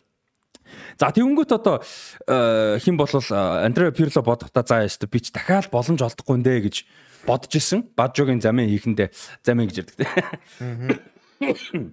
сэлгээ ихэндээ гэж бодож ирсэн. За тэгсэн чи Карлото Мацено бол одоо Мацоны бол одоо гайхалтай э, шин шийдвэр гаргаж мань хүний диплом плеймейкер буюу одоо бидний Андре Перлог мэддэг гайхалтай тэр байрлал дээр нь тоглуулж гисэн. Наач амар шийдвэр шүү дээ. За энэ шийдвэрийн дагуу бол одоо мэдээж Андре Перлогийн карьерч дэшилсэн энэчнээс хойш тэгээ мэдээж AC Миланд очоод мэдээж үлдсэн түүхийг бол бид нар сайн мэдж байгаа. За энэ бол одоо карьерийг нь өөрчилсөн юм мундаг шийдвэр бол болсон байдаг юм байна. За. За тэгээ мань хүн бол ийм бас характераараа их алдартай хүн байжээ. Янз бүрийн код, янз бүрийн үйлдэл характераараа. Жишээ мань хүн нэг англи орчуулгын ингэж юм л та technique is what the rich clubs live on, the small clubs live on tactics гэж одоо хэлж ирсэн те. Баян клубүүд л одоо техник дээр найдаж тоглодог юм аа. Жижиг клубүүд бол тактикэн дээр найддаг юм аа. Амар үү. Ингэж бол одоо хэлж исэн байдгийн байна. Аа за тэгээд түрүүн хэлсэн 8 сарын 19-нд одоо насрсныхан дараа бол Гвардиола тий тэр одоо ийм зурагтай та хоёрт бол яг ингэж нэ сайлт харагдаж байна. Энэ зургийг тайлбарлана. Ийм одоо зурагтай фотолог бол өмсөж аа ирсэн. За тэгээд өнөөдрийн ярих гэж байгаа одоо түүхийн гол одоо нийлж байгаа юм. Занглаа. Занглаа. За энэ бол өрсөлдөөн. Тий, 900 жилийн өрсөлдөөн тэмцэл Карлето Мацоне Гвардиола за энэ бүх ингээд нийлээд юу юм бэ гэсэн 2001 оны 9 сарын 30.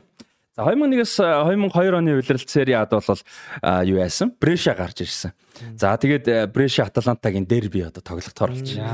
За тэгээд 9 сарын 30-нд тоглогдсон энэ тоглолт бол Италийн хөлбөмбөгт хамгийн алдартай дерби тоглолтууд нэг гэж бол яригддаг.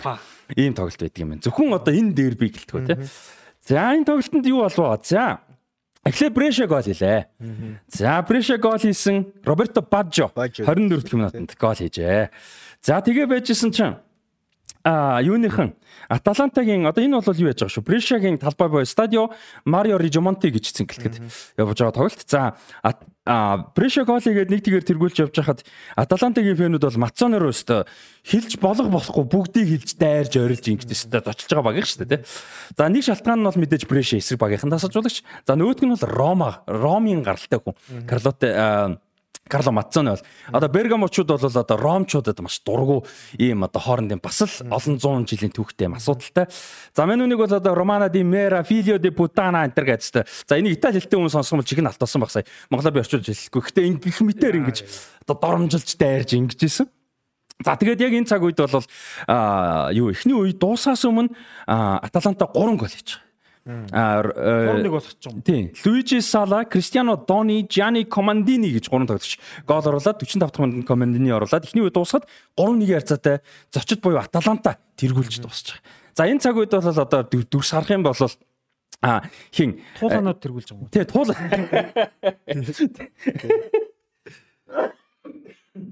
Тий, туулаа. Зочин туулаа нэр инээд ханиад болчихсон. Яг тэглээ уучлаарай. За тэгээд Яг энэ гол ороод ингэж байгааг харах юм бол Мацоны бүр ингээ бүр муухай цараас бүр яг нэг дэлбэрч байгаа юм шиг уур нь хүртэн загнуулсан хүүхд чиг ингээ нүүр ам нь улаацсан бүр яг дэлбэрцэн ингээ сууж. За тэгж байгаа хоёрдугаар үе эхэлж байгаа. За ингээ хоёрдугаар үе эхлээд тоглолт явж байлаа. Тэгсэн 75 дахь минутанд Роберто Баджо 3-2 болголоо. Тоглолтын тооны харьцааг.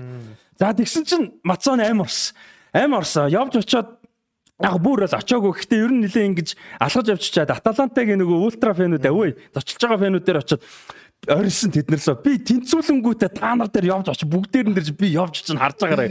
Тэнцүү тэнцүүлэх юм бол биш тэ. Тэнцүүлэхээрээ гэж байгаа шүү дээ бүр яг. Тэгс тэнцүүл нээл гэсэн үг юм байна. Тэгээ нөгөө хэд нь бүр асаац амар болж. За тэгээд тоглолтын үлдсэн 15 минут уур амьсгал бол өстэй аимшигтай. За тэгээ байжсэн чинь эрдээр нэг 1 минут боллоо чөлөө цогт. За чөлөө цогтөөр Роберто Бажо ярьж байгаа. За тэгээд тоглолтын хамгийн сүүлчийн бөмбөгийг Роберто Бажо чөлөө цогтыг оруулаад тоглолт 3-3 болчих. За тэгээд тоглолт дуусчих. За тэгээд шүгэл дуурлаа хин Карлето Мацоно гүс дасгалжуулагчдын бүрэлдэхүүн, арын бүрэлдэхүүн. За тэгээд Эдуардо а за хин блэ яана. Би өөр нэр тэмдэглэж авсан. Эдуардо хин блэ? А юу байгаа? Одоо тухайн үеийн Брешагийн одоо захирал юм уу да. Эдвардо хийм бэлээ. Тэр эдэр бүгдээрээ мань үнийг зогсоох гэж үзсэн. Бүгдгээс болтаа бүгдийн төлөж шин 60 гарсан юм байгаа шүү дээ. Бүгдийн төлөж унаахын нуугаа зогтаахаас нь зогтаагаад Аталантагийн тэр чин ингээд хитэн цоо бараг 1000 цанган фэнүүдийн бүгднгийнх нь өмнө очиж орилж баяраа тэмдэглэж. Тэр одоо зочилж ирсэн фэнүүдийг бол бүгдийг галз уруулсан ийм үйлдэл хийсэн. За энэ бол бүр ингээ Италийн хөлбөмбөг домог болчихсон юм дүрс юм байна. Одоо энэ Карлето Мацоне гэж гүйдэг нь хаж байгаа. Тэрийг одоо YouTube-ээр үзэх юм бол байгаа. А 2000-ад онд болсон учраас За тэгээд Аталантигийн фэнүүдийг уурлуулаад бужигруулаад зөте бөө юм болчих буцаа явсан. За буцаа явж исэн жин тоглолтыг шүүжсэн шүүгч бол Перлежиг Колина шүүжсэн. Яа. Пер Колина шүүхээс өөр аргагүй тоглолт байна. Өөр шүүгч шүүж чадахгүй мэнэ тоглолт чи. Уг нь бол их хоёр том баг шүү дээ. Тиймэр амар болох гэдэг. Уур амьсгал чанга те. За тэгээ Колина Колина шүүх юм байна. Тэгээ мань хүн тэд фэнүүд дээр очиод баахан бужигнуулчаа буцаа авчих Колина очижсэн. За тэгээд мань хүн буцаа явж байхдаа колиныг харж за за мэдэж наа бич наа гэ хордоо хөөгд гэсэн наа зовоодах юм байхгүй би явлаа гэ италиар нэг тиймэрхүү юм хэлээд улаан хууцаар одоо торгуулуулаад болол юу яжсэн юм байна гарч ирсэн юм байна. За тэгээ энэ тоглолтын дараа бол одоо 5 тоглолтоор бандуулсан юм байна Карлето Мац энэ үеийн дараа бол Тийм. За яах вэ тий. 64 настай байсан гэж. Гол зорилго бараг биелүүлсэн юм чи. Тий. Зүгээр шүү дээ хаяа тий. Тэр зэргийн ингээд таашаалыг авсны дараа яг торгуулна гэдэг сайхан биш л дээ. Гэтэ тэр зэргийн таашаалын дараа бол бас байж болно шүү дээ. Яагаад болохгүй гэж. За тэгээ ийм юм бол болсон. Энэ бол одоо бас Италийн хөлн бүхт юм домогт үйл явдал юм байна. За тэгээд энэ одоо мундаг гайхалтай дерби бол аа юу яасан. Дахиад олон жил тоглогдоогүй явж байгаа 2000 оны сүүлээр тоглогдчиход 2020 онд а бол дахиад тоглогдсон. А 2019-с 20 оны үеэрэлд Брэша дахиж гарч ирсэн. За тэгээ 13 жилийн дараа энэ одоо домогт дээр би дахиж тоглогдно гэж а ярьж ярьсан боловч одоо тухайн цаг үед Сери А-гийн одоо засаглалыг бол энэ зүгээр зөвхөн энэ хоёр багталтгүй фэнүүд бол их шүүмжилж ирсэн. Ягаад гэвэл энэ fan ID card гэж юм бол хүчилж ирсэн тухайн үед за энэний одоо юугаар бол а энийг одоо фэнүүд маш их шүмжилжсэн. Тэгээд энэ хоёр багийн эхний тоглолтын дээр бол Брешат тоглох тоглолтын дээр бол Аталантагийн фэнүүд юуг Сери Аг одоо эсэргүүцэж бойкот хийсэн энэ тоглолтыг. За тийм учраас Аталантыг фэнүүд ерөөсөд очиж очиж тоглоогүй. За тэгээ энэ тоглолтод бол Аталантачууд бол 3-1 харьцаатай буулгаж авсан. А гэхдээ уур амьсгал бол тийм байгаагүй. За тэгээ хариу тоглолт нь Аталанта буюу одоо Бергамод тоглолт байсан боловч харамсалтай нь 2020 онд бол одоо дэлхийд таяр цар тахалх гарснаар тэр тоглолт бол хойшилсан. За тэгээд 6 7 сарын 14-нд Сери А эргэж ирсэн үед бол Бергамод үзэгчгүйгээр харамсалтай нь энэ одоо гайхалтай түүхтэй дерби бол хоёулаа хамгийн сүүлд хоёр тогсон тоглолт нь хоёулаа үзэгчгүйгээр. А нэг нь бол яг нэг багийнх нь үзэгчтэй нөгөөх нь бол бүр тэг үзэгчтэйгээр тоглосон. За тэр 20 оны 7 сарын 14-нд тоглосон тоглолтод Аталанта Брешак 6-2 ярцаатай буулгаж авсан. Пашалич 3 гол, Дерон, Малиновский, Запата нар нэг нэг гол хийж. Бол 6-2 ярцаатай буулгаж авсан юм байна. За энэ бол одоогийн байдлаар ингээд хамгийн сүүлд тоглосон тоглолт нь байна. За тэгээд За тэгээд буцаад Карло Маттоне руу оръё. Бас зарим нэг одоо тэр нөгөө нэг болж исэн үйл явдал хэлж исэн үгнүүд янз бүр юмнаас нас давчанд ордё гэж бодож байна. За тэрнээс өмнө Брешаг Аталанта дээр та хоёр сэтгэлөө нэмж хасах бодож исэн санагдсан бодол юмнууд юу байна? Тийм юу Мацоны 2001-с 2 оны үйлрэлд Брешиг удиржсэн хэрэг Роберто Бажогийн их сайн байсан үйлрэлээс таарч лаа л да. Тэгээ нөгөө Бажо 94 оны дэлхийн аргын тэмцээний финалийн тоглолтын дээр торгуулсан цогцолт алддаг. Тэгээ тэрнээсээ болоод нөгөө нэг гүн одоо сэтгэлийн хямралд орж исэн. Тэгээд карьер нь бас бүрэн сэргэж чадахгүй. 98 оны дэлхийн аргаар бас тоглосон л доо. Тэгээ 2000 оны Европын аргын тэмцээнд тоглож чадаагүй. Тэгээд өөрийнх нь од эцсийн зорилго бол дэлхийн аврагал болох тийм зорилго байсан. Тэгээд багада гэр бүлийнхэндээ Италид биэнд энэ цомыг авчирна гэж хэлдэг байсан одоо хүүхдээсэн. Тэгээд багаас авьяас нь тодорсон Роберто Бажи бол Тэгээд түрүүнс бас санамсаргүйгээр ч гэсэн бас нэг юм гүйлгээ харжсэн чинь Занетти тий эд үеийн Роберто Бажжо бол Рональдогоос ч шүд Рональдогоос ч илүү байсан юм шүү гэсэн тийм зүйлээс харагдчихилээ. Гэхдээ бас яг хоо тэгээ Занеттиг л бодлоо магадгүй. А Рональдогоос илүү биш юм аа гэхэд ер нь маш өндөр түвшний супер тоглогч байсан. Тэгээд 98 оны дэлхийн аварт бас сансандаа хүртэл сайн тоглож чадаагүй. Сэлгээ болцсон байсан ш. 18 дугаартай сэлгээ болцсон. Вэри Делперо 2 гарааны нар байсан. Тэгээ 2000 оны Европ арууд. Тэгээ 2001-ээс 2002 оны улирал эхлэж байхад а Роберто Бажо 2002 оны дэлхийн арга тоглох гэсэн зорилт тавьсан байсан. Тоглохдоо болол багийн бас гол хэсгүүдийн нэг нэг болж явна гэсэн тийм зорилт тавь. Тэгээд Жовани Трапотонигоос асууж исэн. Тэгээд Жовани Трапотоны хэлэхдээ бол за энэ улирал улирлын төгсгөлд чамаг ямар хахаас чинь хамаарад Италийн шишээ дуутах хэсгийг би шийднэ. А гэхдээ чамд орон зай үлдээлээ шүү гэж хэлжсэн Трапотоны. А би бол 23 тоглож байгаа 22-ыг сонглоо гэхэд нэгийг чамд үлдээнэ. Гэтэ нэг тэр нэг суудлыг чи авах хэсэг чинь чамаас хамаарна гэд. Тэгээ тухайн хөвлөрөлд маш сайн байсан. Тэгээ саяны тоглолтын дээр 9-аар доосон тоглолт хэдрэг 3 гол хийсэн. Аа суперсинг гэсэн үг байхгүй. Тэгээ ингээд явжсэн. Тэгээд аа намар нэнүүс бол хавар нэнүү цугларлалтын дээр Роберто Бажо дуудагддаг талын шишээд. Тэгээд дуудагдсныхаа дараахан гимтчдэг харамсалтай. Тэгээд намар нь дуудагдсан юм байна. Тэгээд тэгснэ өвөл гимтэл аваад тэгээ нөө нэг гимтлээсээ буцаж иргээ формд орж чадах уугүй тухайн үйлрэлдэ орж чадаагүй. Тэгээд тэр болгон трапон трапотоны баг өдөр болгон бааж гэсэн. За юу болж ийн биеийн байдал чи яаж ин хэр хурдан сэргэж чинь гэдэг. Тэгээд Роберто Бажа өөрийнх нь чат бүхнээс 2002 нэлхээ арга тэмцээнд орох гэж. Тэгээ харамсалтай нь яг тухайн үйлрэлдэ Роберто Бажа гимтлээ эдгэж одоо чадаагүй. А тэгээ улмаар таал нишээд орч чадаагүй. А тэгээ улмаар дэлхийн аваргын тэмцээнд төрүүл нэгсэн одоо өөрийн одоо цор ганц хамгийн том мөрөөдөл бол биелүүлж чадаагүй. Тэгээ тун удалгүй 2004 онд анууд Роберто Бажа тоглогчийн карьераа сүүлчийн тоглолт. Тий дуусгаж 2004 оны хавар 5 дугаар сард Испани Италид нөхсөг тоглолт хийхгүй юу? Баажо ороод ирдээ. Би бүр баярлаад. Баажо ингээд Европ тоглох юм уу? Гэсэн чинь зүгээр хүн тэтгэл үүдэлтийн тоглолт байсан. Би яг тийм болсон те. Яг Испантай нэг нэгээр тэнцсэн шүү. Тэгээд Роберто Баажог энэ мундаг дасгалжуулагч бас тухайн одоо 2001-ээс 2002 оны үеэрэлд сэтгэлийн сэргийгээд маш сайн бэлтжижсэн юм. Тэгээ Роберто Баажог нөгөө нэг бас зин мастерч гэж бас нэрлдэг тал байдаг. Яагаад тэгэхээр тэр нэг 94 оны дэлхийн тэмцээнд нэс өмнө өмнө нь үсэл дараа нь. Гэхдээ ер нь бол маш том сэтгэлийн готролд орсон байхад аа одоо юу гэдэг буддизмын одоо тийм дотоод төвлөрөлтэй бяцлаглалын аргаар одоо сэргээж өгч исэн. 94 оны дэлхийн аргын тэмцээс өмнө байсан санагдаад байна. Бас нэг залуудыг юм талаад хямралд ороод хямралаас эргэж сэргээхэд нь а тэр одоо багш тий одоо тусалж исэн. Тэгээд түүний дараа ч гэсэн одоо ингээд тун одоо энэ маш авэслэг хүрний бас бас нэг төрлийн эмзэг сэтгэл зүйтэй юм хүн байсан. А тэгээ тэрнээсээ зэрэгт нь бол энэ буддизмын бяцлаглалын одоо нэг хичээл тасгалууд тэр багшийн хэлж ийсэн сургаж байсан зүйлсүүд бол их хөв нөмөр оруулжсэн гэдэг. Тэгээ Роберто Бажа шин бас сонирхолтой уучлаарай шар өөр тийш нь зүгээр зүгээр зүгээр зүгээр санаа. Бажа их сонин бас нэг тийм олон нийтийн одоо анхаарлын төвөөс их тустай байхыг хичээдэг. Энгийн одоо нөгөө нэг нам гүмхэн орчинд бэлтгэл хийж тэр тэр нам гүм орчинд өөрийгөө сэргээж одоо буцаж нөө формо олох гэж хичээдэг гэсэн ийм тоглогч байсан юм бэ нлээ. Тэгээд бас ийм гоё мундаг тасгалжуулагчд очирч исэн юм байна. Тий, яг тэр донд нь одоо байсан байж тээ. Байна. Итгээд тасгалжуулагчтай. Тий. За одоо итгээд үгс гарна өстэй одоо. Ин. За мань хүн дараа нь ярьслаа өгс. Яг энэ юу болов гэдэг талаар.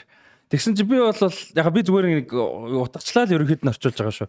Би бол яг ингээ нөгөө цахилгаан одоо цахилгаан лайтнинг те ингээ цахилгаан болж хувирсан.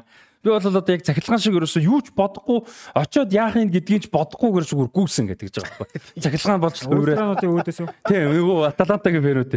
Тэгээ би бол ерөөсөө энэ асуудлыг нэг мөсөн шийдхийг шийдье гэж хүссэн. Ерөөсөө хуучин цаг old fashion duel гэж байгаа байхгүй те.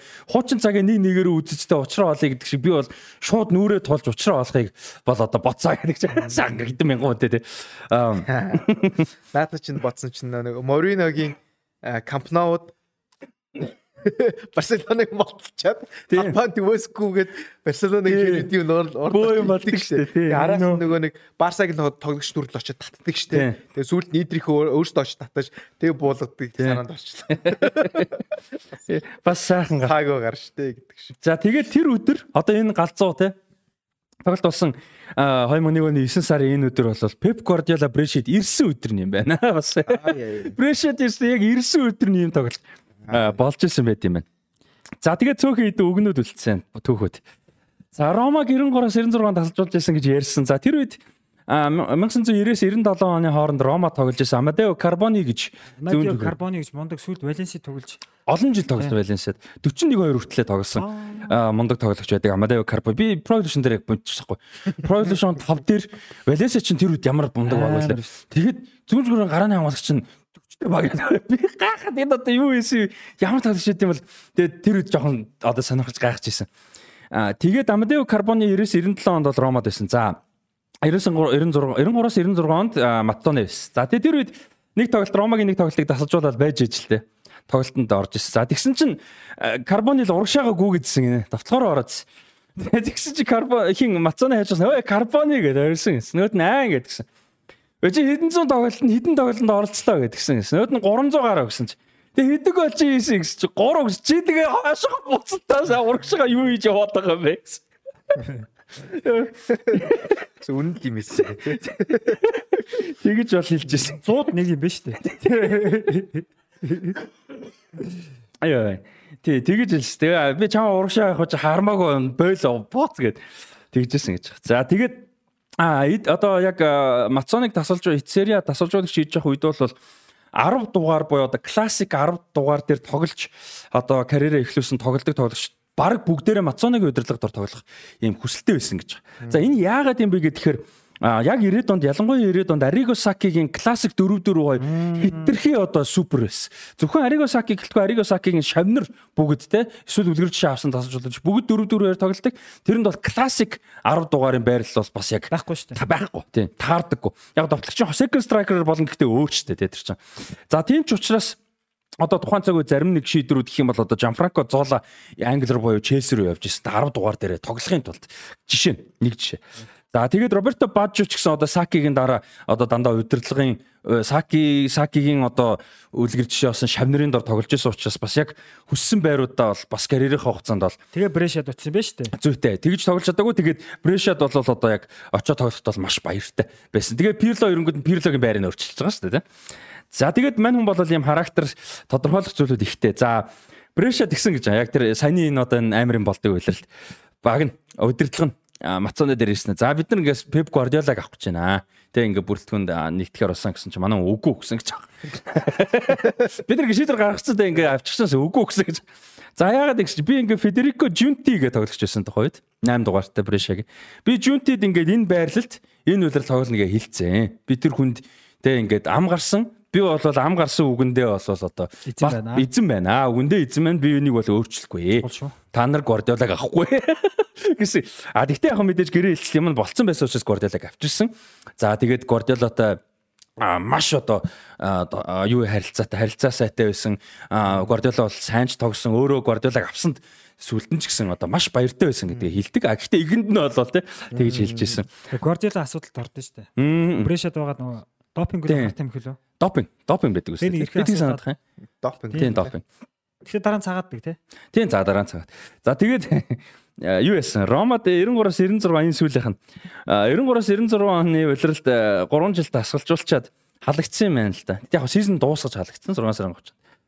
За тэгээ халагдахаар боллоо үргэлжлүүлэхгүй те гэрээ сонгоо одоо нэг юм халагдахаар бол. За тэгээ сүүлчүүдэ тоглогчтойгоо уулзаж л те явахаар болоо. Тэгсэн чинь за би англиар нэхлээлч тэгээ дараа нь Boys we didn't boys we didn't win anything but boy the loss we had гэж хэлсэн байгаа байхгүй.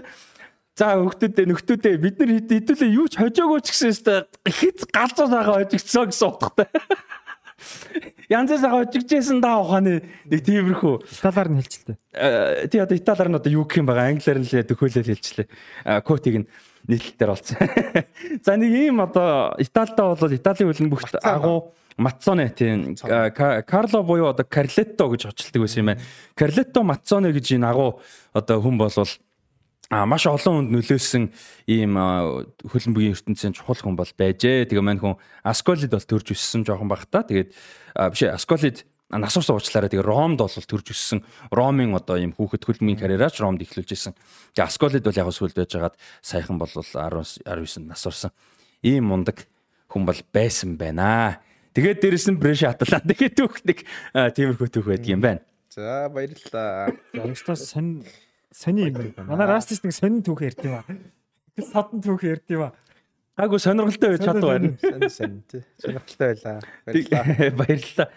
Тэгээ би энийг замбротаг ирнэ гэж мэдхээс өмнө юу яасан сонгоцсон байхгүй юу. Би яг өнгөрсөн 7 хоногт яг жога дуусгачаад жога гардгийн орой а хоёр дахь орой бод за дараа 7 хоногт миний стори байгаа да хаанаас яах вэ? гэд бодоол явжсэн. Яг ер нь бүтэн сайн хас бүтэн сайнаас нэг сууя да гэд нэг шийдээгүү тэгээ байж байгаа 3 дахьд би ер нь хөлбөмбөгийн нийтлэл ч юм уу судалгаа подкаст бас их сонсч унших хичээдэг. А тэгээд юуны би одоо их сурвалж байгаа. Энэ чинь юунаас эхлэв гэдгийг бас хэлэх гээд байна л та Totally Football Show гэж подкаст байдаг.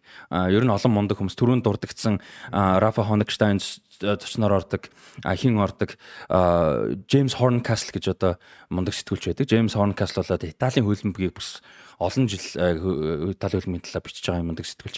За тэгээд яг тэрний 8 сарын 20 билүү 21-нд гарсан дугаарын хамгийн сүүлчийн хэсгээр яг энэ түүхийг бол 19-нд өнгөрөөд тэгээд дурсгал болгож ярьсан юм шүү дээ. Тийм. Яг тэрэн дээр бол одоо яг юу басан талаар яг Джеймс Хорн Касл болон одоо хөтлөгчд нь хамт бол яг энэ түүхийг ярьж инээс ч бүр гоё ярьсан л да ягаад гэвэл тэд нар ч өөрсдөө бүр тэр үед нь үздэг, ярьдаг, бичдэг байсан хүмүүс учраас илүү гоё ярьсан. Гэхдээ тийм тэрэн дээрээс олж мэдээ. Тэгээ би за окей дараагийн стори бол яг энэ юм байна гэж бодсон. А гэхдээ би тэгэхэд сонсож байхад Мацоныгийн талаар ярих гэж бодож исэн боловч дараа нь ингээд Брэша Мэшэм гэсэн чи би Guardian одоо сонин дээр бүр юм маш гоё дэлгэрэнгүй юм нийтлэлийг олж 900 жилийн. Тий 900 жилийн үеийн холбоотой маш гоё юм нийтлэл байсан. А тэгээ дээрэс нь энэ айгуу гоё би бас хүмүүс санал болгох гээд байна л да. Энэ Брэша юуны Аталантагийн дербигийн түүхийг айгуу гоё одоо юу яасан? А үзүүлж одоо ярьсан юу байдаг юм байна. А бүр баримтат кино юм бүтэн цагийн. Тэрийг бас хүмүүсийг бас хэрвээ сонирхуул үзээрэй гэж энэ Copa 90 Copa 90 Stories гэж YouTube сууг байдаг юм байна. Энэ бүр сая мая гаруй фолловертэй яг хүмүүс мэддэг байж магадгүй. Энэ дээр бол одоо энэ Аталанта Брешегийн дербигийн тухай бүр 50 56 7 минут юм айгуу гой докюментари бас бэлээ. Тэрийг бас хүмүүсийг үзээрэй гэж бас хэлмээр байна. Хэрвээ сонирхож байвал тэрэн дээр бол яг тэр сэтгүүлчд нь өөрсдөө бүр очоод тэр хүмүүстэй ярилцлага аваад бүр ингээд түүхийн тайлбарлаад ингээд маш гоё юм бэлээ. Тэгээд тийм. За гоё түүх байна. Брэша Аталанта хоёрыг дерби гэж юусэн мэдээгүй юм шүү дээ. Харин тийм ерөөсөө мэдээ. Амар юм байсан шүү. Наач хамгийн урт хугацааны дерби юм шүү баг. Тэгээд тэрийг бодох юм бол Тэгээ бид нар амар сонин штэ юмны контекст гэжтэй нөгөө бид нар чинь 800 жилээр Чингис Чингис гээл тэр чи одоо ингээл асар эртний юм шиг тийм бид нарт тийм штэ ер нь бол Тэгсэн чи тийж ингээ нэг хоёр хотын дээр юм 9 жилийн төвхтэй ч яж байгаа жишээ нэ тэ нөө хооч Европ гэдэг яалтчвал тэрэн дээр харагдаж байгаа юм л та тийм. За тэгээ манай цингэл дараагийн дугаарт манай эртний өмнөх дээр би ярих нь шүү дээ. Тийм. Тэгээд э, өнгөрсөн дугаарт чинь бас нөгөө тоглолтын стори бас явсан шүү дээ. Arsenal Manchester United-ийн бас домогт тоглолтын. Тэгээ тэрнтэй ч бас гоё нийцчлээ. Яг яагаагүй байж байгаа санаад. Pizza Gate гэдэг нэршил байдаг ах шээ. Тий, тий, тэр чинь. Тий. Pizza Gate. Тийм бах тий. Ой, Pizza Gate гэдэг YouTube-ийн нэг гой сууг байдаг байхгүй. За. Гэхдээ тоглоомч ковидын үед би ингээд хөлбөмбөг үзэх гэ хуучны хөлбөмбөг. Pizza Gate гэдэг юм дэр нэг бол хайлайтууд гардаг л нэг бол Италийн хөлбөмбөгийн тухай бүх тоглолтууд дээр үе нэг нэг юу байд шүү. Пицца хат ч лүгэ. За тэгээд э, та хоёрт нэмэх зүйл байна. За яадаг ч гэсэн Италийн хөлбөмбөг сонирхдаг хүмүүсийн захтнаг бас майчсан баха тий. Цансан газар гэж найдаж байна. Тэгээд яг хоо дээрэс нь ялангуяа энэ хөл өмгийн түүх гэдэг бол яг одоогийн бидний одоо нэг мейнстрим буюу тий одоо хүмүүсийн хамгийн ихээр сонирхон хардаг дербинүүдээс илүү баялаг ийм өргөн хүрээний зүйлээдэг шүү гэдгийг нэгдлийн өнцгөр мэдүүлж гисэнс баярлалаа. Тэгээд эн чинь Одоо бид нар яг Европын хөлбөмбөг гэж ярьна. Бас Азийн хөлбөмбөрөөр орж ирвэл Өмнөд Америкт хөлбөмбөгийн түүхүү, Төв Америкийн хөлбөмбөгийн юм дээр би сонирхолтой түүхүүд гэдэг чинь дэлхийн номер 1 спорт гэдэг утгаар дэлхийн өнцөг болон бүрт өдөр болгон маш гоё төрлийн түүхүүд бичигдэж ингэж үүсэж явж байгаа. Тэр чинь ийм гоё баялаг зүйл шүү гэдгийг нэг талаар сануулсан баярлалаа. Баярлалаа, баярлалаа. Аа тийм тэгээд тийч нэг зүйл байна эсвэл тосноо. Нэмэх эсвэл бодсон зүйл байна. За өнөөдөр эпизод дээр нэмэх зүйл байхгүй бол энэ үрээд дуусгая. Тэгээ Шоу Бонито Шоу подкастын сизон 2 5 дугаар дугаар байлаа. Тэгээд та бүхэн таалагдсан гэж найдаж байна. А дараа 7 хоног гэхэд бас ярих сэдвүүд мэдээж нэмэгдэх бах. За сая өнөөдрийн дугаар дээр оруулаагүй мэдээж э, мэдээ мэдээллүүд бас Мерсер байгаа. Антонитой холбоотой хэрэг нэлийн яригдж байгаа тэрнийг бас дэлгэрэнгүй ямар нэг байдлаар эцсийн байдлаар орох юм бол мэдээл болгож ярих боломжтой. За Мессен Гринүүдийг бид нар өмнө ярьжсэн Хетафет зээлэр тоглохоор усан байлээ. За Луис Рубиалес гэж бүтгөө нөхөр одоо ажиллаа хүлээл гэж өгсөн байлээ. Өнөөдөр одоо өөр аргагүй байдалд ороод гэх мэт за зөвхөн дандаа болохгүй хүмүүсийн тухай биш шүү. Зүгээр ер нь зөвхөн хэдэн мэдээлэл хүмүүс ингэж ингэж байгаа шүү дээ. Манчестер Юнайтед хэдэн жилийн дараа гэж баахан гавтаа нөхдөдөг Яана. Гэтэ ямар ч байсан тэр асуудлын үедээ бол яаж дийлэхээ арай илүү мэддэг болсон баг те. Тэгэхдээ энэ арай жоохон өөр нөхцөл шүү гэдэг бас харьцаа бас хэлмээр байна те. Адилхан бол биш. Тийм. Нэг болохгүй мэрэг гэснээр ч зүгээр өөр мэдээллүүдийг товчонд орж байгаа тийм. Гэх мэт ингээд өөр мэдээлэл юмнууд мэдээж нэмээд ярих юм гарах баха. Тэгээд тийм За ингээд Шого Бонито Шоу подкаст season 2 episode 5 хамтаасан бүгдээр нь баярлалаа сонирхолтой байсан гэж найж чинь YouTube дээр ирээд комент хийрээ лайк дараарай сэтгэлдээ хуваалцаарай. Италийн хөлбөмбөг. За тэгээд шгшээ багуудын тоглолт Германы хөлбөмбөг. Гэх мэт сэдвүүд Жанлука Замброта гэх мэт. Энэ одоо сонирхолтой төгөөдийг бас сэтгэлээ хуваалцаарай. Дээрээс нь бас нэг комент ийм талаар бичээрэй гэж өгсмөр байна зөвхөн Монголд гэлтгүй энэ тэнд гадаад дотоод байдаг манай сонсогч үзэгчд маань бас өөр усад өөр газар явж байгаад ямар алдартай хөлбөмбөгчтэй танилцж байв, таарж байв те гар үсгийг авч байв, зураг авах боломж нөхцөл гарч байв гэдэг тийм нөхцөл одоо боломж бүрдчихсэн бол бас сэтгэлээ хуваалцаараа бас сонирхолтой байна гэж найдаж байна. За тэгээд бид нарыг дэмжих хүсвэл Хас банкны 500 556 29 78 гэсэн дугаартай Хас банкны дансаар donation хийж дэмжих боломжтой. Тэгээд дэмжиж ажилласаар байгаа Веспорт ламж хамт олондоо баярлалаа. За та хоёртай баярлалаа өнөөдөр дугаарт оролцсон. Тэгээд дараагийн дугаар уулзлаа. Баяр та.